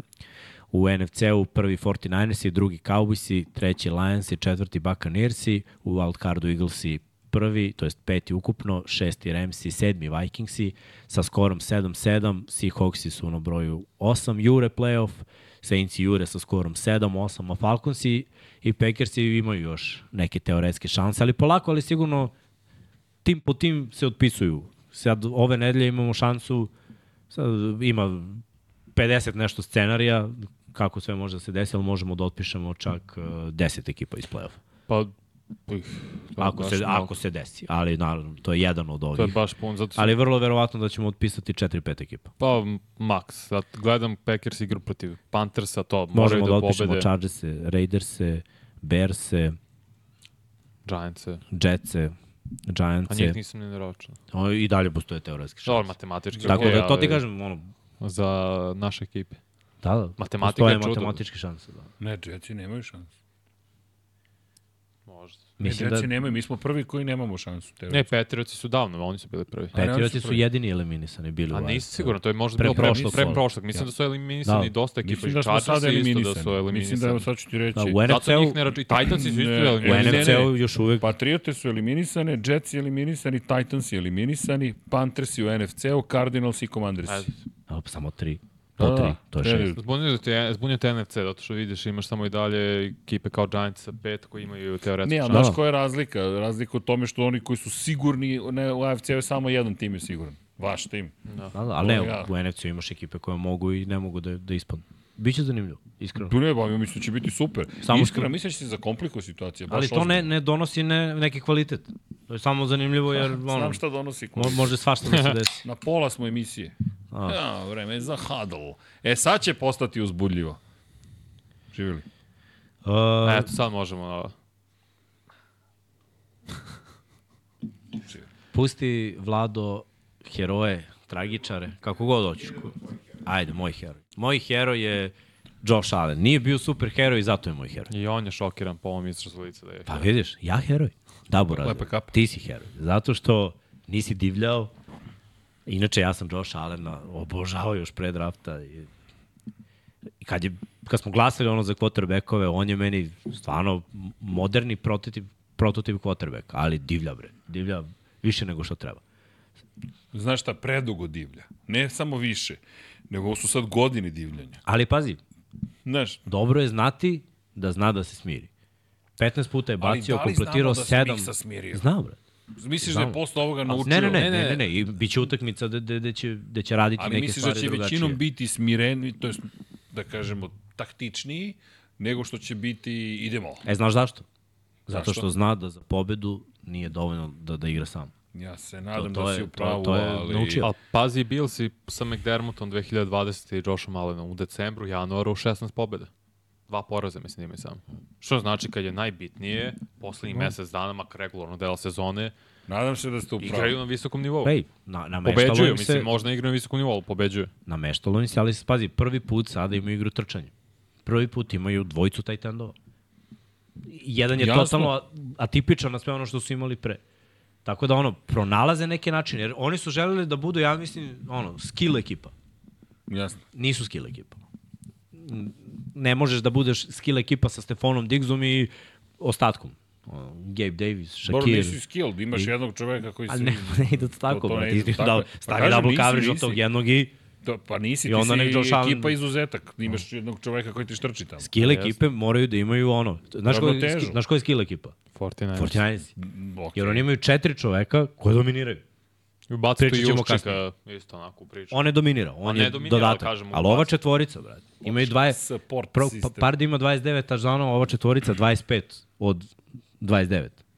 Šta ti to govori, brate? 1, 2, 3, 4, Ko malo dete, brate, samo im daješ loptu i Bombone. oni rade sav posao za tebe. Mislim, to, to je skill ekipa. Ti ne možeš da budeš skill ekipa, tako da bolje budi kompletna futbolska ekipa, forsira nešto i zato je Josh Allen moj heroj, jer je konačno odradio ono što je trebalo da odradi.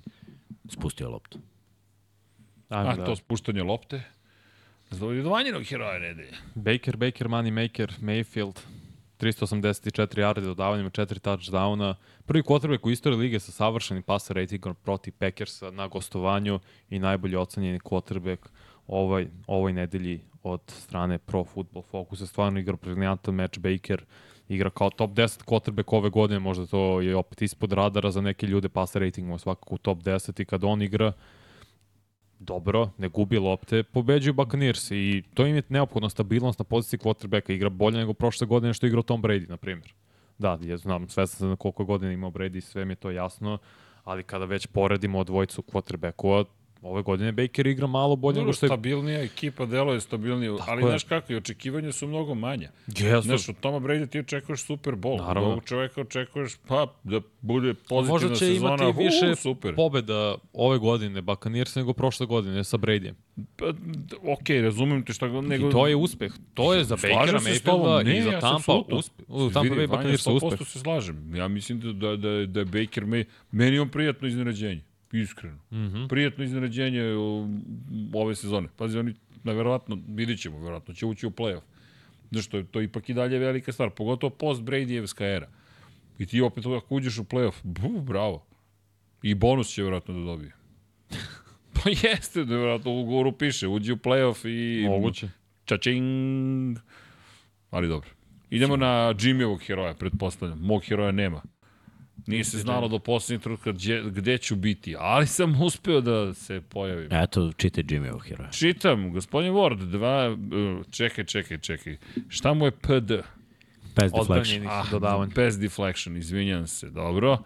A Jimmy naravno mora defanzivci da izabere, pošto G, G, Jimmy je najbolji safety svoje vremeno. U svakom slučaju, jedan od najboljih quarterbacka trenutno u NFL-u i iz nedelju u nedelju dobro igra. Dva je prosečena dodavanja, dva blokirana dodavanja i jedan touchdown. Iskido. Dakle, Čar- vidi, kad pogledaš da imaš situaciju u kojoj deluješ kao da si napadač, a ne odbrambeni igrač sa ovim touchdownom i generalno kako igraš, ti postaješ jedna od onih osoba koje se ljudi plaše. To jest, gledaš, ajde ovako, ja trenutno kada posmatram neke stvari, gledam i dalje iz perspektive toga kako bih nešto komentarisao. I šta se uvek, mislim, pretpostavljam da, da svi isto radimo, dolazi utakmica, čekaj, da vidimo cornerbackovi protiv wide receivera, koji će da bude duel u toj priči. Ovo je čovek koga bih ja uvek stavio, rekao, ček da vidim ko će biti, protiv koga će da igra večeras. Koji je matchup, to je čuveni, jer mislim da će to biti zaista uzbudljivo i da vidim koliko je hva, hrabar quarterback koji će da ide ka njemu sa loptom. Znaš, to, to ti već nešto govori. Hrabar ili lud? Ili lud. pa da, Što je bio Marij bar prilikom jednog ovog interceptiona Pa- u sredini. Ali to ti je to, znaš, ti, ti gledaš čoveka koji, i gledaš ga... No, ka- on tehnički ga ne vidi, ali Tako, ne, ne, znam, znam, principu kao ne, ne, mi ga quarterback gledamo gledaš. iz, tičije perspektive, znaš, mi ga posmatramo. Znaš, kao Sam Darnold, vidim duhove, okej, ovo je, Ovo i ne može ni to da vidi, nažalost. Iz teško je, ofenzivne brate, linije. veruj mi. teško je. Kad staniš jednom, mislim ti ne znaš što, te muke, kao visok čovjek, kad staneš iza ofenzivne linije su svi dva metra, a ti, mislim, ja sam za Kyler Mara, Kyler Mara je visok čovjek, ali ti metar 70, šta ti vidiš, brate, tamo u pozadini? Ništa, Samo boje. dok se rastope. Jackson Pollock, e, hvala, Mikse, sam ti rekao da će Kažem doći ti, Jackson Pollock moment. NFL je previše roz, brate. Ajmo. Jackson Vlado, Pollock je sve samo ne roze, veruj mi. ali NFL ide u roze. U roze poze. Par da je ovako ljubičanstveno. Moj džoker nedelje je T. Higgins. E, Četiri hvatanja za 61 yard, ali dva touchdowna, od kojih je drugi najlepši potez nedelje, po mom mišljenju. U osustvu Jamara Chase opravdao ulogu hvatača broj 1, a morat će da ponovi ove nedelje. Chase se povredio, dobio je nekoliko bunaranja Higgins, nekad je isporučio, nekad nije, bilo je u finišu prvog polovremena ispuštenog dodavanja. Mislim, to sve jako teška dodavanja kada moraš da naskučiš igrače, kad ti quarterback baca na poverenje, ali ona pirueta da iz okreta ispružiš ruku, pređe vazdušnom linijom lopta, liniju end zone i da ti ostane u šaci, a pritom ti igrač obara. To je jako teško. Jer da ti ispadne lopta, to je touchback, fumble kroz end zonu je touchback. Treba budeš hrabar da odradiš to, a vrlo verovatno je to donalo pobedu. Tako da je baš napravio vrhunski potez i zašto je on meni Joker? Ove godine je nekonstantan, povređen, propuštao utakmice, ali bilo je mečeva gde, gde stvarno iskočio. I, I bude hvatač broj 1 kada je najpotrebniji. Ili možda nije hvatač broj 1, ali treba neko na prvom downu, dobra odbrana, baci loptu na poverenje i čovjek ima 195, pruži ruke i napravi razliku. To, ako sad ne odigra dobru utakmicu u nedelju za Bengals je vrlo verovatno sve dalje i dalje playoff. Ali opet ja verujem nekako u, u njihov sistem. Mislim da im je dobar sistem. I nosiš njihovu duksericu. Pa nosim Lab 76. Si To ti kažem, tako je, tako je. Tako. Do, dobar je podcast. Hva, nisu loši momci. Ne slušaj, da. Ovo me nervira, kako se zove? U sve što sedi na tom mestu.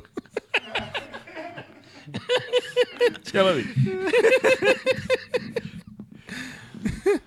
Može dalje, Lazo. A, moj džoker.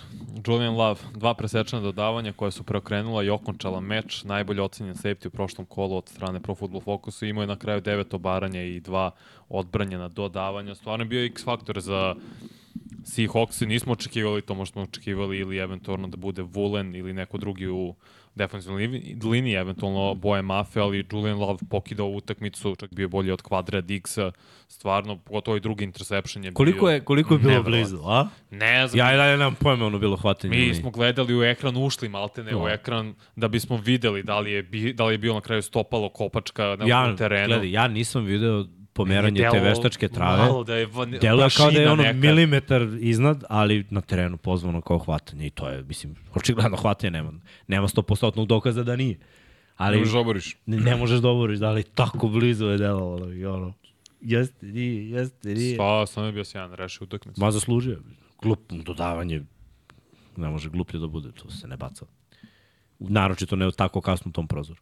Može, može dalje, na Jimmyevu koji čita Srki. Devin Singletary, gospodin Motor, kako ga zovu, od Milošte. Čovjek ima 26 nošenja za 100, 121 jardu.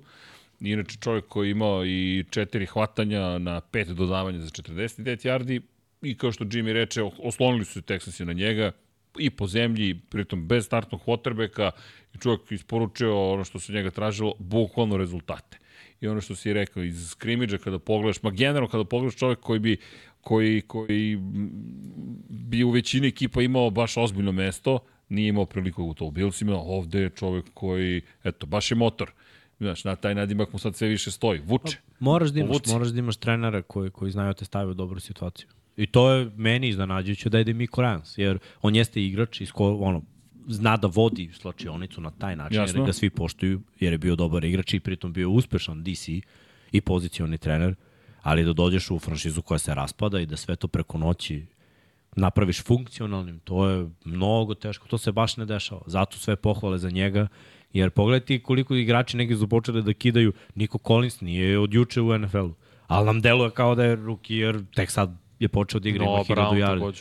Takođe. Noah Brown, mislim, pojavljivo se tu i tamo u Cowboysima, ali nije to bilo na ovom nivou Singletary, takođe, ajde da kažemo, Šulc je bio na nekom nivou mm. u, u Cowboysima, pa, pa i ostao, i onda na sve to dovedeš nekoliko Novajlija i oni čak počnu da budu na, na boljem nivou. Ono što radiš sa ofenzivnom linijom je najimpresivnije, toliko povreda u njihovoj ofenzivnoj liniji, najbolji ofenzivni linijaši ne igraju, malte ne konstantna rotacija i dalje, Menjaš. linija izgleda dobro. to. A sada na naš omiljeni segment, a to su tragičari. Moji tragičari su Dallas Cowboysi. Kakva slika, bravo. Do garbage time-a postigli samo 3 poena, kad povedu gaze, kad gube sa dva posjeda, razlike nema ih nigde i dozvolili su više od 250 yardi trčanjem, što nikad nije dobro. Tako da, problemi, problemi za Cowboyse ove nedelje su tragičari, vidjet ćemo šta će se desiti, jer sledeće kolo je za njih vrlo važno da poprave utisak, a mislim da dolazi još nezgodnija ekipa. Sad, uh, može da se ispostavi da nije tako, jer ta nezgodna ekipa zna isto da se ne pojavi, ne znamo da li Tyreek Hill igra.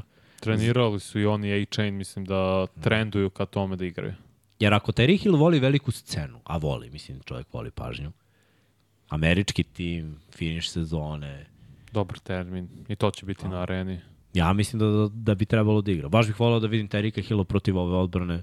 Zanima me e, da li je Gilmore na njemu ili je možda Blend i kako će da pokušaju da oduzmu Tyrika Hilla, Tagova i Loji, kako će Dolphins igrati, da li će možda i oni po zemlji sada, nakon što su videli da može, imaju dobre bekove, imaju dobar sistem koji može da, da ne legne, jer njihov sistem je 49, a to ne leži Cowboysima i onda može, može da bude zanimljivo.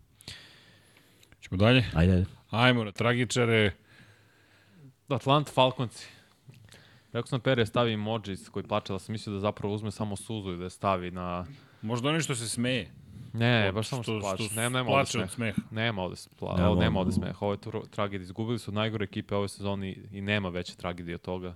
Potencijalno koštali sebe playoff učešće samo 7 postignutih poena sa onakvim talentom u napadu. Je zaista neprihvatljivo koliko, koliko god da je genijalan Arthur Smith nekada izuzetno greši u play callingu. Reader je katastrofa priča za sebe. Čovjek nije startni quarterback, nije ni opšte quarterback u NFL-u. Resi. Duri, samo. Da, djelo nešto da ćeš da ubaciš. Ba, mislio sam da si završio rečenicu, izvini. Ma ne, nema šta više, stvarno su tragedija. Užas. Čitave godine. A vidi, ali standardna priča. Igraš se u diviziji, igraš se... Ne, ne, nikad neću razumeti to podcenjivanje bilo kog protivnika. Nije podcenjivanje, Nije nesposobnost Misliš da je nesposobnost? Nesposobnost u Oni su nesposobni. Okej. Ne, ne treba da budu nesposobni, ali su izuzetno, izgubio si na tri field gola. Ja sam govorio još na početku sezone, Arthur Smith ne osvoji diviziju, ne uđe playoff, odmah isti dan otkaz. Pa neće ni jedno ni drugo postići. Dakle, Još ti, uvek on ti je nije- jedan od tih pet. Još uvek nije. Još uvek nije. Polako, još uvek nije. ali si mu spremio Ali sve, kovertu. ne, ne, pa posle ovoga je sve bliže i bliže. Pa. Oni su prokotkali. U jednom trenutku, pre par nedelja, mislim da ima tri nedelje, kad smo pričali Atlanta ima 3-0 u diviziji, o, deluje da će oni, ne deluje mi ništa, jer imaju dobra tri running backa, naprave da nemaju ni jednog. Imaju dva vrhunska, dve vrhunske hvatačke opcije, tako da kažem. Može da se desi na utakmici da, da dodaju loptu po jednom. Nemaju quarterbacka. Imaju trenera koji se pogubio. Čovjek je se pogubio. Ni, I nije loše priznati da si se pogubio. Odličan si ofanzivni koordinator, nisi za glavnog trenera. Nije sramota, mislim. Budi negde ofanzivni nije koordinator sramota, i dominiraj. Ali egoisti teško, redko priznaju. Od, gledaj, da izgubiš na tri field gola sa ovakvom talentovanom ekipom, to, to je stvarno sramota. Stvarno. E, Karte su bile 4 dolara za utakmicu. Slika, jeste, slika da, da. stadiona. 4 dolara. Pa dobro, toli, toliko o interesovanju. Ponuda i potražnja, surovi kapitalizam. No. Za... Dobro. Tragedija. Čast, momci, častim. Ne vodimo se na Atlantu. Ne, Karolina. Sinovi, To je Karolina. ali plaćam, ali plaćam ulaznice. Možda je bio neki burger na popustu. A, Jimmy je opalio po svojima, po Cindy Brownu. Dobro. Dakle, promašio tri obaranja u backfieldu koje je Walker provodio novo četiri pokušaja. Inače, ovaj gospodin je, on je strong safety, ili tako? Da, A, on on je je- Novajlija. Pa, dobro, safety je. Pa je Safety je, da. Dobro, kasnije da pomogu u pokrivanju Metcalfa u poslednjem drajvu i jako loš utisak na celom meču. Voleo bih da čujem Jimmy u analizu ove situacije, pošto svoj na svoga udario. M je Eagles, M je safety, znaš. Gledaj, mlad je safety. To je ono što ja pričam. Mladi igrači ne mogu da naprave tranziciju brzo u NFL. Neke pozicije baš teško prave tranziciju. Kada, kad si quarterback i ulaziš sa koleđa u NFL, Brzina, tvoja- br, brzina igre. Brzina. Jer uh, moment reakcije igrača, oni svi stoje na mestu gde su stajali igrači na koleđu, da ali će, ali brzina, će stići mnogo brže tamo gde ti misliš da neće. To, to, to, to. Safety najviše, jer stoje duboko. To ti je... Uglovi. Jel igraš, jesi igrao Fortnite nekad? Nisam. Ok, to ti je kao da igraš Fortnite protiv 45-godišnjaka i onda dođu klinci koji imaju 8, 9, 12 godina. Miksa, samo ovako. Šta se desilo ovde? Ovde, ovde su u pitanju uglovi. I, I e, želja, ti kada uđeš u NFL, a nisi siguran u barač, ti na koleđu kao zver, pošto videli smo na slici, momak je zver, ako se zaletiš u punom sprintu i pogodiš ugao jer je igra sporija, ti ćeš verovatno nekoga da, da pošalješ u slačionicu. Na sideline sigurno. Hvatanje takvih uglova i tih agresivnih udaraca na koleđu obično završi obaranjem. U NFL-u ljudi su već videli tu brzinu i te uglove obaranja. Svi znaju da se prilagode. Znaš, ono, vidite jasno. da si se zaleteo, samo staneš, on proleti ispred. Uh, oceniš, napraviš neki džuk, usporiš malo, ne zna da uspori da stane usitni korak, nema wrap up, ruke nikad ne koristi na teklu. To su velike greške i onda pritom prilikom dodavanja kad je u coverage-u loše ocenjuju uglove i kasni sporije krene, ovde je okrenuo kukove, kad okreneš kukove defanzivnom beku, ti to nema šanse da se vrati na vreme. Sve Osim jasno. ako nije Edrid, ali ovaj momak nije, pa je, Dobro sad, to je već... ne, ne, ali to se radi, su to, se dešava jednom u 10 godina u NFL-u da, da neko to može da uradi. Okrene kukove i vrati se. To, to, to Redke su safety u poslednje vreme koji su kao Kyle Hamilton, na primjer, kao Ali... Derwin James. U ruke godini imaju momente da briljiraju, imaju momente da ispadaju, ali više briljiraju nego što ispadaju. Tako je, ali znaš šta je najvažnije od svega? Uh, učenje obaranja. Jer gledaj, Buda Baker meni nikad nije bio top 3 safety. Ali Buda Baker je top 3 obarač, uvek. Jer on ne razmišlja previše. Nije ono kao sad ću ja se zaletim i sad ću neko, jer je, zašto je manji. Mm. I onda gleda tehnikom da odradi posao. Svi safety koji uđu, onako, a da mogu da igraju nekog linebackera, da mogu da udare čoveka, oni misle da duži smo NFL i sad ću ja da se istaknem, svi će kažu ovaj mali je udarač. To je najveća greška koju možeš da napraviš. Jer u NFL-u su sve životinje. I evo, seti se utakmice protiv 49ersa, promašeno obaranje. Konstantno promašeno obaranje, jer Filadelfija ima uh, očigledno loš coaching. naravno, profesionalci, oni malo, malo se i tuku na treningu, malo obaraju. Nema, nema takvih udaraca. Znaš, svaki safety, verovatno, kad uđe s takvom građom, pomisli sad ću ako kukajem Chancellor da se zalećem i da bacam ljude po terenu.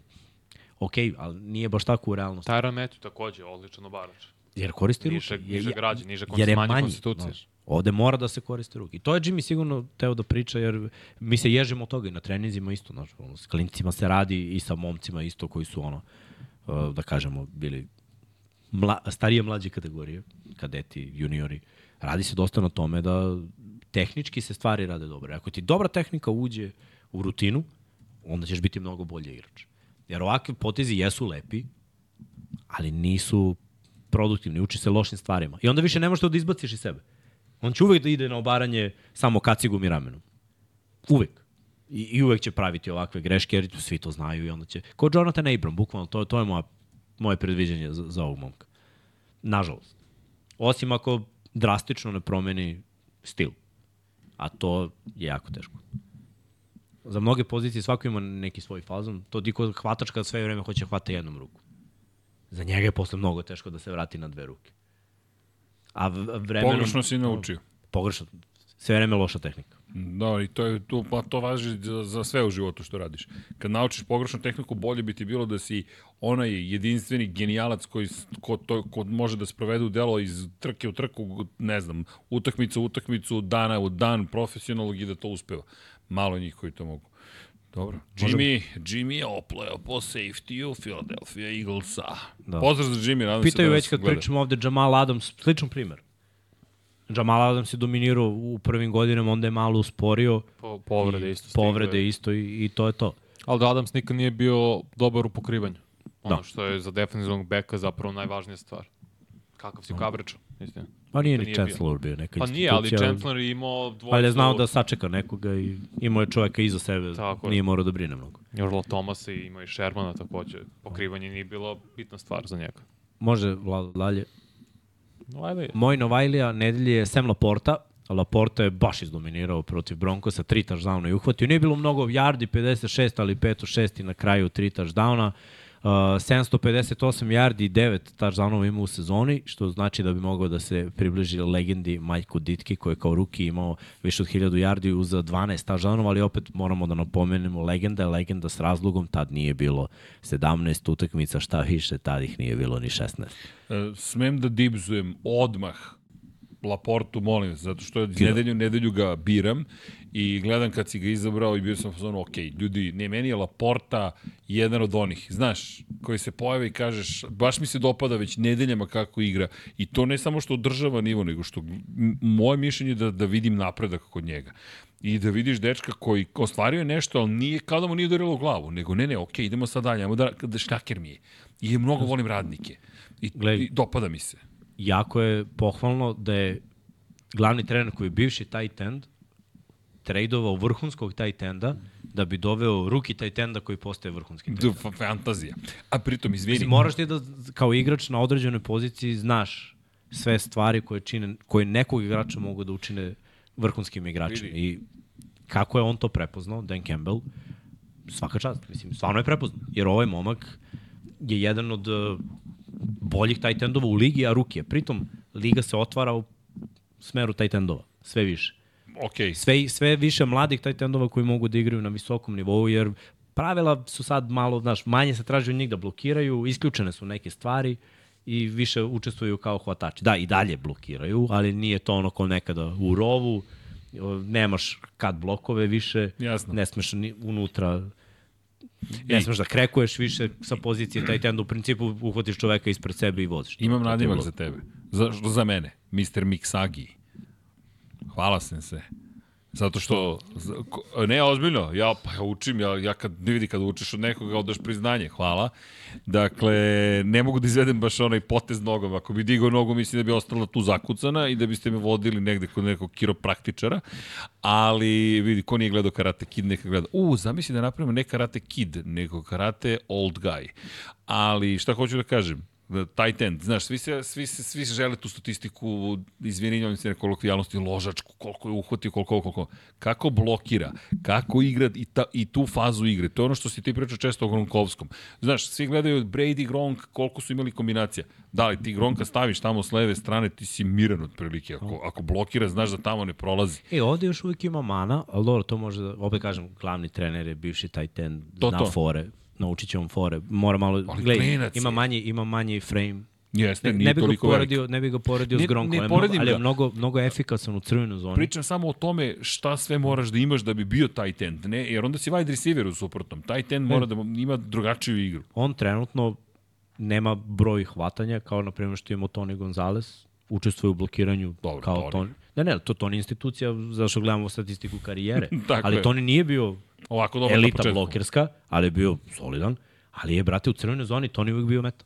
E to, to je neka vizija koju izgleda imaju Lionsi. Jer imamo dva dobra running backa, pazit će svi na trčanje, imamo hvatače s polja i imamo jednog dobrog slota, pazit će i na njih, pa ne mogu da paze sad i na taj tenda koji može da, da, da radi bukvalno sve. Oni mogu da ga izoluju, znaš šta je New England radio pre dobro, to je bio njihov ono, uh, trademark. Pošalju Gronka na spoljašnje hvatača levo.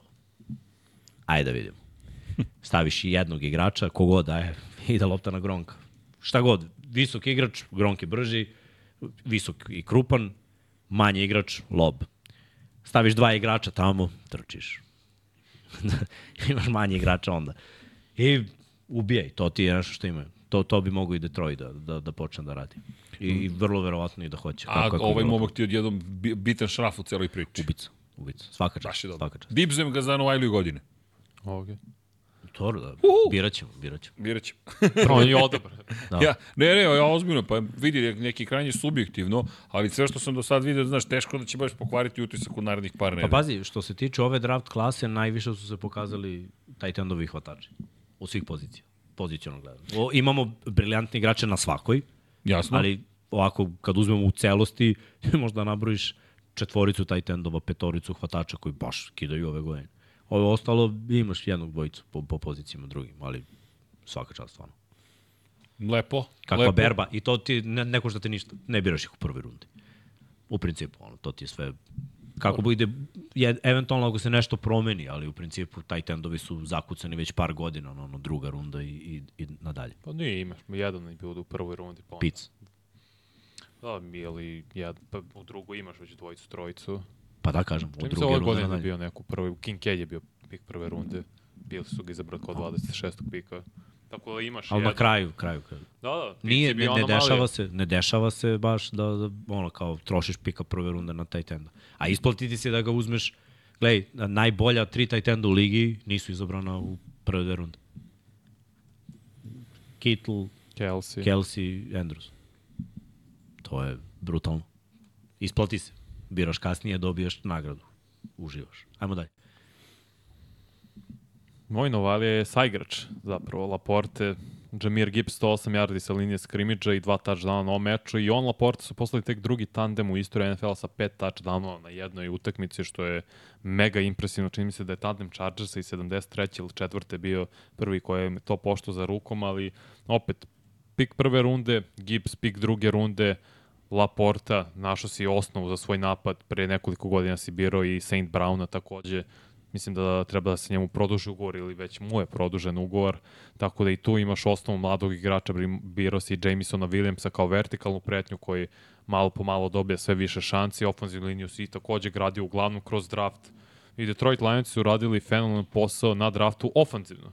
Yes. Obnovili Pa su dva čitav tim. igrača samo ove godine. Da, čitav tim su obnovili u maltene nad, preko drafta, tako da je to po, odlična pohvala i sjajan posao odrađen od strane njihovo, njihovog generalnog menadžera i naravno i trenera koji ima da je sigurno udela u tome, tako da možemo dalje da nastavimo. Vlado, ako si spreman za Ivanovog, to je Jimmyevog, to je. Srđanovog, Novajliju. Jimmy kratko i jasno. Kratko i jasno, devet uh, do, do, do, davanja. Devet za- od devet. Devet od devet, bukvalno. Ima, 9 puta meta, 9 puta Da, da, uhod. 9 puta meta, to, to, to, 9 dodavanja je bilo upućeno ka njemu, 9 hvatanja, 91 yard, 1 touchdown i najkonstantniji, najkonzistentniji hvatač u ekipi Kansas City, što je ljudi, za Novajliju, ovako, za bilo koga ovakva statistika je impresivna, kamoli kada ste Novajlije i pogotovo kada dodate na to dinamiku vremena, da posmatraš i kažeš, ej čekaj, ovaj dečko je neko ko u Chiefsima, u Chiefsima pritom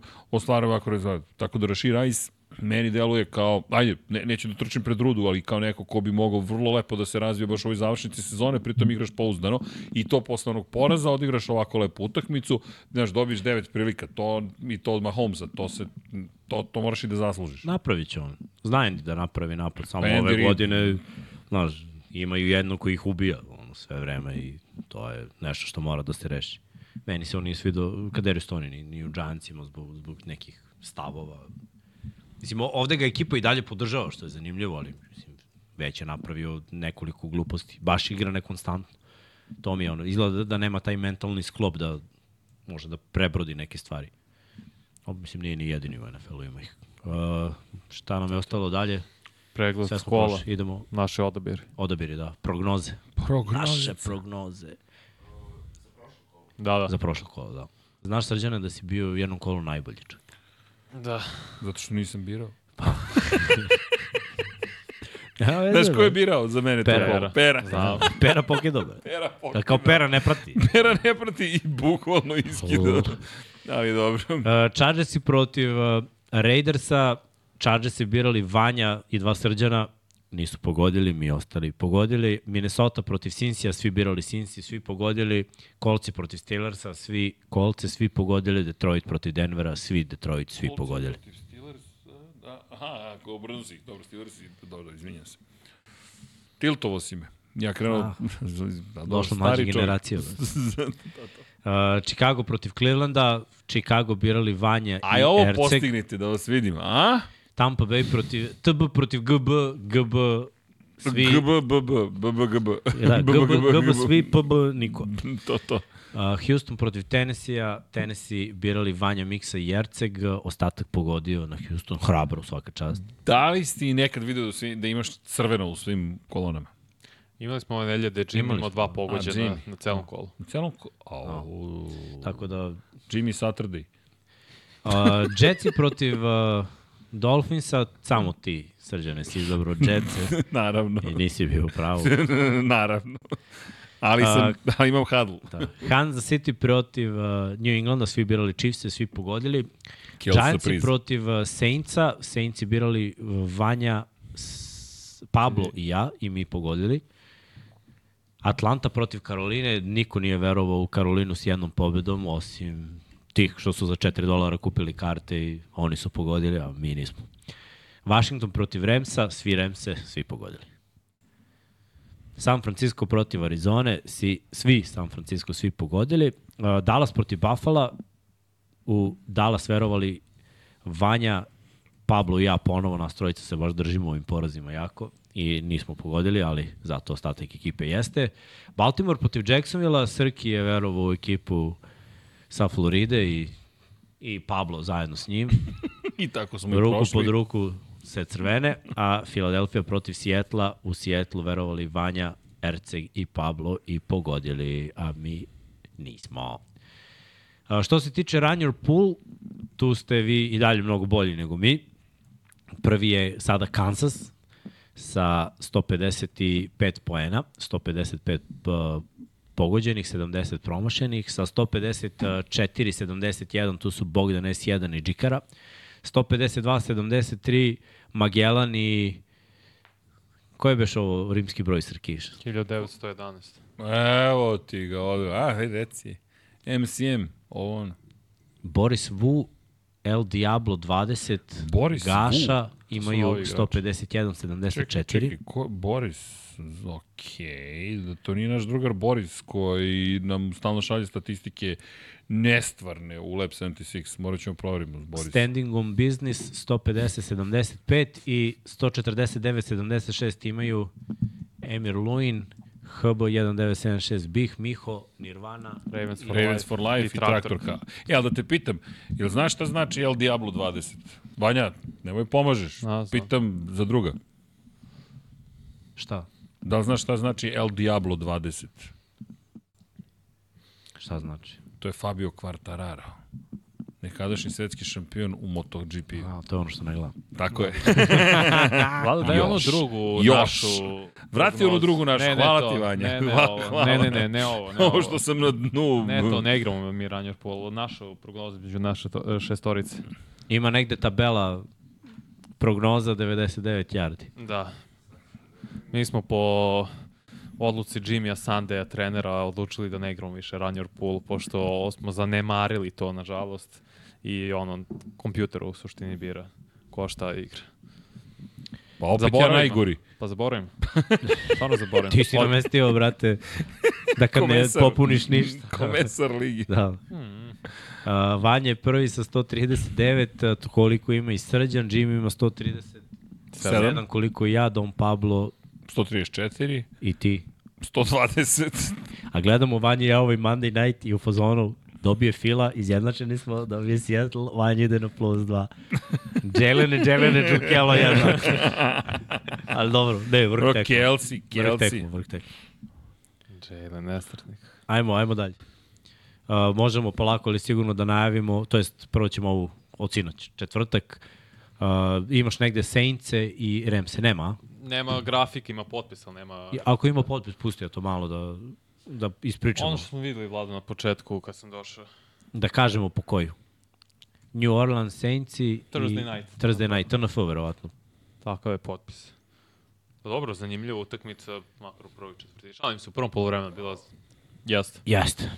Saintsi su izgubili, na kraju došli su na SoFi stadion, igrali protiv Remsa, Remsi krenuli silovito u napadu, ušli su dobar ritam, zaista poslednjih 4-5 kola Stafford igrao sjajno u napadu, ali nije samo Stafford, nego i sistem i svi, i Kyrie Williams i Puka Nakua i Cooper Cup, mada su sinoć imao par ispuštenih nekarakterističnih za njega, bile su bačene u ruke. Robinson odigrao fenomenalno, pogotovo u prvom polovremenu i Četiri utakmice u nizu sa touchdownom, što je zaista pohvalno za momka koji zna šta treba raditi da bi se ušlo u playoff.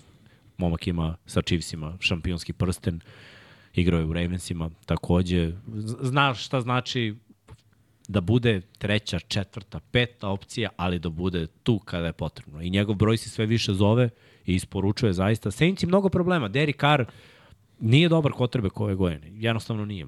Mnogo grešaka i opet dva puta su došli do situacije treći down i on odradi posao, baci loptu, Olave dva puta nije uhvatio, idu na četvrti, turnover on downs, daju loptu Remsima. Remsi su možda jedna od pet ekipa kojima ne daješ loptu na polovini terena, jer jeste, nemaju kikera, i Havrisik je opet promašio, ali mislim velika verovatnoća da će se prošetati i da, dati touchdown. Bilo je nekoliko prelepih napada na obe strane, Saintsi svoje nisu završavali poenima, Remsi u početku svoje jesu. Na kraju, kao i po običaju, se vraćaju, pronađu način, ali ne, to je četvrta četvrtina, nema više vremena. I sličan poraz je bio i protiv Detroita i ovde razlika naravno u efikasnosti postignutim poenima, ali ako bude došlo do toga da Saintsi ne budu prvaci divizije, Ramsi sad imaju tiebreaker i protiv njih.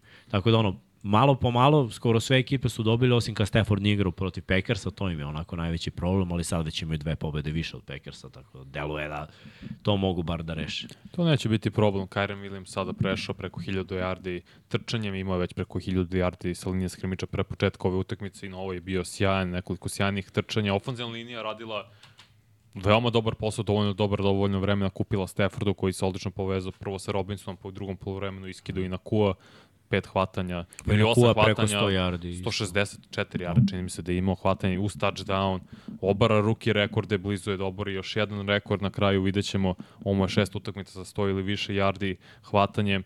Lošija partija možda za Kupera Kapal smo videli u odbrani mlade igrače Remsa koji igraju kao Turner, koji opet ako gledate utakmice vidite koliko je puta udvojen ili nekad utrojen Aaron Donald mladi igrači onda po, lakše pobeđuju svoju jedan na jedan situaciju, dolaze do seka, uh, kako se zove linebacker unutrašnji Jones ili je Johnson, Ernest Johnson. Ernest Jones. Jones. Jones igra sjajno ove godine, koristi svake priliku kapitanje takođe u odbrani i vidi se, on je stigu do seka, Kobe Turner, Veliko, do Vajlija. Veliki napredak. I opet, totalno dve drugačije priče za formiranje rostera i kako će završiti ovu sezonu i uće sledeću. Ti znaš da imaš stabilnu figuru kao glavnog trenera.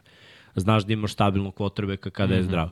I opet znaš da imaš sada dobre mlade igrače koji su se već afirmisali, jer Cooper Cup je afirmisan, Puka Nakua, Kyrie Williams ove godine stiču afirmaciju u odbrani, rekao si Ernest Jones, opet imamo veterana Aarona Donalda koji sve to vodi na neki svoj način. Moraju da iskoriste pikove koje konačno imaju, da izaberu, da malo secondary ovaj, pojačaju. Fali im shutdown quarter.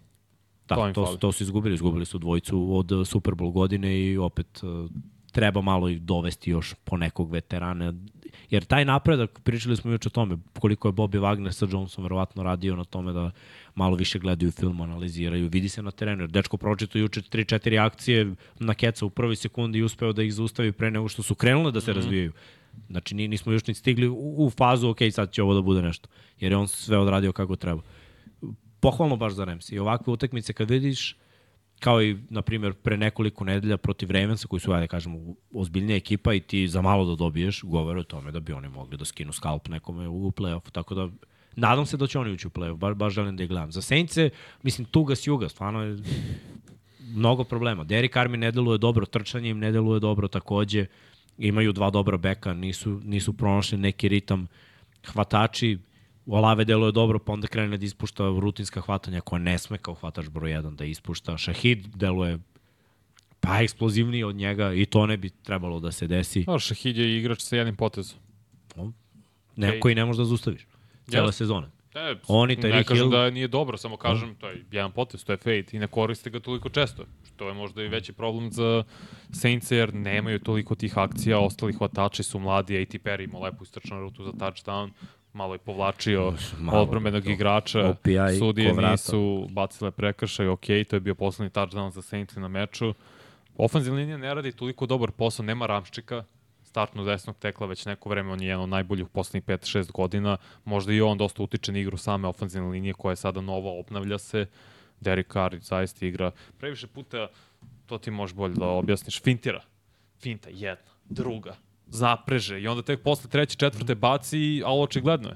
Jer hvatači ne prave dovoljno separ- separaciju nekada, on nekad okleva i okleva i okleva. A Tysona Him- Hilla nismo toliko videli na ovom meču. Nis, pa nije bilo situacija. Mislim, imali su dosta tih pokušaja, to je bio četvrti za pet jednom, pa je bio četvrti za pet drugi put, ja mislim, pa je bilo i za sedam yardi isto. Tri puta su bili turnover and downs. I nakon toga su Ramsi posle Možda nije izgubljena lopta u statistici, ali izgubljeni posed i ti predaješ posed, jer nemaš prava rešenja. I to su problemi. I Derek Carr definitivno nije ono što smo mislili da jeste, jer zaista je trebalo da bude najbolji quarterback u ovoj diviziji.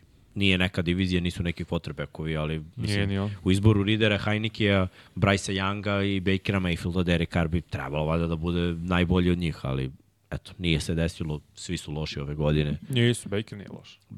Ima i Baker moment. Ima moment, ali nije loš. Zato sam ja i vidio tu tampu, ali ko zna.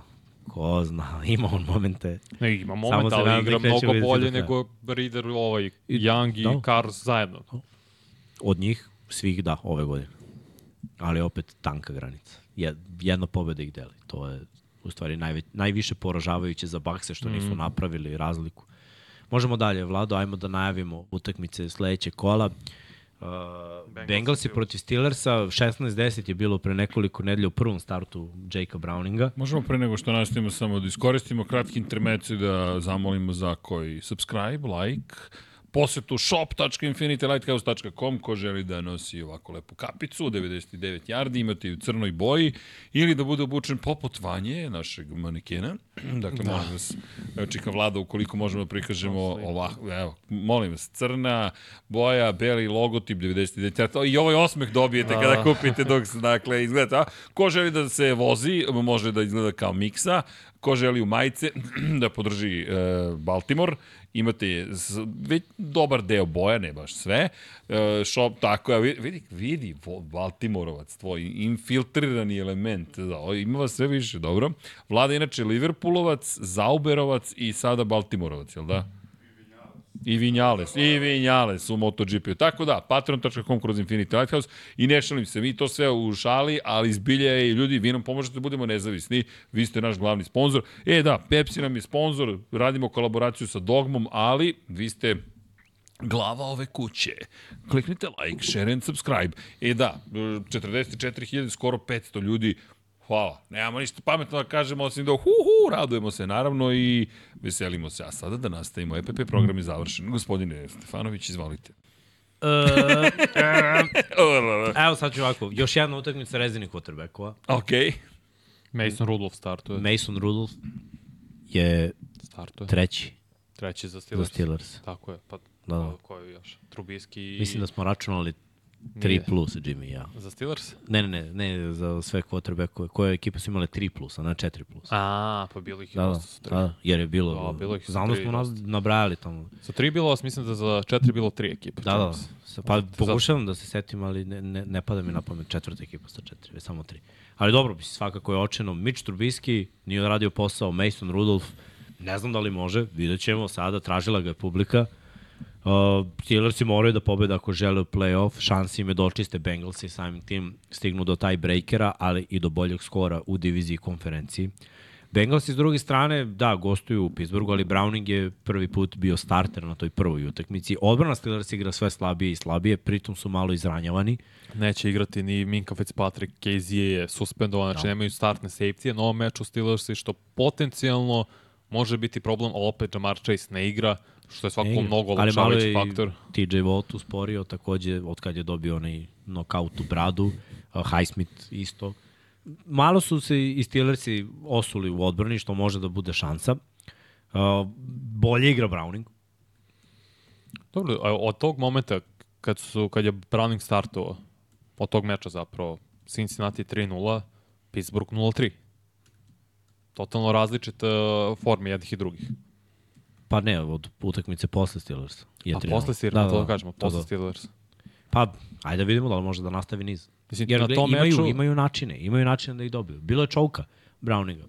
Samo je bio touchdown razlike, nije to nepobedivo, nepobedivo bilo, ali je napravio glupost kada nije trebalo i videlo se, ok, nije spreman da bude starter odmah, ali sad je već odradio neki, ima neki Prošlo zalet dana. za sebe, ušao je u playbook, zna se kako mu se zovu akcije, uh, šta on može da uradi, šta nije radio Burrow. Znaš šta Steelersi rade, već si ih video, mislim, i prethodnih godina i ove, tako da postoji velika šansa da, da Bengalsi stignu do devete pobede, što bi baš bilo. Moraju da Sjajno. trče. U, na toj utakmici su imali 20 yardi na zemlji, mislim da je bilo 25, od tada imaju preko 115 yardi, što je izuzetno pohvalno i što više trčanja, što više a, pre svega na početku Joe Mixona, Chase Browna da uključe na kratkim dodavanjima, on ima tu eksplozivnost da od kratkog hvatanja napravi veliku jardažu. U napadu Steelersa stvarno ne znam šta da očekujem nakon komentara uh, Georgia Pickensa koji je rekao ja neću da blokiram, da se ne bi desilo meni isto ono što, što se desilo Tanku Delu, da se povredim kao kogod igrao u, u igru, razume o čemu pričam, s druge strane Jalen Warren rekao ne znam o čemu priča, ja bih blokirao za njega, da je bila obrnuta situacija. Tako da i tu postoji razlaz u hemiji, problemi očigledno. Ma nije to samo u hemi, to je stav. Mislim, Pa jeste, ali kako onda možeš ti da izađeš sa tim saigračem i da igraš ponovno? Mislim, Manje možeš. Štati, oni imaju pet akcija, Deontay Johnson i Pickens hodaju, Da, znam, to je lože. dok je run play, mislim. Svi znaju da je run play. To je užas. Zato Steelersi mislim da, da su zreli za ovaj jedan ozbiljan sastanak gde, gde mora da, da, da se bira ponovo. Moraju da biraju igrače koji će slušati.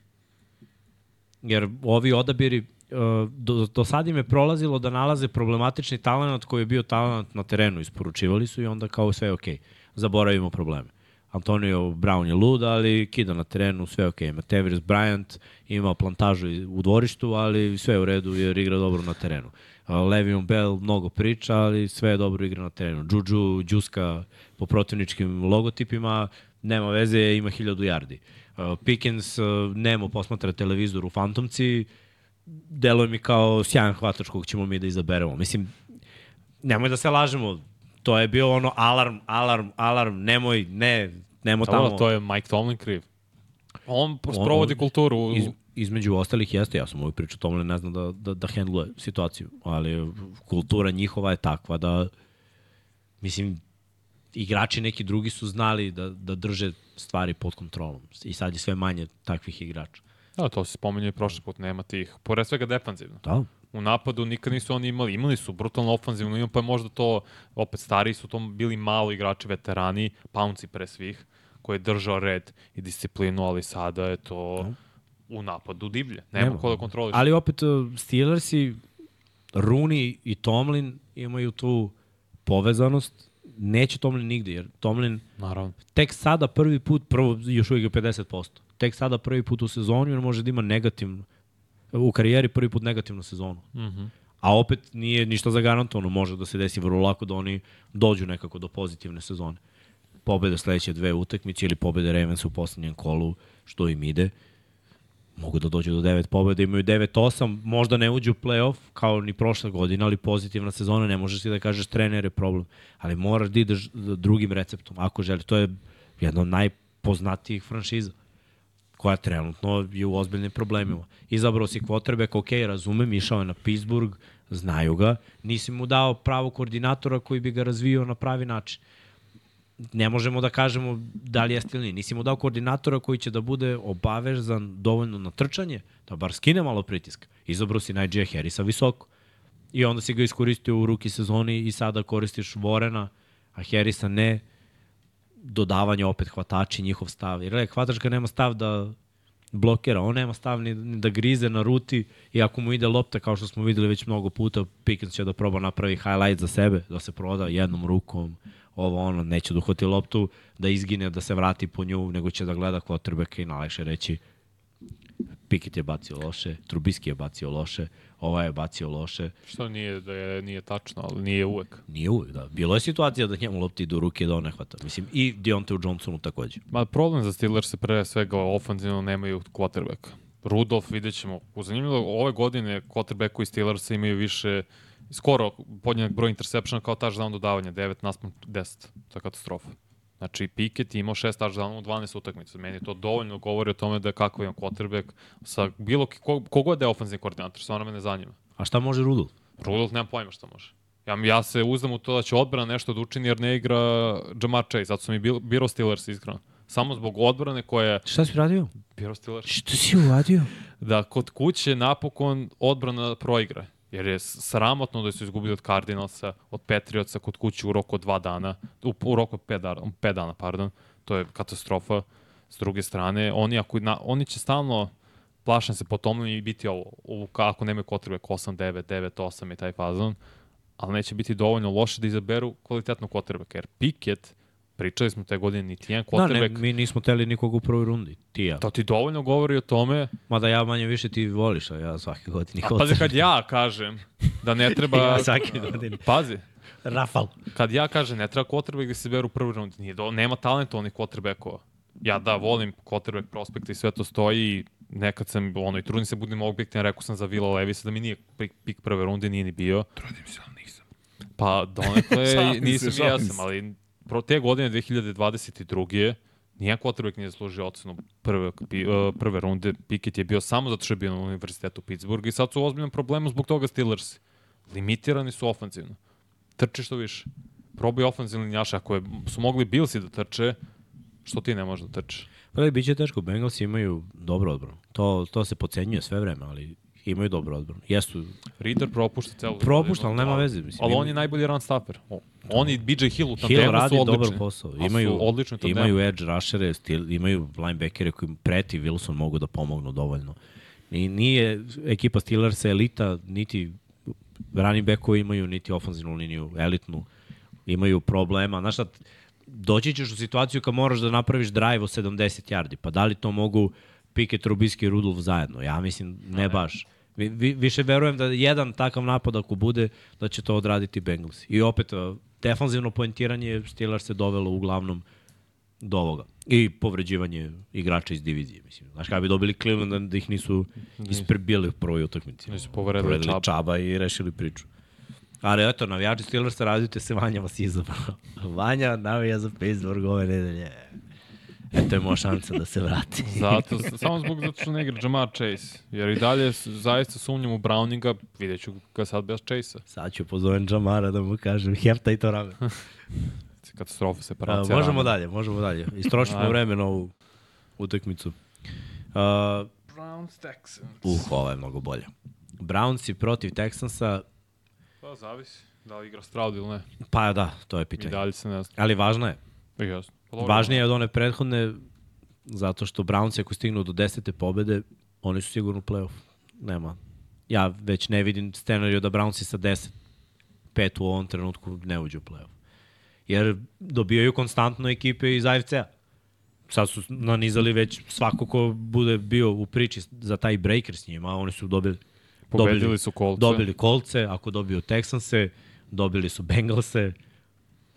Oba Zaista. puta, ili ne? Oba puta. Ili nisu igrali već drugi put?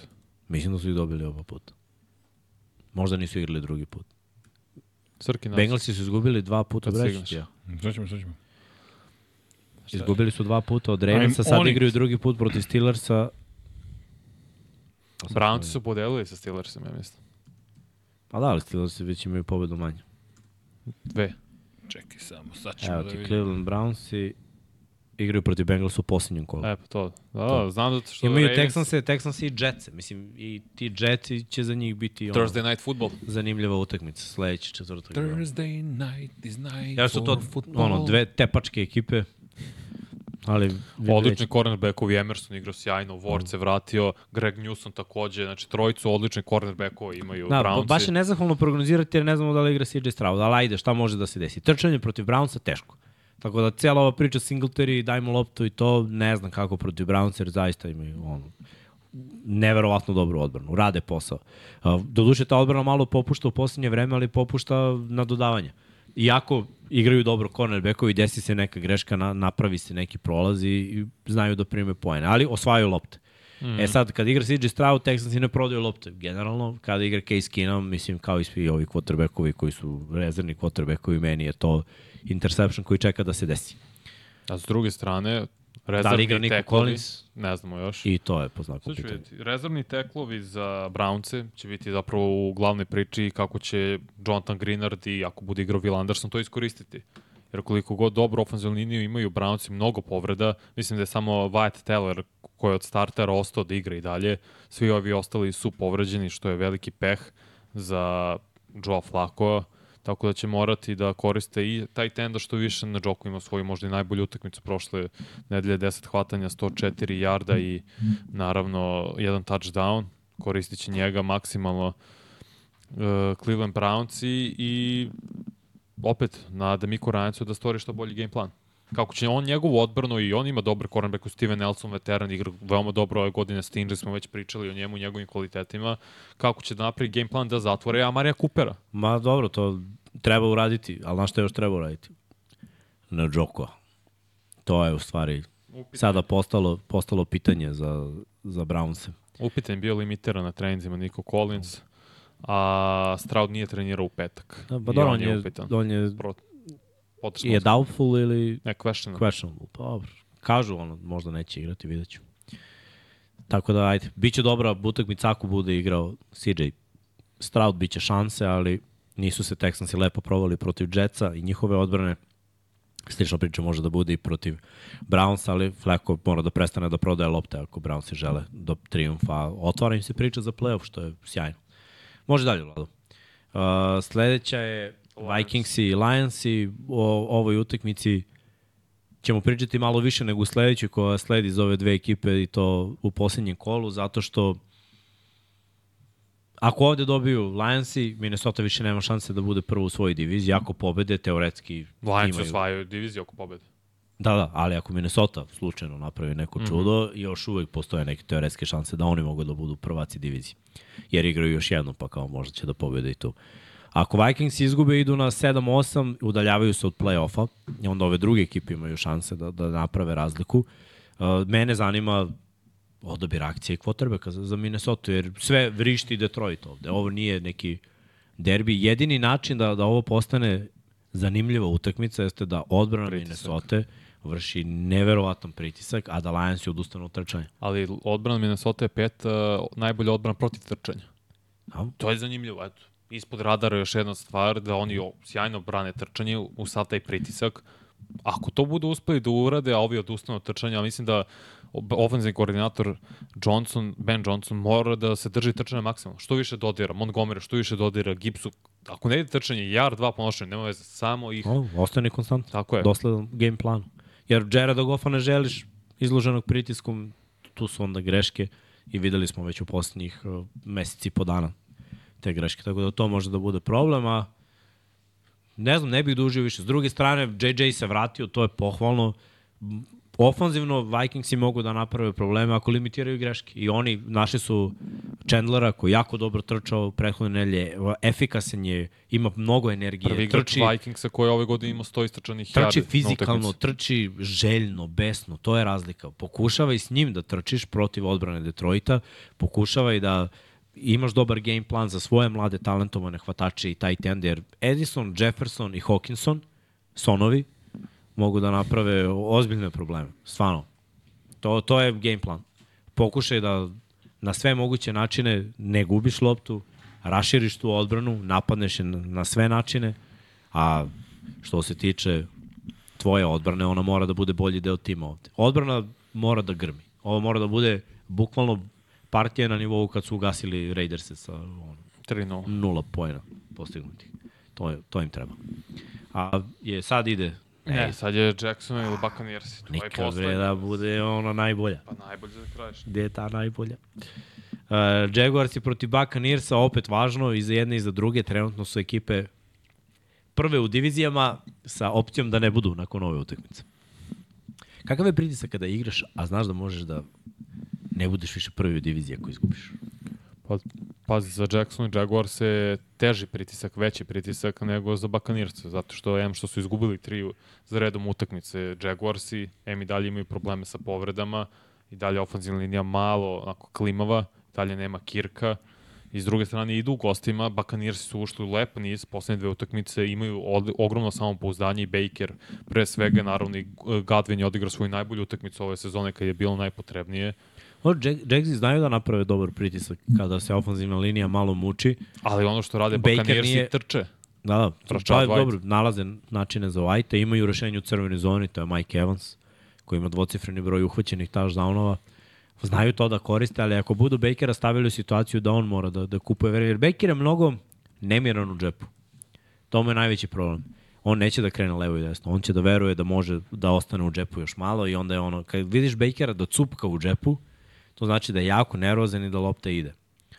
Ako lopta ide, a Jaguars imaju veliki broj osvojenih lopti ove godine, mo može da utakmica tako bude odlučena u njihovu korist. Ali moraju da dovedu Bakera u to nemirno stanje u džepu. Ako dopuste Bakeru, jer gledaj, Lamar je kupovao mnogo vremena, eto, prethodna utakmica, kupovao je mnogo vremena. Tako što je šetao levo-desno. Uh, nisu mogli da dođu do Browninga. Ne znam zašto. Ofanzivna linija nije toliko elitna za Bengals, ali okej, Browning imao dobio, imao je vrhunski meč protiv njih. Ali znaš šta su radili oni? Bengalsi da, trčali. Mixon ima svoju najbolju utakmicu protiv Ja. Jaguarsa, to treba i Bucksi da rade, ali pitanje je da li će Jaguarsi trčati protiv Buccaneers, koji su opet top 10 odbrana protiv trčanja ove godine. Pa gledaj, odustali su baš od Etienne. Mene zanima da li mogu sa ovim hvatačima da rašire tu odbranu Bucks. Jer Bucks imaju ozbiljne probleme, mislim, ovog kartona Davisa treba napadati do smrti. Bukvalno stop dodavanja na njega. Jer čovek ove godine napravi jedan dobar potez i sedam loših.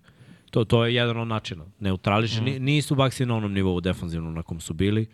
Mislim da, da je taj secondary dovoljno bušan da, da ekipa koja ima ovakav talent može to da iskoristi. Da, fali će Kirk, ali i dalje imaju. Ingram je počeo da igra brutalno, ušao je u brutalnu seriju, on predvodi čitave godine tim po broju hoćenih lopte. ali nije imao touchdownove, a sad Nije. je počeo da igra i u crvenoj zoni. Uh, Ridley bi mogao da se pojavi na ovoj utakmici, to bi puno značilo. Pritom Ridley dobro zna kako se igra protiv ovih ekipa. Gotovo Da igra. veći deo svoje karijere proveo je u južnoj diviziji NFC-a, tako da to su neke stvari. Trevor Lawrence bez izgubljene lopte, to, to treba njima. Trevor Lawrence sigurno igra i može da se desi. Uh, On je u kankašan protokolu, inače i dalje nije izašao iz tog protokola u pitanje za meč. Vidjet ćemo da li će igrati, trebalo bi, ali dalje nije zvanično da je prošao protokol ili da igra. da, kažu CJ Stroud da je out, Eto, a za Lorenza kažu da ide ka tome da igra. Mislim, vidjet ćemo ako ne bude igrao, eto šanse za Bakse. A ako Jacksonville izgubi ovo i dođe do 8-7, eto šanse za Colts i Texanse, mislim. Svašta može da se izdešava. Uh, možemo na... Ma dokle više, Vlado, šta mi radiš ovo? čoveče? ja. imamo sjajne utakmice. Jeste. 10-4 na 10-4, razbijajmo bednike i ne pobeđujemo bolje. To su ove dve ekipe. Šta misliš ko ima prednost? Imaju Dolfinci prednost, jer Dolfinci mogu da rade u odbrani ono što Cowboysi ne mogu. Dolfinci mogu da zatvore uh, vrlinu i snagu Cowboysa, to je CD Lamb, jer imaju Jalen Ramsey između ostalih, kao jednog od najboljih cornerbackova i dalje u ligi. Imaju odličnog safety u Holandu i pass rush je dovoljno dobar. Imaju ok, solidno unutrašnji linebacker, pre svega Baker, Jeroma Bakera. Ja ne znam da li mogu Cowboys da ustavi igru na zemlji, jer uz ovo, uz toliko korišćenja shifta, motiona, Cowboys imaju problem protiv toga defanzivno. Jer tako mnogo se olakše igra. Zamisli A-Chaina i Mostarda.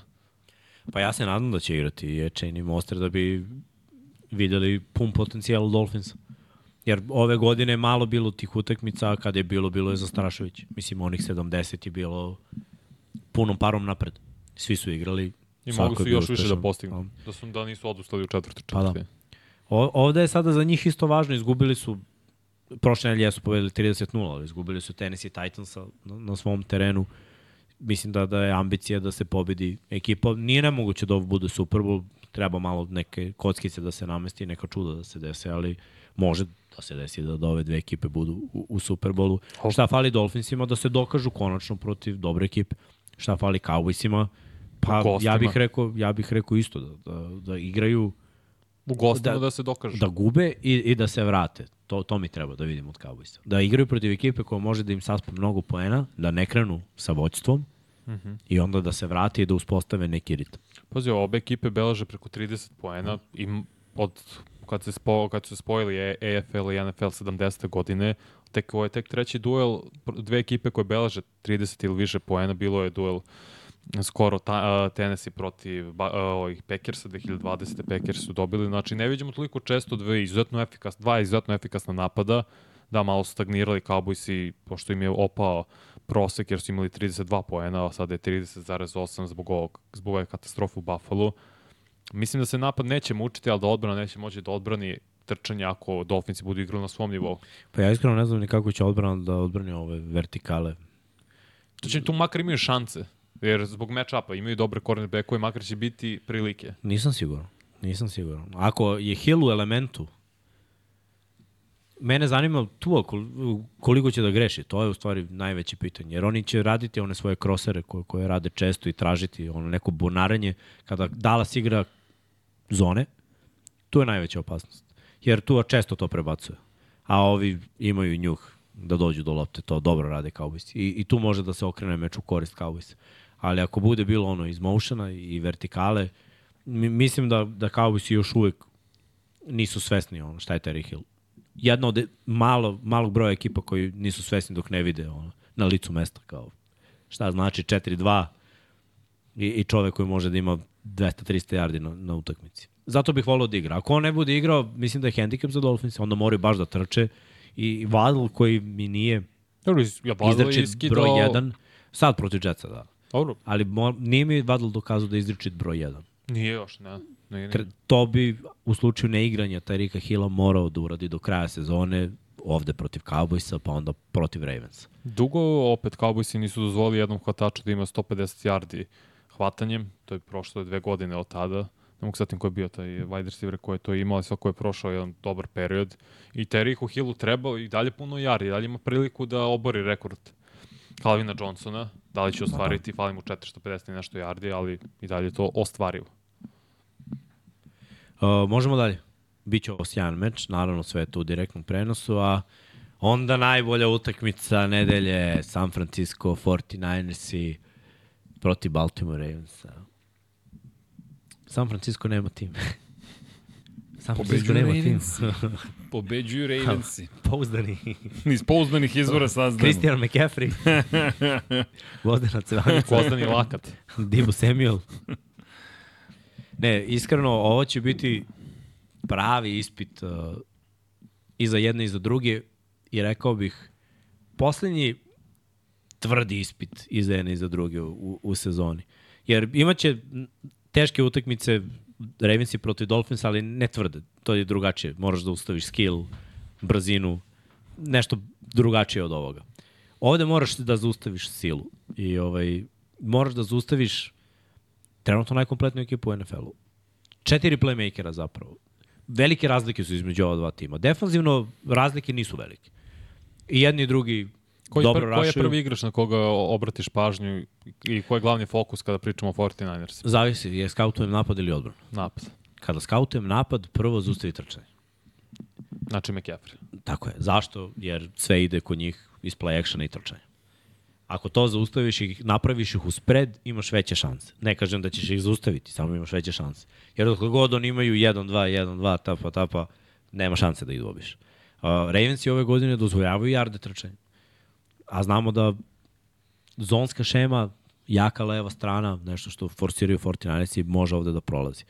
Šta je problem za većinu ekipa kada igra protiv 49ersa? To je obaranje. Ove godine, znaš koliko, Bard ima 3700 yardi. Od toga je skoro 1800 jak, Yards after catch. yards after catch. Što znači nisu najbolji u ligi 49ersi. Mislim da su Dolphins fazom najbolji. I Chiefsi. I Chiefsi, verovali ne. Da. Ali sve se svodi kod njih na te jarde nakon hvatanja. Uh, Kittle ima skoro 500 jardi nakon hvatanja. Samuel ima skoro 500 jardi nakon hvatanja. CMC je uvek nezgodan, a znamo i da dobro trči i mogu bi do, do 2000 yardi skrimidža lagano ove godine, samo ne posle ove utakmice, osim ako baš ne izdominira. Opet kažem, po šest touchdownova imaju ove godine Dibo hvatanjem, Ajuk i Kittle, a sedam ima Christian McCaffrey. To je 25 od 29 koliko ima Brock Pardy koji ima 7 interseptiona. Znači, igraju sigurno, igraju igru kratkih dodavanja i znaju da napadnu sistematski. Šta Ravensima fali? Cornerback. Biće dug dan. Biće baš dug dan. Jer trošit ćeš se, trošit ćeš se, trošit ćeš se, a najveći problemi za Ravensi, o, Ravense ovde jesu baš obrnut. Scouting odbrane. Nemaš više tog brzog running backa, morat ćeš da, da se osloniš na to da Lamar, Gus Edwards i Justice Hill igraju. Vidio sam ovde neke, neke priče za, za Melvina Gordona. Kakav Melvin Gordon bio running back pre pet godina. Od tad nema ništa od njega. Možda maše peškirom. Stvarno nije to taj nivo. Ne, ne može takav igrač koji fambluje često u svojoj karijeri da uđe da igra protiv 49ers. Znači, ja bih se oslonio na Gasa Edwardsa i Lamara, na takva trčanja i na, Ravensi napadaju drugačije. Ravensi napadaju sa svim igračima. Ti kada pogledaš najbolje hvatače Ravensa, pet nedelja Mark Andrews ne igra. I dalje je jedan od najefikasnijih po broju uhoćenih touchdownova i yardi. To je u stvari sramota za Baltimore. I priča o tome koliko igraju komplementarni futbol. Odbrana, trčanje, napad. Na ovoj utakmici sve to može da se izloži. Ako te zatvore trčanje, Lamar mora da dodaje. Odell Beckham, zdrav, nije zdrav, Zay Flowers, Mali, Likely, da li može da igra na nivou Marka Andrewsa, Gus Edwards, spor, da li može na silu protiv ovakve odbrane, Protiv gde je ove front sile. seven mnogo siloviti. Ronnie Stanley je po znakom pitanja. Morgan Moses je po znakom pitanja. To su dva startna tekla takođe. Protiv Jaguara su obojca su ono izlazili i ulazili van igre. Jesu, a nisu završili, nije Stanley završio utakmicu. Tako da ono, i, ima igrača koji nisu uh, završili utakmice. Ono što je pohvalno, Marcus Williams je trenirao, pa bi mogao da igra na ovoj utakmici da bi Ravens imali tu odbranu sa tri safety, koja nije baš karakteristična. Ali sve se namešte, igraju 49ersi kod kuće, Ravensi imaju neke slabosti koje odgovaraju 49ersima. Uh, ekipe jednako fizikalno igraju u odbrani, ali je napad 49ersa bolji jer se oslanja na samo četiri opcije i te četiri opcije isporučuju konstantno. Za Baltimore je Lamar show i kogod je otvoren. Za odbranu 49ersa mene zanima koga uzima Charverius Sword, jer ako uzme Odela Beckama, nećemo vidjeti Odela Beckama na tom danu. Ako uzme Batemana, zatvorio je to, Zay Flowers može da operiše i slota zajedno sa Likelyem, ali baš je onako, moraš da igraš savršen futbol da bi dobio 49ers. I ove godine koje ekipe su igrale savršen futbol? Naravno, koristili su to što Dibo nije igrao. Ali to su ekipe sa severa AFC-a. Dobili su ih Bengals i Browns. Od, od ova tri poraza, dva su došla od ekipa sa severa AFC-a. Dobro, jedan poraz je bio promašen field goal. Ba Bengalsi su ih pobedili na dominaciju Joe Burrowa. Na, I Joe Mixon. Mixon je, Mixon je trčao kad je trebalo osvajao novi prvi down, dao touchdown koji je bio finalni udarac. To, to je bilo. A to je sve bilo pre Chase Younga. Takođe. Nakon toga su tradovali za Chase Younga, još više povećali defanzivnu koja je bila brutalna. I moje pitanje tebi jeste da li je ovo neophodan meč za Ravens? Da li ako je, na primjer, u smislu da je Stanley upitan, Moses upitan da preskoča ovu utakmicu od NFC, da bi bili zdravi protiv Majamija, koja je važnija utakmica za sam vrh AFC-a. Ne. Verujem da Harbo to tako posmatra. ne, ja pitam tebe. Ne, ja, Ne, ja nekad ne bi to uradio. To je za, Pitam mene, tebe. to je za mene sramota. Kogod, taj load management. To ko je izmislio, treba ga i šamarati. Ko izmislio je Greg Popović, ali... On je u košarci, u, košarci, američkom da. futbolu. Ne znam ko. Košarka je druga priča. Košarku koliko imaš utakmica. Tako je, Imaš 82. do 82, možda preskočiš koju, jer mislim, svi znamo kako igraju. Ovde je svaka utakmica važna. Pa i ova.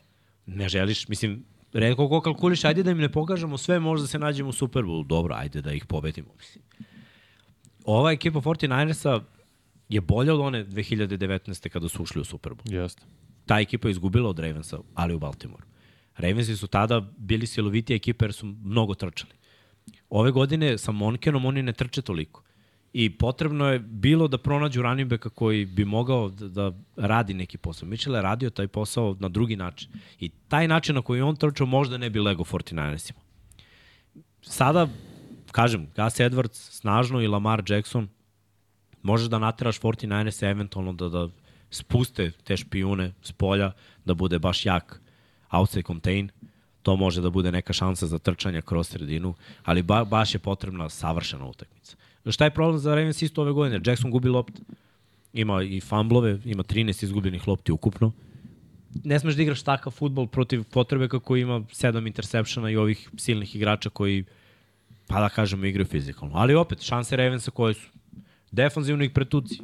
Mislim, već se desilo da su se povređivali svi, probaj da ih nadjačaš i probaj da ih mu propastiš dan. Mislim, jeste ono ružno kad tako se priča, Dobro, ne, ne misliš na povredu. ne mislim ono ubiga, ali ideš da ga udariš Dobro, ali- toliko jako da fambluje, ideš da ga udariš sport. dva, tri puta toliko da ne poželi da se vrati u igru, ideš da ga udariš tako da razmisli sledeći put kad uzme loptu da li će da pravi potez viška ili će da stane yard ranije. Jer to u stvari pravi razliku za te jarde nakon hvata.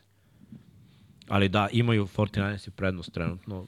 Da igra Mitchell, drugačije bi posmatrao. Jer bi onda video Dobro. Baltimore sa potencijalom da trči 100 plus yardi ekipi koja ne dozvoljava 100 plus yardi trčanja. Ovako od tih 100 plus yardi da bi se desilo, Lamar mora da ima 80. 100. A nije. Nije baš, 80. ali dobro. Mora da ima. Jako je teško kad staviš na quarterbacka, e, dodaj loptu, ima i 200 yardi touchdownove, nemoj da imaš interception i trči 80 yardi. Mislim, dobro, to je Lamarov život. Jeste. Još jedan X faktor koji nismo spomenuli do sada, Fred Warner, kao najbolji linebacker u NFL-u, čovjek koji radi tu ulogu špijuna, skoro savršeno, Biće izuzetno teško samom Jacksonu da, ko- koliko god je brz, da konstantno izlazi van džepa, da kreće, da trči, jer Warner će sve vreme gledati njega. Zašto? Zato što može da se osloni da idu u pass rush sa četvoricom i dalje imaju šestoricu coverage, a on samo prati Lamara i eventualno sredinu terena. Mm. I to je veliki posao i veliki plus za 49ers-e koji su redka ekipa kog ima takvog igrača da može samo da obraća na quarterbacka, a mislim radi odlične stvari, odlične i druge stvari odlične. Znaš koja bi bila mana 49ersa da Ravens imaju uh, personel da to iskoriste? Uh, to što ne igra Hufanga. I daleko od Čarverijuš sa Vorda. La- Lamar ima mnogo jaku ruku.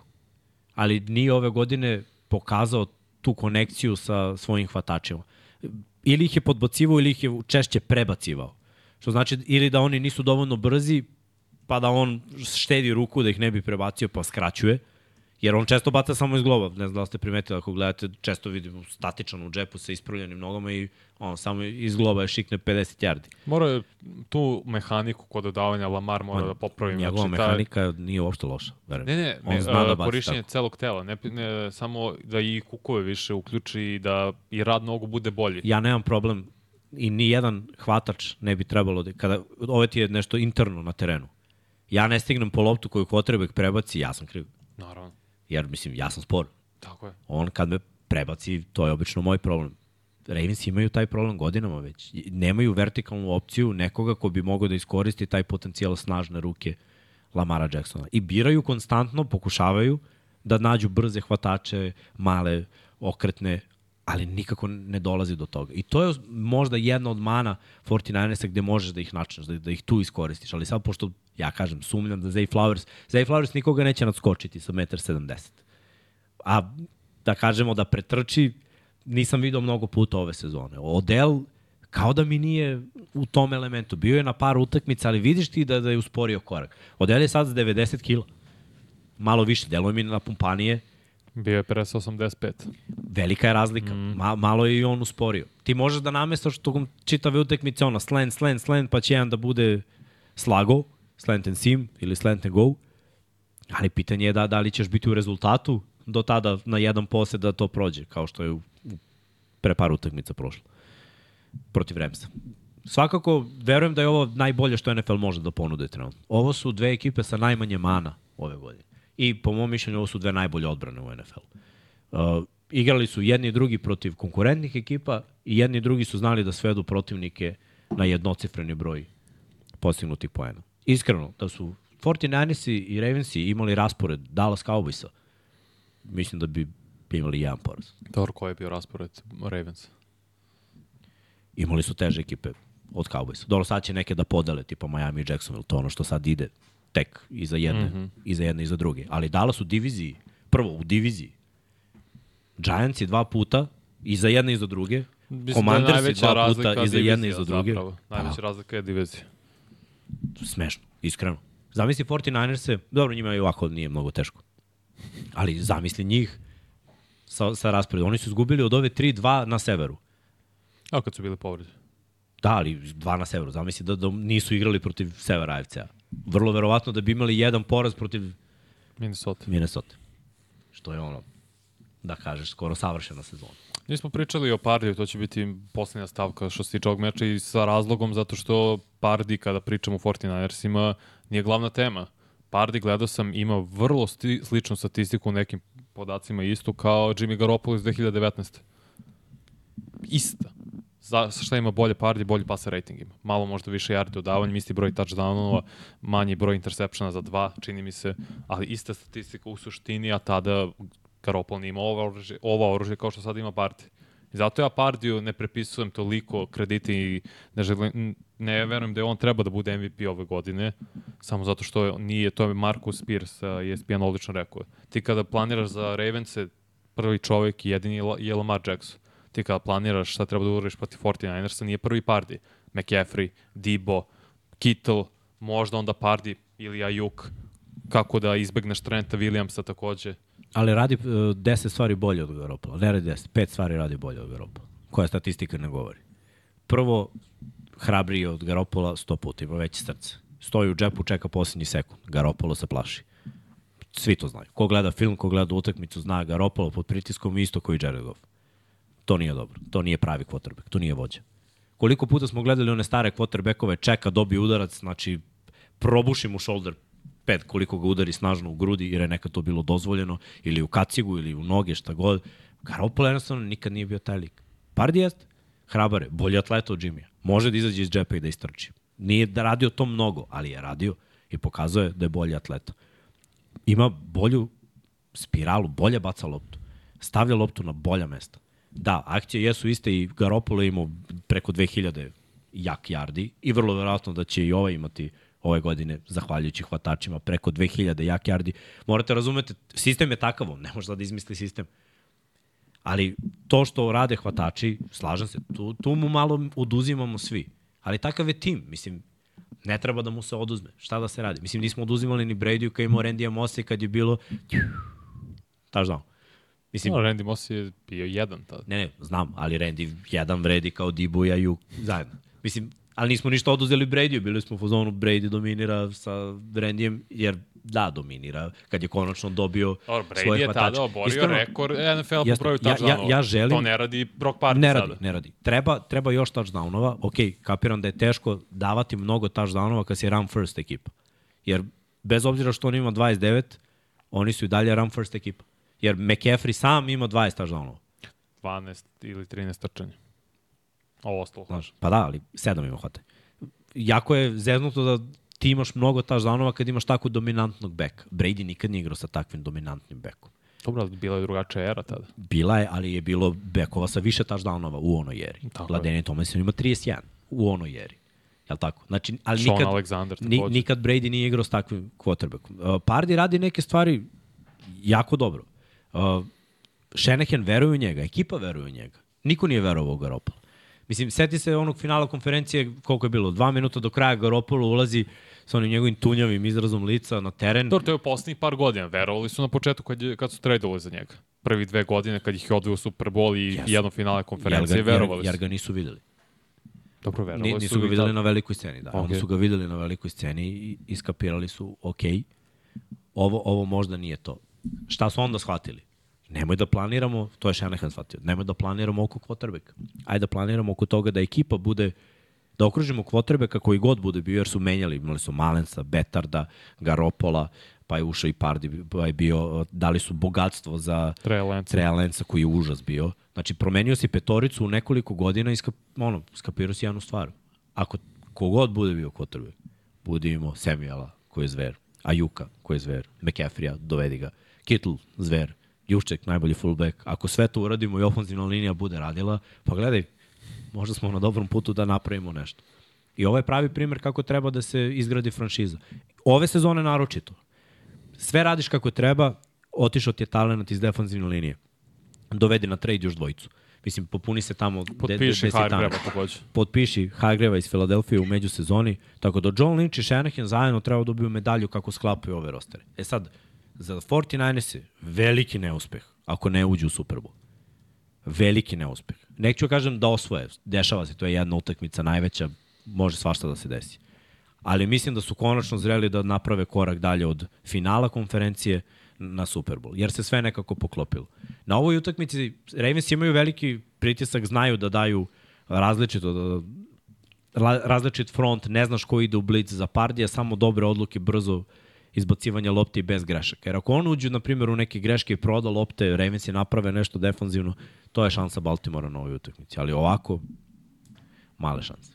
A ako ovo bude bio Super Bowl, to će baš biti meni brutalno. Jer i dalje mislim da je ovo najbolje što NFL može da, da ponudi zapravo i u Super Bowlu. Kada pogledam. S tim što se nadam da će u Super Bowlu biti malo drugačiji scenarij jer je neutralni teren. Ovako, da je Baltimore domaćin, opet druga bi bila priča malo. Drugo je kada putuješ, ljudi isto to zaborave, kada putuješ s istočne obale na zapadnu. I obrnuto. I 49ers isto, svaki put kada moraju da, da sednu ono, u avion, pređu ceo kontinent, bukvalno, da, da dođu na istočnu obalu da igraju, nije ti ono, nisi u fazonu, e, spreman sam, sve je u fullu. Dobro, Super Bowl je u Vegasu. Pa da li ti ideš ranije, Dve nije, nedelje. imaš dve nedelje pauze posle finala konferencije. Uh, da li, spiš pitanje da li otpisujemo Holmesa, ne otpisujemo mi nikoga, kažem šta je meni, koje su meni dve najbolje ekipe. Uh, Chiefsi su odlična ekipa, mogu lagano da dođu do Superbola, ali nisu najbolja ekipa ove godine. Imaju pet poraza imaju mnogo grešaka ove godine. Mnogo falinki ove godine. Čak i ono Mahomes, ima Kelsey ne veliki- izgledaju dobro kao tako. prethodnih godina. Mislim, Kelsey ima blizu 1000 yardi hvatanjem, da se razumemo. Nije da je sada loš, nego nije možda na tom nivou. Mahomes ima veliki broj izgubljenih lopti, takođe. Šta, šta hoćemo kažemo? Pobedivi su. Konačno. Mislim, to smo čekali. Dobro, loše izgledaju, deluje i da drugi veruju da mogu da ih pobede. To je isto utisak. Ali drugi ih i pobeđuju. pobeđuju nije, nije da, da. ono, veruješ i kao i tu staje priča. Ne, nego drugi Dešava ih se. pobeđuju. Ono. I kad si vidio Mahomesa da onako reaguje na sudijsku odluku ili bilo koju odluku, Nikad. da se onako iznervira, da lete kacige na sve strane, da moraju da ga zadržavaju jer hoće sudijama nešto. Frustracije. uvek plače, ne znaš. Ne, ne, ne, ali Ne, ovo možda je bio plače, plače, ovo je ovo je bio bes. bes. Tako Tako bio je. besni plač, plač razmaženog deteta, tako izgleda. Čovjek ga krenete sikće u prodavnici, ono baca sve. Misliš, porastao je do, do hoću da pete godine. touchdown! 100 soma. Ima NFL rešenje Ima za NFL tebe. rešenje, da, da. 100 soma, maco. Ajmo. si rekao sudijama? A, okej. Okay. Sudije je krive. 100 soma, maco. Ne Ajmo. može, ne može onako da se ponaša. Pre svega za neko ko je kalibra kao što je on. Takav igrač najbolji ligi, lice, lice lige, malte ne, jedan od. Ne može tako da se ponaša. Stvarno nije okej. Može, Može, a samo za košta. što? Samo Za košta. što samo? Platiš ulaznicu. Može. Znaš šta je još gore? da. Ajde on. Ili ne? On je bar lice franšize, što kaže Vanja. Pa ga podrži Andy Reid. Kao ono, coach pa i on mora da plati. Šta Kaderius Toni traži u celoj toj priči? On da kritikuje sudije. Pa Burazeru, prvo si stao, napravio si offside. Znači, stao si na loptu. To prvo treba naučiš ono u petlićima da ne radiš. Drugo, već si dva puta ispu, ono, ispuštaš lopte za interceptione, ekipa gubi, ispuštaš lopte cele godine. Najviše ispuštenih lopti imaju hvatači Chiefs. Tako je. Ćuti bre, samo neka bude na nekom drugom, ono, svetlo, ali- da ne, nemoj da ulaziš u prvi ali plan. ti Kao, To nije još jedna potvrda. Znaš, on se buni da, da bi, kao ne bi ispao da je on kriv, nego... A mi smo svi slepi, šta? Neznanje. ima, Pa da, ali sudija mu nije signalizirao. Što ga nije pitao. ne znam. Mahneš mu samo, to je to. Dosta jednostavno. Jesam, nisam. E, redu, ali čudno, hvala. je. pa evo i Kelsey sad u Filadelfiji šta je uradio sa, po, sa ovim pomeranjem lopte. Znaš, pola jarda, pola jarda. Znaš, ti trebao sviš jedan jard, jedan i po jarda, pa kao, i on, on je rekao, ali on je rekao, O, ja ne sam da grešim tako. Oni su ga i upozorili, on je rekao to, me, upozorili su me više upozorili puta. je, kaže, ja, to je moj običaj, ja to radim, moram da znam bolje. Prosto, znaš, i ti vidiš kako on uzima loptu i pomera je pola, pola jarda. Jasno, kao da. čekaj, čekaj, prijatelju, ne, ne ide to tu. Ali dešava se, ali se ponašaš drugačije. Kažeš, ok, moja greška. Mea culpa sire. Da, ajde da vidimo nastav, ove, ostale Naslove. utakmice. Naslove, da. Naslove. Uh, Saints i Rams je odigrano, Bengals i Steelers i najavili, ovo su utakmice koje će se igrati u subotu, dve, Bengals i Steelers pa Bills i i Chargers u noći između subote i nedelje, pa onda u nedelju u 19 časova Colts igraju protiv Falconsa. I ovo će biti dobar meč za Vraća Colts. se Jonathan Taylor. Da, eto šanse za Colts da i oni obezbede E, play-off. mogu nešto da spitam, izvinite. Ko dočekuje novu godinu u kabini? Svi. Svi. ok, izvinjam se, moram da pitam. Da. Svi. Pitam za druge. Idemo, idemo dalje. Ali imam nešto za vas za sledeću subotu. Ja rekao za novu godinu. Pa, i, pa je za novu Je godinu. paketić? Ja, imamo, znaš da imamo utakmicu sledeći subot. Da. Jeste. Dallas protiv Detroit. Subota na nedelju. Seahawks igraju protiv Titansa, može biti zanimljivo, vidjet ćemo. Lionsi protiv uh, Vikingsa, Izgleda će Gino da startuje. eto, bi dobra stvar. Ja verujem u Seattle, zato što mislim da Levis ne igra. To još se ne zna. Mislim koja je da situacija, neće. ali da igra verujem i dalje u Commandersi protiv Jetsa, Packersi protiv Panthersa. Čekaj, čekaj, ne, ovo tako brzo preskačeš. Što? Commander Moram Jets, veliki derbi. Čekaj. Čega? Najgora Pa odbrana, da li ćemo... najgora odbrana protiv najgoreg napada, statistički. E, jesmo sad A, ispunili. a, je. Moraš kao Jimmy, malo samo daš Malo, odnoš, kažeš bre, ne. reč, dve, Dobro. ti ga odmah zasečeš i nema dalje. Ide. Pa, za ovakve ekipe nema respekta. Pa dobro, pa bar na vezu, pa daj, pa bar na Jetsi. Ne, ne, sad, sad za svako dobija jednu, jednu rečenicu. Može. Može. Packersi protiv Panthersa, ulaznice 6 dolara. Važna utakmica za Packers-e, moraju pobediti da bi održali playoff šansu. Uh, Brownsi protiv Texansa, A, Pričali. pričali. Pričali. Jaguarsi protiv Buccaneersa, pričali. Ne, Cardinalsi protiv Bersa, Mora Fields igra što 4,5 bolje. dolara. Ne, mora Fields da igra što skupo. bolje da bi zadržao svoj posao. Ja sam rekao da bih tradovao Fieldsa, Mixa i Jimmy su rekli ne, Fields ostaje, mora. pa gledaj, Ne sad da su mora. nekim oduševljenjem, Ne mora, oduševljenjem nije. rekli, ali na, na šta ne bi ja da ih nikad... prozivaš, Ne, moram ne. priznati. Ja da- ne bi nikad radio ovo. Birao u nedogled quarterbackove kad mi sve drugo disfunkcionalno. To je... što, ali nije im toliko druge stvari, nisu im disfunkcionalne. Jesu. Pa ko je? Bukvalno sve. U, u Bersima sve. Prvo ja krenem ovako. Odbrana više Stručni štab treneri. Sve. To menjaš, to svako To menjaš. sve menjaš. I sad imaš dva pika prve runde. Da. Jedno od Karoline, Uzeo jedno si tvoje. Monteza sveta. Dao si mu par. Super. Daj mu drugog igrača preko puta njega. Dobro. I uzmi najboljeg ofanzivnog linijaša. Ofenzivnog Da, obavezno. tako je. E sad, quarterback. to si već... Iz... Pa nemoj tri. Pa zna, ne. Uzet ćeš quarterback u drugoj rundi, on, on neće. Ne, ne, ne, ne, ne. Ti, ti pričaš o situaciji da ostane Fields. Ne, ja pričam o situaciji bilo ko, znači šta god, da otpustiš Filca, šutni ga, nebitno. Nećemo Filca. Dobro, koga onda? Biro bi quarterback u prvoj bi sa prvim pikom quarterbacka, da. Pirao bi ili. Caleb, Caleba Williams. Ja samo kažem, u NFL-u mi se više puta ispostavilo da kada u prvoj rundi izabereš quarterbacka, da je u većem procentu mačka u džaku, ako nemaš dobru situaciju oko njega.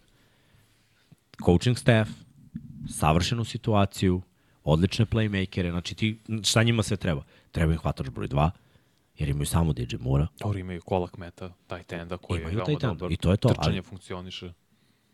funkcioniše, da kažem. Za to je dobar online, za, za, za ran. Tako. Za pes nije, ali opet, Malo kritikujem i sistem zbog toga, I ali Fields malo drži kritikujem loptu pre- previše i kad je baci ide treba, ovi nekad ne uhvate. Istina, Isto, to je ima i toga. poslednje utakmice, tako je. Nije Ali samo u opet. Ima- pet svega. utakmica ove godine, od koliko je odigrao 13, nije odigrao sve, ili možda manje od 11, ima ispod 60% kompletiranih dodavanja. Stoji. To je loše. Ni, nije dobro. Ali koliko ruke ove godine igra bolje od toga. I da. koliko bi igralo, Stroud. I možda bi igrao Anthony Richards, možda. Zato što ima sjajan sistem. ne znamo, nije na terenu. Tako je. To, to je opet mačku džaku. Koliko puta želiš da ponoviš ono, Zach Wilson, Trey Lance, situacije, Mitch Ali- Trubisky, itd. itd. Evo ti Ali- za Chicago Bears. okej, o, ne, Kogad o- su Chicago Bearsi pronašli pravi biser A ti na si nabrao trojicu quarterbackova koji Nabrao ću još 20 ako hoćeš. Ako ti na draftu, ispunjava. molim te napravi, Evo. a, koji na, Mogu na da koleđžu, evo samo da ja kažem opet i kreni nastaje, koji na koleđžu nisu realno bili odlični. I igrali ti su kažem, malo utakmica. To je, to je prvo. Ajde tako kažem. Fi- Williams je igrao dve i po sezone. Vanja, ti si ubeđen da je Williams dobar. Moraš da onog šta čuješ. vidim. Ja vidim da je loš. Izgubio je utakmice na koleđžu. Okej, od studenta. Imao je, dobro, i svi gube. Mislim, imao je Ne 21. gube svi. Ne, Neki izvini. igrači su bili na koleđžu i pobeđivali bez poraza, imali savršene sezone. Ok, jedan je Joe Burrow. Imao tu jednu savršenu godinu, a i on je pre, menja Ili su imali sezonu, jednu bar, je imao prethodne godine Caleb Williams savršenu sezonu. Ali nije, ali za dve godine ima 90 touchdownova. Trčanjem i dodavanjem. Ja mislim, ne znam šta treba da... U... Ne, nije on kriv što odbrana primi 35 ili više poena. Zašto ću ja njemu da zamerim za to što je on dečko u dve godine imao preko 90 touchdownova sve ukupno, što Zato ne što, zato što ga Bersi neće staviti u situaciju da, da pobeđuje. Ali, ja, okay, isto, I ali, to, isto. ali to je moja luda zamisao da će biti Jim Harbaugh tu. Da će biti sposoban trener. Pa dobro, ja kažem, ti imaš mnogo ludih zamisli. I uglavnom, i uglavnom se ne ostvaruju. Ali. Pogodiš, ali uglavnom se ne ostvaruju. U većem procentu se ne ostvaruju. Morat ćemo krenemo da zapisujemo to. Kreni, evo, šta si pogodio? A da se ostvarilo je da je bilo wow. Sa nekim uh, finišem koji je ono, wow. Ne računam uh, trade Rodgersa, to je bravo, ali mislim nije wow. Dobro, ništa. igrače To ne, nego na draft. Misliš situacije, ok. To. Misliš na situacije timova ili igrača na draft? Igrače Šta koji si se ulaze. kladio, izvini, prošle godine s Jimmyjem? To to je bilo pre dve za picu. Ne, ne, ne, to je Pred pogodio, to je ne, pogodio. ne, Ni to zahvat, zahvatača ove godine kao što su Rashid Rice i još par, isto igraju sjajno. Znaš. Igraju. Ima, mislim, i Gledaj, defensivni mnogo je igrači. lakše, samo me razumeš, mnogo je lakše hvataš da napravi tranziciju s koleđa u NFL, jer je mnogo sličnije sada. Nema udaraca, nekad je bilo to velika razlika. Uđeš u NFL, dobiješ batine, ne igraš. Sada, mislim, sve je faul, illegal kontakt je sve, možeš u sredinu, možeš s polja. Danas hvatači mogu da budu produktivni, ali quarterbackovi su mnogo teški. Dobro, ali ima po, je manje. po jednog u godini koji igra. Mislim, evo, Kada ubode sistem, brate, kada ubode sve, gledaj, opet kažem, pa dobro, ni Herbert ni upao sistem pa igra. anomalija. Čudo. I to, I to opet govori u Ni moju, Burrow isto. u, u moju, u moju koju Burrow je bio savršen na koleđu. Za njega si znao da će da, da polomi u NFL-u. Jer je radio neke stvari mnogo konstantnije od Caleba Williams. Ali radio je jednu godinu, to je stvari, nije radio više. Ali je toliko bio konstantan te jedne godine. Da si pa video znam da stvari... stvari... ima NFL igrače pored sebe. Ovaj nema. Objektivno nema. Ovo je imao. Imao je Edward Celeri, pik prve runde running back. Lepša dodavanja, bolji progres u džepu, hrabriji. Dvojicu hvatača broj 1 koji su top 5 trenutno u ligi imao na koleđu. Sad ne. Mnogo bolji Ima. tim. I odbrameno isto imao vrhunski tim. Imao je, ali je isporučio. Pa Izgledao je bolje na snimku. Izgledao je bolje na snimku. Ovako ili onako. I došao je u NFL i stigao Sjajno. do Superbola i dva puta je bio u finalu AFC-a. To je jedan od primjera. Jeste. Uglavnom, evo ti Trevor Lawrence. Koliko puta je gubio na koleđu? Malo. Izgledao dobro? Jeste. Je izgledao dominantno? Jeste. Jeste. Eto, sistem, ti si pravo. Sistem prve godine. Katastrofa. Užas. Znači šta je potrebno? Ja kažem, da, imaš viziju, treba ovo, ali oni ako prvo ne potpišu trenera, džabe im Joe Burrow, brate. Sad, posle tri godine is, iskustva, džabe im da ga staviš sad će u Bears. zavisiti od sistema, ja slažem, samo je, ja pričam da neću sa Fieldsom da nastavljam ništa. Sa igračem koji propušta utakmice Nemam nikakav sezonu problem, sezonu. Glej, nemam nikakav problem, ali, ali to nije odluka za tebe ni za mene, nego za ali coacha. to je novog trenera. Ako dođe Jim Harbaugh i kaže, ej, u mom sistemu ovaj igrač bi mogao, ovaj ne bi, ja to poštujem.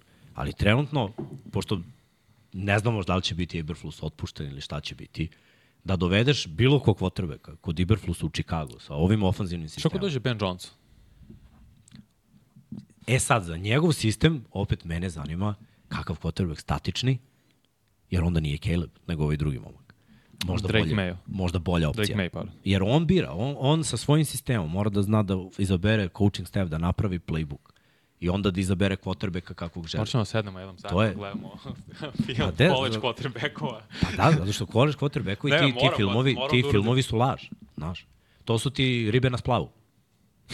Sve su namontirane i u fullu, a u stvari kršme. Okej, e, bro, dobro. Dobro, ti, Ne, slušaj, sve. umetnik, idi naslikaj. Ja u svemu vidim lepotu.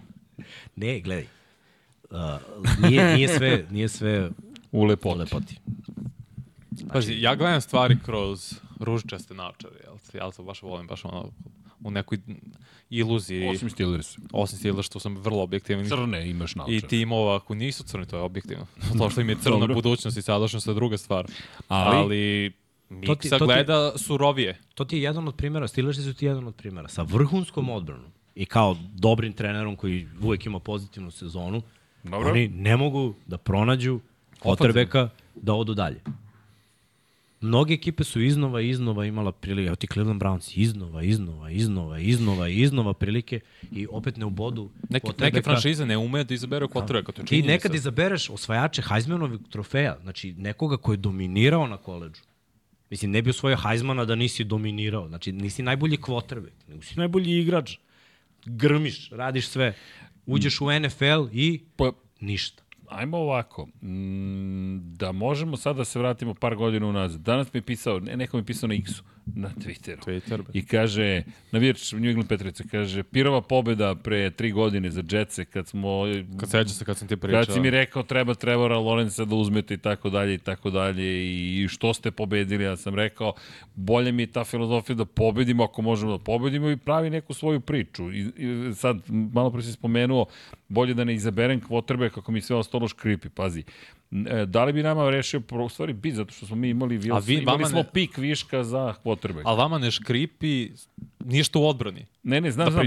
Ne, vidi, ali smo I mi uzeli Zeka ste- Wilsona, smo Tako to, na tom istom Ali, draftu. uzeli. ali vidiš šta se dešava, na primjer. Da. Kada godinama ne biraš kako treba i hoćeš sve da ispraviš u par godina. Ne, Desi će se ono, ne, ne, nešto loše, jer ćeš izabrati možda dobar prospekt, ali će se igrač povrediti. Evo, na primjer, šta ste birali? Birali ste Bektona. I povredio se i propao vam je ofanzivni linijaš. A pritom ste izabrali quarterbacka koji ne može da igra bez, be, bez dobrog sistema Jasno. i dobre ofanzivne linije. I samim tim ste prokockali dva pika prve runde. To je užas. Uboli ste Gerata Wilsona, Ne, ne, Brisa uboćeš, Halla. uboćeš ti. Ali sad Garrett Wilson je nervozan i propada u ekipi koja neće igrati playoff, koja deluje užasno. A ovo što ste uradili trade za Rodgersa, to isto mogli se uradi da ste na draftu izabrali dva ofanzivna linijaša. Jasno, Znači jasno. mora da popuniš dubina, to je ono važno. I coaching staff. Znači moraš da dovedeš šta ti je slabo, ofanzivna linija. Ajde da se potrudimo da dovedemo najbolje coacha ofanzivne linije. Ne da dovedemo trenera koji će da uči kvotrebe kad on igra bolje. Ne, brate, nego ajde da ojačamo ofanzivnu liniju. Onda će on igrati bolje, pa će kvotrbek imati više vremena, pa će kvotrbek Jasno. verovatno igrati bolje. Jer stavljamo klince u situaciju, kvotrbekove, da budu očekivanja od njih, sad će ovaj da promeni franšizu. A takvi dolaze jednom u par godina i to nas se sad malo nam, nam se Poslednje posrećilo vreme, tako je. Da, da je bilo trojica, četvorica koji mogu da promene franšizu, ali uglavnom je dobar sistem i igrači okolo. Burrow i. Herbert su u svojim prvim godinama imali najgore ofanzivne linije. Jedne godine jedan, drugi godine drugi. Ali Herbert je Isporučuju. pravi primer uh, faila, zapravo. Bez obzira na talent. Talent niko ne dovodi u pitanje. I u, u ligi i pretalentovan lik može da bude Da, fail. to ti je pitanje šta ti je fail. Fail je zapravo da, koji ti je Fail mi je rezultat. da, da je kao... jednom, jednom u play-offu. To, Njega to. je tim failovao. Tako je. Pa dobro, to je onaj čuvenu set me Ali up nije, to fail. ali vidiš, opet toliko je. Tako je. to je set Šta me je, up to problem? fail. Šta je problem za njih? Zato što oni konstantno idu u smeru da ćemo u Herbertu nove hvatače. Birat ćemo još. Nemoj da mu date nove hvatače, ajde imamo iza prvog startnog centra, garda, tekla, još jedno koji je dobar, pa ako ovaj padne, ovaj će da bude dobar. A Herbert je toliko dobar, valjda da ovaj hvatač pete runde može da bude solidan igrač. Ne treba nam tri pika prve runde na hvatačima, mislim, realno. Ne treba, ali opet i hvatači Treba. ispuštaju lopte i to je problem. A to je problem za sve manje. Svi hvatači ispuštaju lopte. Redki su oni koji ne ispuštaju. Mislim, ali mora da slaže, ovo je timska igra, mora da slažeš Aha. tim takav da budeš timski uspešan. Za Chicago, ja, gledaj, Fields je toliko igrao neke stvari loše, ali je nekada pokazao nešto i dobro. Izvini, koliko traje, koliki je Herbertov ugovor? To novi je sad Na potpisao. koliko godina? 5 godina.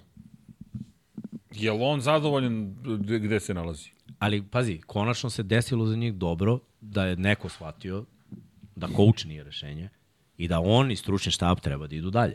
Okay. E sada treba naći novog trenera s novom filozofijom koji će valjda da zna da radi posao. Danas je jako teško, gledaj, na- lako je naći i, uh, trenere koji su stručni u svom polju, ali treba da napraviš, što smo baš pričali, ti Vidi, ako si dobar ali- ofanzivni koordinator, nije suđeno da ćeš biti odličan trener. A ne, ne, ali izvini, moje pitanje je drugo zapravo. Sve je to okej.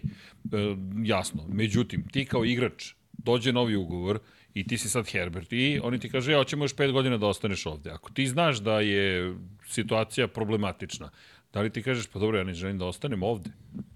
Ja hoću nešto drugo da tražim. Razumem, ali o, prve ugovore nakon ruke ugovora niko ne odbija. Okej. Niko, Znači- niko ne odbija. ostaješ, Srki, što Ne, ne, bi? pa- Gle, on ima sve, bukvalno. Nije imao, on, on je čak i veruje da ima odličan coaching. Verovao je. I verovaće dok ne upozna bolji coaching. On će da shvati da ima bolji dobro, to ti je ono čuveno pitanje, ne znaš koliko si dobar ili loš zato što nemaš predstavu o čemu se radi. Tako Neki je. put je to na tvoju, u tvoju korist, jer ti je neko rekao... Ovde je uglavnom nisi objasnio koliko Prvi nešto put su kompleksno ove godine sam video da se on iznervirao na utakmici. Da se on izner, on koji je Dobro, flegma, možda- znači možda on ne ranije. dotiče ga stvari, ne u, u tom lošem maniru i lošem smislu, nego je uvek hladnokrvan. Ali- On se iznervirao zato što mu je više bilo preko glave svega. I to je To to. ti je, to ti je loše biranje. Znaš, i, I stalno, ja opet kažem, meni je to mnogo važnije. I kada bi birao, ne bi tračio pika na najtežu poziciju za tranziciju. U, u, od strane ekipe koja ima već brda problema. Znači, nije problem samo igračkog kadra, Jasno. već je problem vlasništva, strukture, stručnog Dobro, to ti kadra. je kultura kompanije, kultura Sve moraš da ekipe, šta žo, kako, ali vidi, to je najteže promeniti, zato što je to kao korozija. To je jedno kad uđe u sistem, zašto je teško gubitničke ekipe pretvoriti u pobedničke? Zato što je to korozivno, to ti kao, ne, ajde, da, da se ne uvrede ljudi koji rade u državnim kompanijama, ali kao državni posao u kontekstu toga, pa vidi, možda i ne moraš da radiš baš toliko dobro, sigurno ćeš imati posao. Znači, nisi ugrožen ni na koji način. Jer kultura određene kompanije ti to dozvoljava. I onda se polako loše navike u, steknu i dođeš u situaciju da sad i da promeniš gomilu stvari. Ti ni, kad stigneš na primjer neku ekipu, ne možeš da pohvataš šta je zapravo korodiralo. Jer izgleda kao da nešto funkcioniše. A ovo što je, izvijem što pregam, što je Mikser rekao od vlasnika, iz, mora, morat ću jedan grub izraz sad kažem, sranja idu nizvodno. Jeste, I shit falls čin- down. Tako je. Ako je loše vlasništvo, a većini ekipa jeste, Ili ti možemo, ekipe koje biraju imaš i drugi reč, imaš i drugi termin, layer cake. Zašto je layer cake? Pa sloj po sloj ti ideš gore ka vrhu torte gde je šlag. Mislim, to ti je malo subtilnije. Nežnije, Da znaš, ja, to su mora- Britanci izmislili, layer cake. Dobar film, inače. Topla Pazi, preporuka. biće, biće zanimljivo videti. Opet, evo, imamo još ekipa koji imaju slične dileme. Evo ti, na primjer, Cardinals. Baš igraju, mislim. Pa ajde da se doteknemo njih. Imaju kvotrbeka koji isto se nije dokazao i koji je pokazao mnogo mana, ali ima bolji highlight, jer je dobro trčao, ima kao malo bolju ruku, pod pritiskom je loš, nisu mu ojačali ofanzivnu liniju, nema prave hvatačke opcije, nisu konstantni u trčanju, imao je trenera koji je bio neozbiljan, sada je došao drugi trener i za njih je pitanje isto, najlakše je dići ruke i reći ok, idemo na Rukija i on će možda biti uspešniji. Ali pravo pitanje je da li će taj Ruki imati iste probleme kao Kalar Mare sledeće godine. I moj odgovor je, ako to budu uradili, vrlo verovatno da hoće. Jer šta je potrebno? Pre bi potrošio na liniju skrimidža.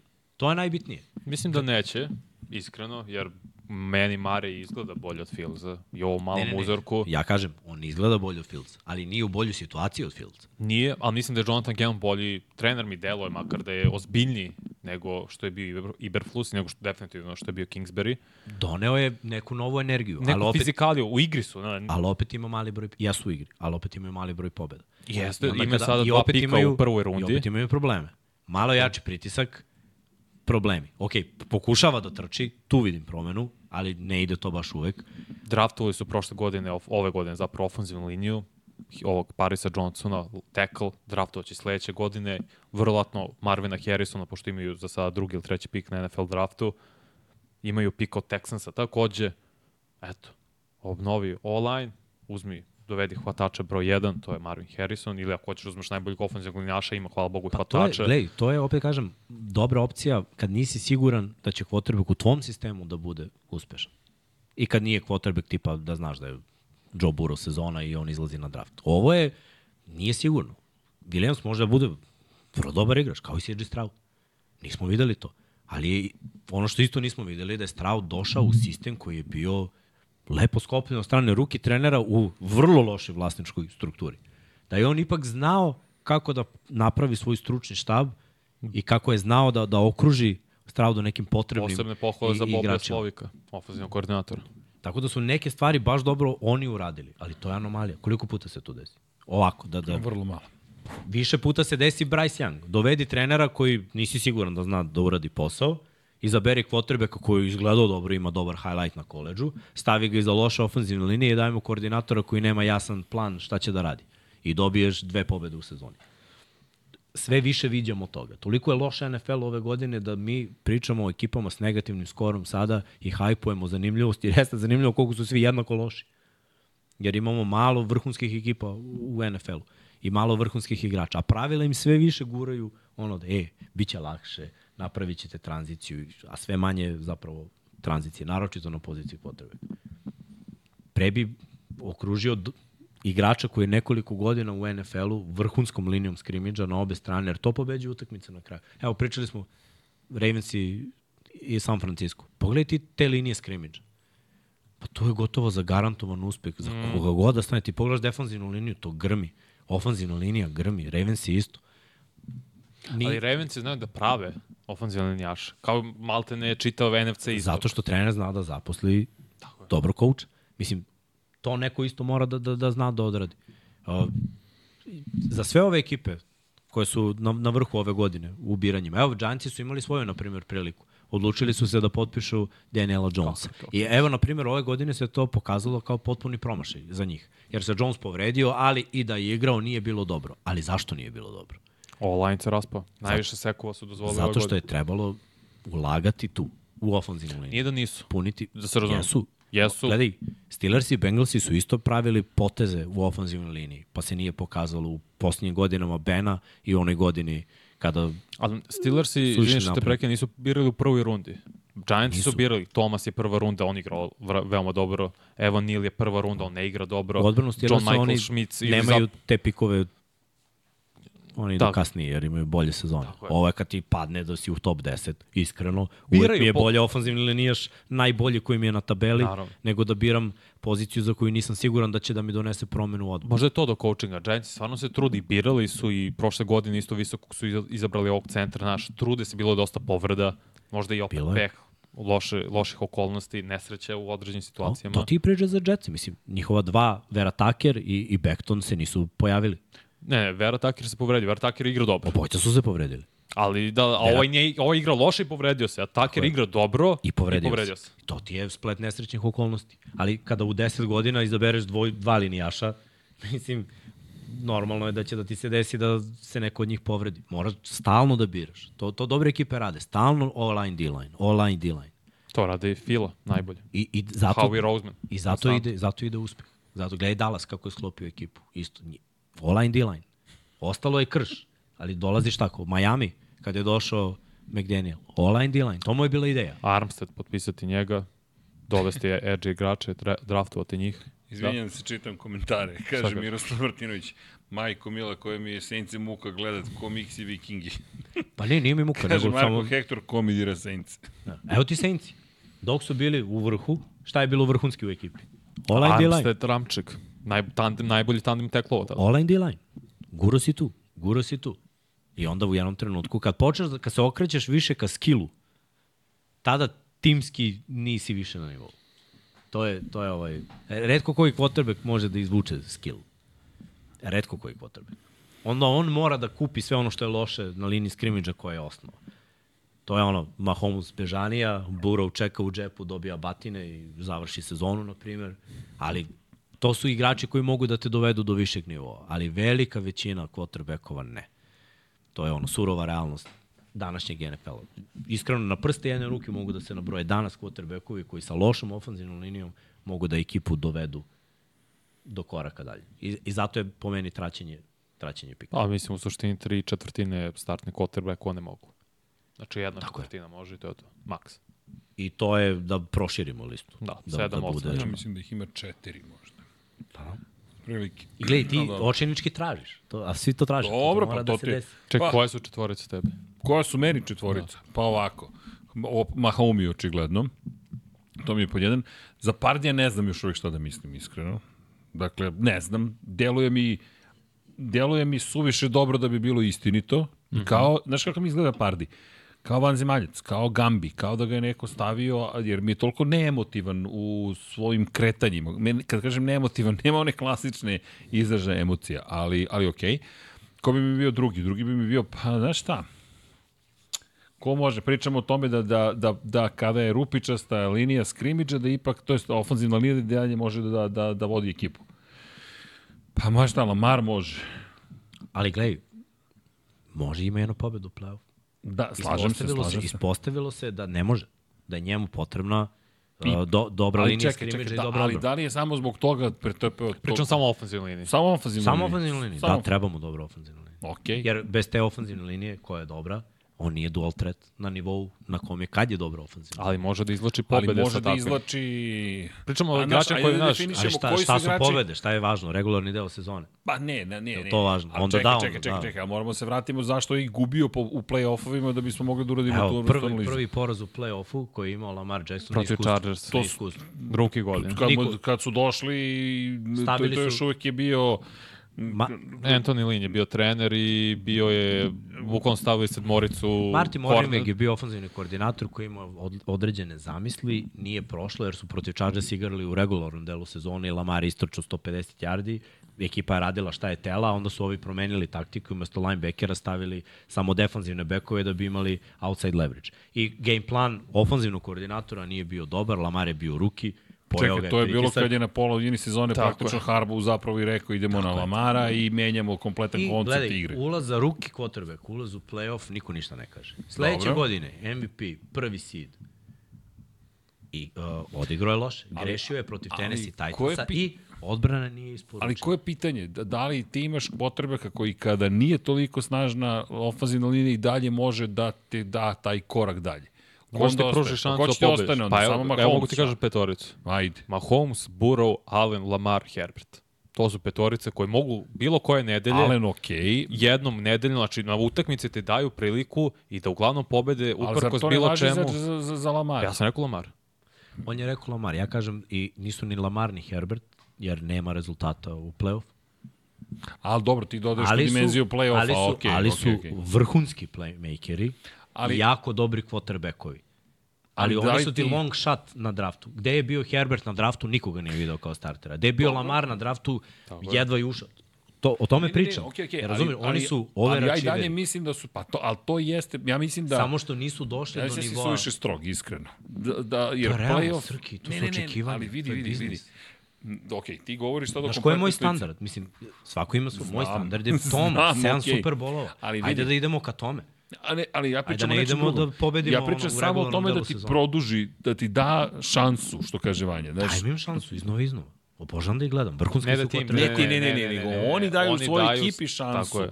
To, to, to, sam, to, to je bilo moje razumevanje tvoje daju, konstatacije. daju do određenog momenta. Jer ja znam šta vidim, šta, Znaš. i video sam šta je Evo, Hertz, na primjer, koji je bio prošle godine MVP kandidat po analogima je mogao da i uzme bez problema iz, ispred Mahomesa. Ja znam šta je on kad nema hvatača broj 1. Ja znam šta je on kada Meni očigledno trčanje ne funkcioniše. Ali nije, pa ja kažem da nije. Jer ja znam šta je on bez toga. Vidim i ove godine šta je. Nema Šena Staj, Šeina Stajkina, najviše izgubljenih lopti. To nije slučajno. Pa ne, ni, on ne spada u to.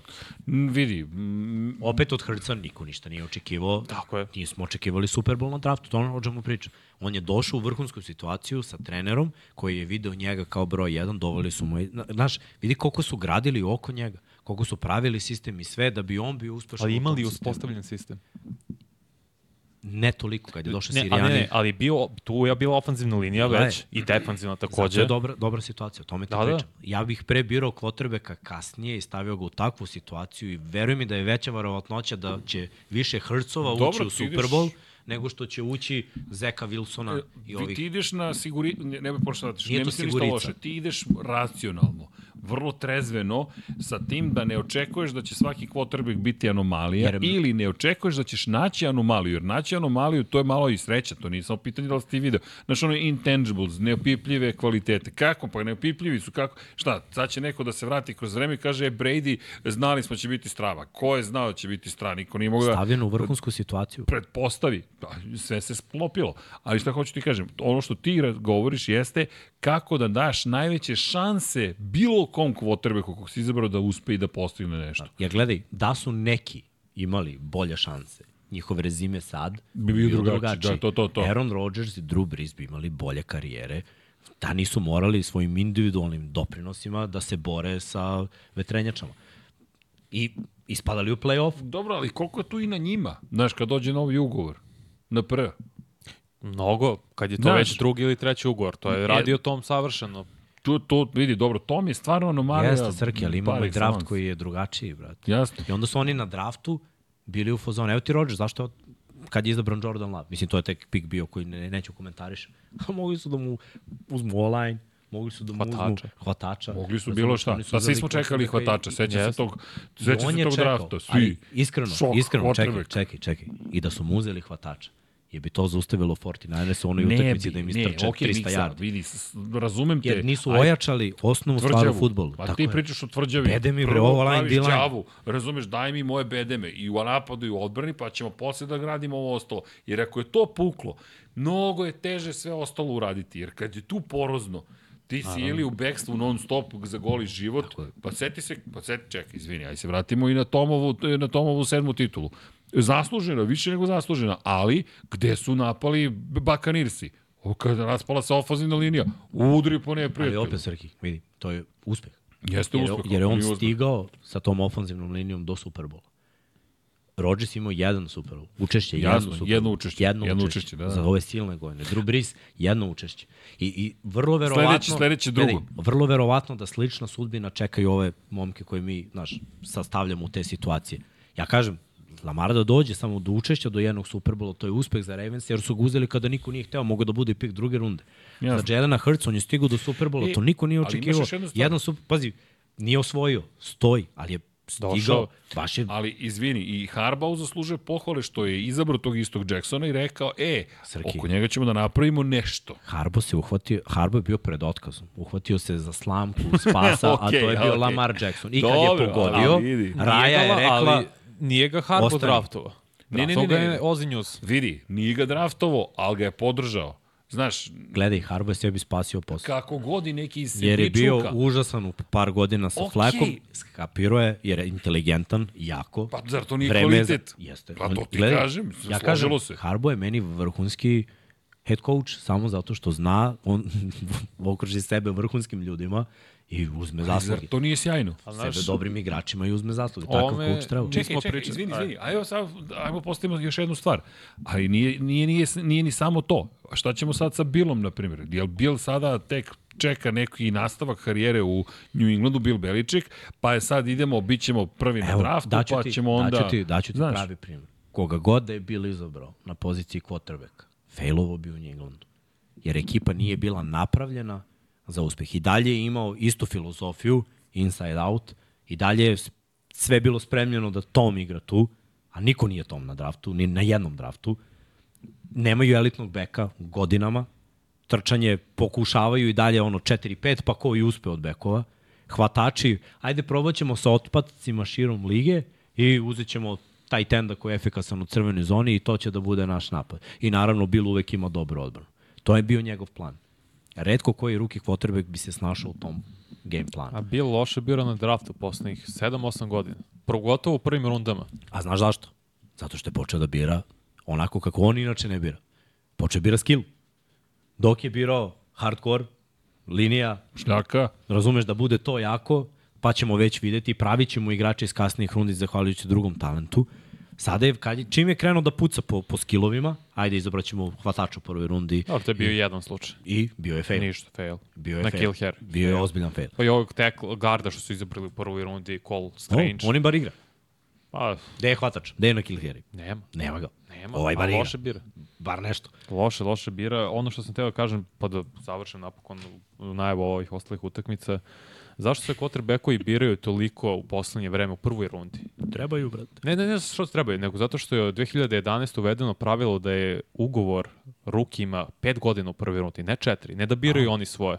I Četiri s opcijom pet. Tako je. To je I na ovaj način držiš fleksibilnost. Ako slučajno pogodiš sa quarterbackom, a pa ima još jednu godinu fleksibilnu, mogu to da iskoristim, da malo uh, cap manipulišem na taj način. Pre toga, znali ko je bio ugovor beše quarterbacka? Sam Bradford. Sam Bradford. Zbog njega se promenilo pravilo Jeste. naredne godine. Ali evo da ti ja kažem nešto. Koliko danas, kada quarterback ne igra dobro, a pike prve runde, posle koliko godina vidiš? Ja vidim posle dve godine. Dve godine. Ja Dve tačno godine. Znam, dve okay. godine. Dve godine, mu ja mislim da je dve godine dovoljno da vidiš. Zato sam kažem za Fieldsa, vidio Ako sam ima, dovoljno. ako ima jako loš coaching, daj mu treću godinu. Okay. Dajem mu treću godinu. Ako ima jako loš coaching, jer želim da pripišem Lošu coachingu situaciju. lošu situaciju, tako je. Lo, Ok. loše saigrače, nije bilo sve kako treba, dajem mu treću godinu. Koliko ima pik druge runde godina u ugovoru? Tri. Četiri. Tri sa opcijom četvrte. Preću da izaberem quarterbacka onda. Ako nije vrhunski talent, ja opet kažem, ja jako redko primetim vrhunski talent na poziciji quarterbacka. Mo, možda sam ono, što kaže, što kaže to bojica, delim mišljenje, jesam. Ne, ne, to je dobro što jesi, da se razumemo. Ali vidi, procenti Zato ćemo govore, gledati i film Pa zajedno. nije, ne, ne, procenti ne. govore u moju korist. Ne, ali nisam Jer je mnogo više failova. Ne, samo da se, da se razumi, ja, ja, ti, ja ti ne oponiram. Ja, meni, ja, ja poštujem to što ti tako E, gledaš. ja poštujem. Ja tako o- gledam, razumiješ? Jedno ja i drugo mišljenje. Aha, okej, miksa ga tako postoje samo da razumemo šta pričamo, a i dopada mi se što si toliko strog, zato što imaš svoj stav, to mi je to uvek fantastično. je. Ali gledaj, I ja, argumentuješ ga. uvek kada pokazujemo koje ekipe rade stvari dobro i koje ekipe ne rade stvari dobro, jasno se vidi. Opet kažem, imamo mnogo primjera, mnogo više. Evo uzmi Atlantu ove godine. Quarterbackovi, ofenzivna linija, glavni trener. Nije lepo postavio sistem i sve je fail. Šta?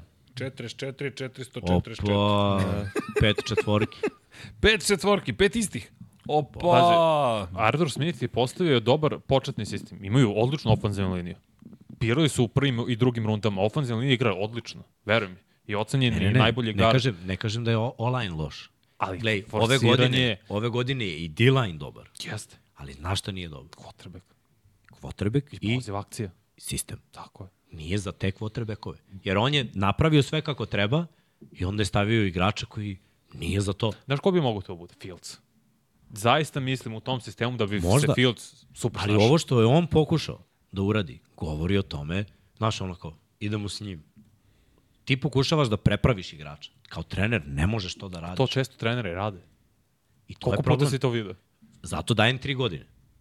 Osim ako nije baš očigledan fail. Ja kažem i Bryce Young ove godine meni igra katastrofalno.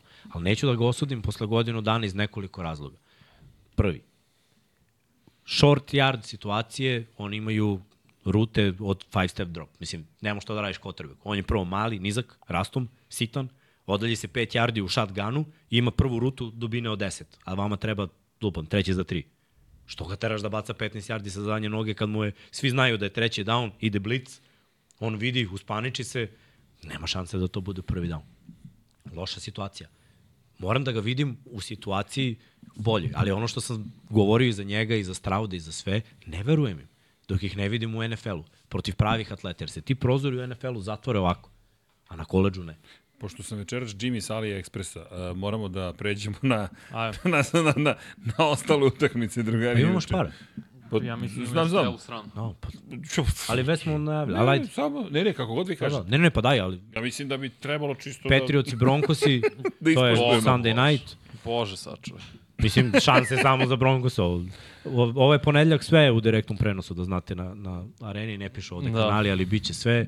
Raiders i Chiefs i Giants i Eagles i Ravens i 49 Pa dobro, to vidi Božićno slavlje praktično. Znam sve koji... NFL i Otto, NBA i Božić. Pa vidi, znaš kako. Uh, inače, e, da, da, čestitam praznik svima koji slave po Gregorijanskom kalendaru, ljudi srećni praznici, badnje veče unapred, Božić, šta god da slavite, ne znam, Hanuku, šta god. Či, Sve je prošla, Hanuka. Nemam pojma, Vanja, ja, ti znaš koliko sam ja slab sa, sa, sa gomilom nekih stvari, ali pojenta je, pojenta je u, u željama, u, u, s- ljudi šta god, da, da, da ne, ne, ne znam koji su sve praznici u toku, ja, znaš, znaš sam kako ja to gledam, jesi, kakav si čovjek i to je pojenta. Ljudi, mazite se, pazite se, budite srećni, zadovoljni, pametni, ne znam ni ja, ne morate da budete pametni, samo budite dobri. To je pojenta. Kliknite like, share and subscribe i sve ostale lepe stvari. Gledajte 99 Yardi, pratite ove genijalce na, na areni i uživajte, šta drugo da vam kažem. E, moram da ti kažem, Vanja, kidaš, Da, ti si ruki, evo ti ga ruki godine, jao, kad ga stavim za Novajlije Ja mu godine. kupio prve golmanske rukavice. A, ja. ne, ja, svaka čast, svaka čast. Uh, ajmo prognoza. naše prognoze za ovo što ide. A evo gde će show da bude sad. No, no, Bob, Neće. Uh, Rem se svi pogodili. Svi Uh, pogodili, Cincy, da, Pittsburgh, da, da. za Pittsburgh, Vanja, Erceg, Vanja to. i Erceg. Pa već, već nije slično. Samo zato što ne igra Jamar Chase. Buffalo, Samo zato. Chargersi, Erceg na Chargersi, čak ni Vanja ne veruje u svoje. Ljubavi. to, hvala E, se. ne, ne, ne, kakvo odustajanje, ja neću Ja-. Ne, ja, po, ja podržavam. Igrač ko pobedi i će igra na Chargerse, brate. Da igra Herbert, Pometio bi. se konačno. Da igra Herbert, birao bi, sig- 100%. Ma, vidi, ne zanima me. Nešto, negde nešto mora pukne. Nešto mora da se desi. Jedino ne E, mogu Atlantu da biram. Ili sam možda čak i promenio na kraju bio. Mm, Za sad nisi. Ajmo dalje. Za sad- Sve Nema, Indijanu, Seattle protiv Tennessee-a, u Tennessee samo Erceg. Tako Detroit protiv Tennessee. Minnesota, u Minnesota samo Erceg. Tako je. Washington protiv Jetsa, u Jetse samo Erceg. Dobro, ovo je, ovo je ostvarivo. Više je ostvarivo Jetsi protiv Commandersa Što nisi, brate, Detroit. završio da Sa bude ono... Karolinom, a nisam mogao protiv Srkije. Da, Da. Srki veliki ipak prijatelj, brat, Ajde, jeste. rođak, poznanik, Dva srđana, stari band. stranče. Znaš ono, Što kaže Jimmy, da vidim ko su mi prijatelji, ako nisu. Može dalje. Uh, Cleveland, Houston, u Houston, Erceg i Pablo. Uh, Jacksonville, Tampa Bay, u Jacksonville, Erceg, ja i Pablo. Dobro, ja verujem da igra Lorenz, pa Ja mislim i, upi da igra, meni baš Tampa u dobrom zaletu. Tri za redom pobedili, veliko sam poznanje, kod kuće igraju. Dobro, ovi tri izgubili. Da, Uh, Arizona protiv Chicaga u Arizonu, verujemo To miksa. Ja, dva srđane i ja. Ne, ušao sam u taj band. Ne! Ne! sam bar front. Gotovo. Naravno. Uh, Dallas Mi protiv smo Miami. prateći vokali. A, Dallas Naruba, protiv Miami u Dallas, dva srđana. nije nemoguće. Pa kao. New England protiv Denvera, svi u Denver. Las Vegas protiv uh, Kansas City-a, svi za Kansas. Giantsi protiv File, svi za Filu. I Baltimore protiv Ciska, dva srđana za Baltimore. Dobro. Razumeš? Ja. Taj može da ti prođe. bro. ja sam se neću da je Mitchell. Ja. Kao manga nađu smo i otim. Ništa, daj pitanje i odgovori pa da, da ovaj, se skupljamo. Polako i pakujemo i odlazimo. Uh, pucajte ljudi šta god vas zanima. Kaže Boško, ne voli mečke. Ja sam na mečke igrao ove sezone, prekršio svoje, svoju zakletvu. da, da, da, svetlo. Igrao na mečke i šta su mečke meni dale? Poraz. Eto, nema više mečke. Statistički gledano, da biram stalno protiv mečaka, imaću više pobjeda nego poraz. Istina.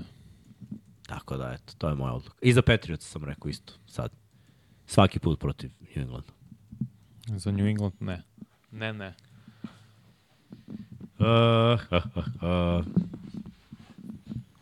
Kaže, kako Miksa objašnjava da je nikada, la, nikad lakša pravila, ali nikada više povreda. Pa, pa pričali smo o tome prošli put. Čeka se više i što se više čeka, to je opasnije. Uh, kad se pripremiš na, na udarac, kada se ono, imaš neku dozu rezerve šta može da se desi, manje su šanse da, da se povrediš. Obično te povrede kakve dolaze, dolaze Zašto su svi previše lagani, a i mislim da su svi pretrenirani, generalno. To je, to je isto ovaj problem. Nije to jedno kolo više, pa da kažeš jer se ne igra ništa u predsezoni, tako da je manje stresa zapravo na telo, ali mislim da svih shvataju individualni trening malo jače i da se mnogo više vežba i na terenu i van terena i da to u stvari dovodi do prezasićenosti. Dijete takođe za neke igrače bi uveo u jednačinu, zavisi sad na kojim pozicijama, ali i, i to je važno. Većina njih, kad kažem dijeta, mislim da većina gleda da bude sa većom telesnom masom, što je više moguće. Jasne. Što nije za svakog dobro. Nekom je možda 90 kila, onako, jači si na udarcu, na primjer, za hvatače, ali možda si pokretljiviji, laganiji i razgibaniji sa 85. Možda ti više odgovara takva građa, zavisi naravno ko je koliko visok. Nije svako napravljen da bude Superman i da ima 100 kila. Nekome, nekome odgovara da ima 100 kila i on je savršen tako. Za quarterbackove, što se tiče ovih povreda, ajde da vidimo kakve su povrede. Uh, uglavnom, ajde da kažemo, Rodgers, Ahilova tetiva. Za Ahilovu tetivu niko ne može da te pripremiti. To je Mislim, to, to, je, to se desi jednostavno. Veštačka trava, ostala noga, previše trenirao, mučio ga je list u uh, predsezoni, znači prezasićenost. On je morao da odmara, nije odmarao. Želeo je da igra, spoj nesrećnih okolnosti plus povreda koja je prerasla od male u veliku. Uh, što se tiče Burova, ta povreda šake, uh, šake i ručnog zgloba, ne znam kako je nastala, ali očigledno je udarac, mislim, dešava se. Bilo i pre same utakmice tu, a ne znamo kako.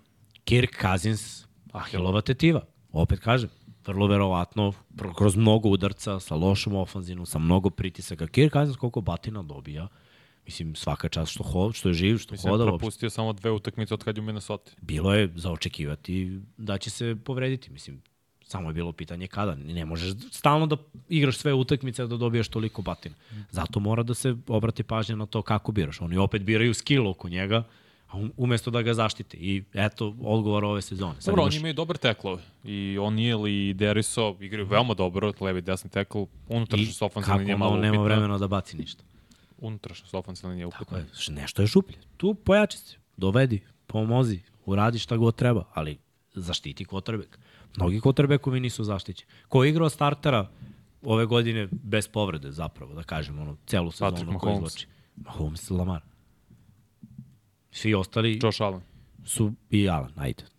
Ajde, Allen i Lamar malo i dobijaju batine jer trče, ali uglavnom svi ostali imaju ozbiljnih problema. Da, i stvari imao je uh, Allen, desno rame ga mučilo. Znači, Lorenz je pro, ono, bio van jedne tekme, vidjet ćemo sada da li će igrati opet.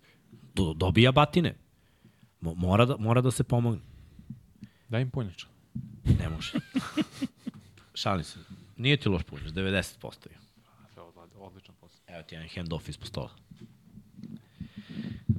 Uh, uh, uh, uh. Vidi, su 20 pitanja od jednog. Ajde, samo polako. Baš čudno. Pošto odgovaramo od 8 do 12 minuta na jedno pitanje. Što je u redu? Temeljnost je važna stvar. La, la, la, koliko pitanja. Uh, pozdrav za ekipu, pitanje za sve, je li moguće da još uvijek niko nije potpisao Jarvisa Landrija? Pa iskreno... To je veoma čudno. Uh, ne znam koja je priča, mislio sam da će Saints to da urade. Ne znam da li je neko od njega tražio da uradi lekarski, lekarski pregled, da li je možda neka povreda u pitanju, ko, za koju mi ne znamo. Kolti su inače sada zainteresovani da ga potpišu, to je poslednja vest što se tiče Landrija. I opet neke ekipe jednostavno nisu verovale da će u playoff, a sad kada mogu, može da se očekuje to. Jako je težak život slot hvatača uvijek bio. I ti kada si slot, ne možeš ni da pronađeš ekipe koje se oslanjaju toliko na slota koji traži loptu, Landry traži loptu i opet nije odigrao savršeno prehodne godine, tako da nije baš jedan od boljih slot hvatača, kao što je bio godinama. Zbog toga verovatno, ali vidjet ćemo. Mislim, to se nikad ne zna. Kad dobije šansu, važno je da iskoristiš. Jer sad Landry ulazi u onaj stadion karijere kad je ono godina za godinu. To ti je, nije uvijek sudbina outside hvata, slot hvatač nego nekad i outside hvatač. Evo ti Beckham, on je sad ušao u tu fazu. Sad je za odela Beckhama ugovori godinu za godinu. I ako isporučiš, dobit ćeš novi angažman, ako ne, čekat ćeš playoff ekipu da im se pridružiš. To je čekao prošle godine, nije se desilo, ove godine potpisao sa Ravensima na godinu dana. DeAndre Hopkins vrlo verovatno ulazi u isti stadijum. Godinu dana, ako ne potpiše ugovor, čeka se playoff ekipa. Hoćeš pitanje novo, a? Šta želiš? What? Mm. What? What? Ma, What? ma. zašto Joe Barry još uvijek nije dobio otkaz? Ovo, Kalo je pet puta postavio ovo pitanje, zaslužio da. Vanja. Defensivni koordinator Packersa, pa ne znam, zato što mislim da neće dobiti ove godine otkaz. Možda na kraju sezone će Matt LaFleur odlučiti da promeni svoj stručni štab na bolje, protiv trčanja su jedna od najgorih odbrana, to mora svako da se po, promeni, ali dosta povreda su imali defensivno Packersi. To je glavni razlog. I sekundar je bio povređen J.R. Alexander, Stokes takođe, Dar, ovaj, Savage isto je propustio vremena, propustio i Devondre Campbell i uh, kako se zove linebacker Quay Walker takođe, tako da je bilo ono dosta povrede u odbrani Packersa, vidjet ćemo kako će biti situacija, da li će se oprostiti s njim, vrlo vjerojatno, ali tek na kraju sezone. Jer i dalje imaju šansu za playoff, ako budu uspeli, super za njih, možda ćemo ih i gledati, bit će svakako zabavnije sa Packersima nego sa, ne znam, Saintsima, na primer, ili kojom god drugom ekipom, mada god tim ja Seattle Seahawkse. Ali da, verujem da će ga opustiti na kraju sezoni i da će morati da promene defanzivni identitet samim tim. Hvala Vanja. Idemo dalje. Vanjava! Da li možemo očekivati neku drugu finale osim 49ersa i finale NFC-a, verovatno? Pa ja mislim da će biti 49ers i Cowboys. Može budu svašta u NFC-u. Zavisi ko bude bio gde i ko ide na koga. Bukvalno nepredvidivo je. Da li mogu Billsi biti iznenađenje ove godine i da odu do kraja? Mislim da nisu zreli da odu do kraja. Šta je kraj? Super Bowl. Pa to je kraj. Pa šta će biti u Superbolu, to Mislim je da, druga da priča. imaju, da im fali. Jer ne verujem da će biti prvaci divizije. Ja mislim da im treba sreće. Kome?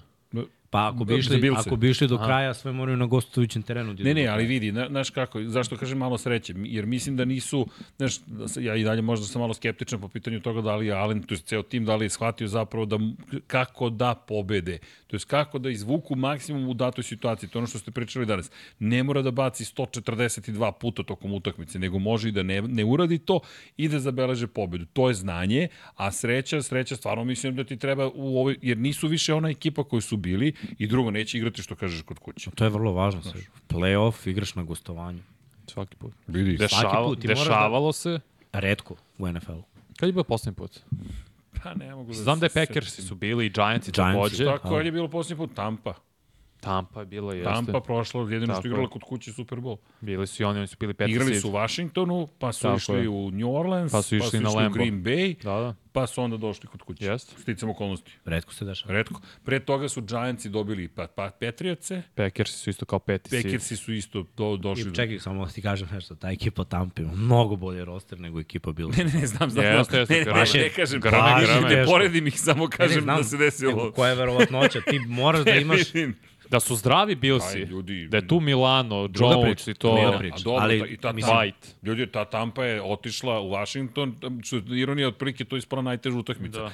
Posle su dobili druga Brisa u, u, u, u sred New Orleansa. A izgubili dva puta u regularnom delu. Bay, tako Da, je, otišli u Green Bay, dobili Rodgersa u sred puno Nisu igrali savršeno, ali A desilo se. dobili Star i na power. kraju u Super Bowlu dobiju Mahom, Mahomija i kompaniju koja je trebalo da ih pregaze. Redko kad se dešava, ali Zato su... mislim, mislim da, da je te, teže za Bills jer mnogo toga fali ove godine.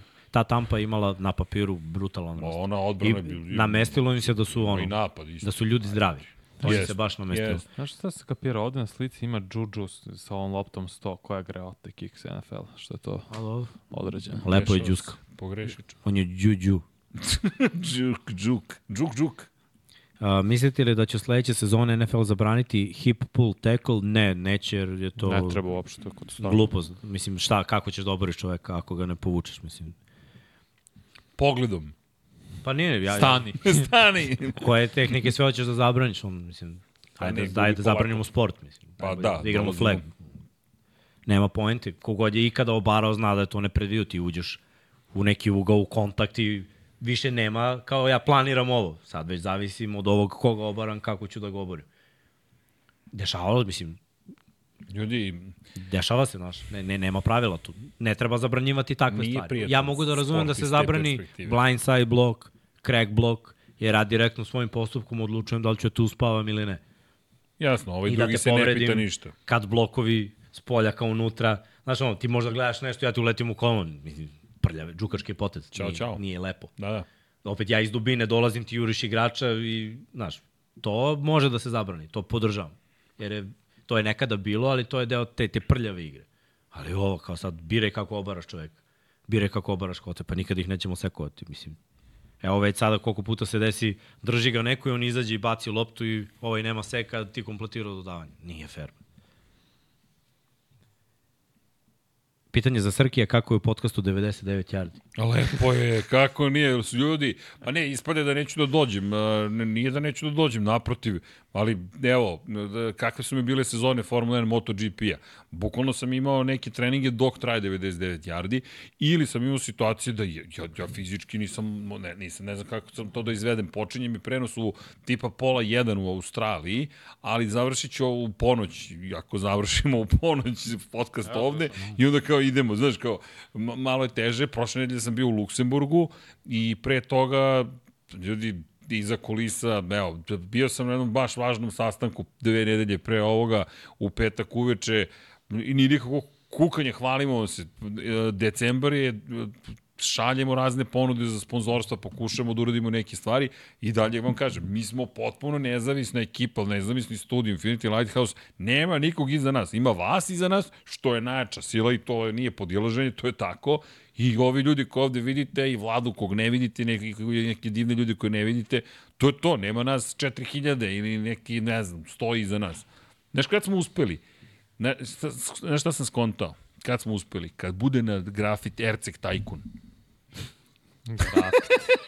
Evo, evo ga, otvara ranč lik. Razumeš? Ima da, Grafiti. kako ti- nećemo ti draftujemo online. Ćeš da vidiš. Samo biramo hvatača. A, Tako da znate, ima puno nekih tih lepih momenta, sastanaka, ali ljudi traže da se vide sa vama, da porazgovaraju, da razumeju šta vi to radite, kako radite i hvala vam za podršku, bez vas mi stvarno ne, ne znam ni nada šta bismo, da bismo išta od ovoga postigli. Kažu u knjizi da ne pitamo. Nemoj da pitate. ne, ne, imam novu metodu. Kad se pojavi, samo ću da se dopojim sa knjigom. Sve u redu, nema, ne, ne, šta god da izgovorim, ne, ne, vidi, zaslužujem četiri seka. Ne, ne, znaš, Zasluži da ti mi otmemo da izek. nemam sek, imam samo hub. Popijen, popio još, još malo, popio on mene. A, da li mislite da sudije previše sviraju Rafin do Pester i pass interference kaznu u ovoj Da. sezoni? Mi, da, ali još jedan prekršaj koji mi jako smeta jer se on najviše svira zapravo Roughing u odnosu... Ne, ne, Tebi smeta pass interference više. ne, ne, me, illegal use of hands. Aha. Da. Nikada nije bio korišćen koliko i sada. Jer mm. jedno je, gledaj, holding je jedno. To znači previše koristiš ruke. Uh, pass interference, loptu je u vazduhu, ne gledaš loptu, previše koristiš ruke. Illegal touch, ajde da im oduzmemo i bump na liniji scrimmage. Ajde da bukvalno ne ostvare nikakav kontakt i da hvatači svi imaju free release. Ti ne znaš šta znači free release u, u ovom sportu. Da te niko ne dira na liniji scrimmage. A ako te slučajno zakači, 5 yardi kazni automatski. Znaš šta bi bio Randy Moss bez da ima free release? Svaki Mnogi put. hvatači. Free release je nešto, gledaj, zavisi koju rutu imaš, ali za, za neke rute, free release, ja na primjer volio sam bump kad imam fade. Jer onda napravim crossover i on ostane u mestu, a ja ga pretrčim. Ali za neke rute je mnogo teže trčati, na primjer trčiš dig. Mora stigneš 15 yardi, skreneš po 90, trošiš vremena te uglove od 90 stepeni ili ti stane u bump. Samo mora da razmisliš kako ćeš da ga okreneš s polja da bi trčao unutra, jer ne želiš da trčiš oko njega dig, nego ispred njega. Znači mora da razmisliš o rilisu, gubiš sekund sigurno na korake, u zavisnosti gde on stoji, kako stoji, gde mu je leverage, outside ili inside. Pazi ti koliko razmišljaš pre snap, pre nego što krene akcija. I sad ti lik stane 3 yarda off. Uzmeš inside release i strčiš rutu i dobiješ loptu. Toliko je prosto danas. Evo zašto je statistika napumpana i zato što ono, za, zašto ide lakše da su svi starteri quarterbackovi, bilo bi lakše, ali nemoj da im pokle, nemoj da, mislim njima, nemoj da nama poklenemo napadu toliko još da je svaki bump pokušaj illegal use of hand. Nekako mi nije fair. Mnogo puta sam video nešto što nikada ne bi svirao kao illegal. I pritom, jedno je illegal use of hands posle 5 yardi, a jedno je unutar 5 yardi. 3 yarda, 2 yarda, nebitno. Često se desi ono, prvi kontakt linije skrimidža, pap, malo sa shoulder pada sklizne, ono, na face mask, illegal use of hand. Bre, neka se ljudi klali na liniji skrimidža. Tako da, ono, moramo završavamo. Tako da, eto, Dolazimo do odgovorili smo. ponoći. Dolazimo, ba da, to je to. Stigla Čekamo. Jimmya da se skupimo sva četvorica. Ćemo uspeti sledeće nedelje, ja? Ne znam, vidjet ću. Dobro. Ja, ja sam u procesu selitbe, možda ćete, možda ćete bez mene, morate. Rezervni, pa zašto mi ne bismo dobili, sklopimo ti to za dva minuta. Ajde da te vidim. U celini ili ne, ali bit će gotovo. Ako te budem čekao kod dinastiju, bit će zanimljivo. da, udri, udri po prijatelju, udri. Pa čekao sam te dugo. pa ne si pre prijatelju. Blake. ja. Nadam se da ste bili dobri, da ste uživali u, u 99 yardi. Sve što nismo odgovorili, a vi biste pitali, naravno, pitajte jer mi odgovaramo svake nedelje. To nam je zanimacija. Stvarno volimo da pričamo o svemu i svačemu i dobro kola nas očekuje, mnogo utakmica u subotu, nedelju i ponedeljak, tako će biti i u novogodišnjoj noći, pa i posle toga playoff se bliži. Još jedno hvala na podršci, lajkujte, subscribeujte se ako niste do sada i podržite ovu ekipu da u novu godinu uđemo još jači, bolji. Juri se Jordanova 45-ica, 46 je Rossi. Rossi. A, to mogu bi Rossi da padne. Do sad je... Samo velikani, samo velikani. Samo velikani. Zašto da ne? Uh, do tada čekirajte shop, podržite ekipu na Patreonu, Vlada će pustiti uh, Patreone, mazite se, to, to ćeš ti. Navukao sam Tucite ga. se. Navukao sam ga. Tucite se jako na liniji skrimidža i virajte I mazite se i pazite se. A ovako sam mu pokazao, okay. ma, ma, ma šta mazite se, šus. Ja vam kažem ljudi, mazite se, pazite se. Vlado, baci jednu trojčicu da se svi javimo od cijela ekipi i da vam poželimo lepu, laku noć. To je, e, mo, O, o, imamo i ovaj kadar. Drevni kadar. Dre, drevni, ancient, da, da, da, to zbog mene, iz, ka, iz kamenog doba, iz Jure. Izvuče, ok, možemo tako. Dragi Slide, drugari, hoćemo na 1, 2, 3, 4. Može. Može. 1, 2, 3, 4. Ćao Ćao svima. svima.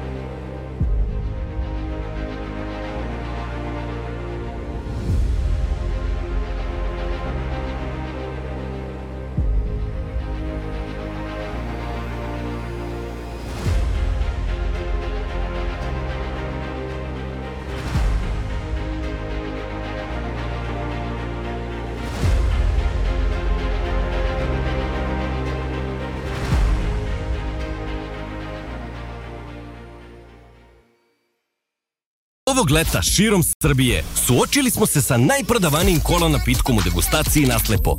Više od 20.000 učesnika pridružilo se Pepsi izazovu. Pitali smo koji kola ukus vam se više dopada. 57% učesnika izabralo je Pepsi ukus. Hvala na učešću. Prati svoj ukus.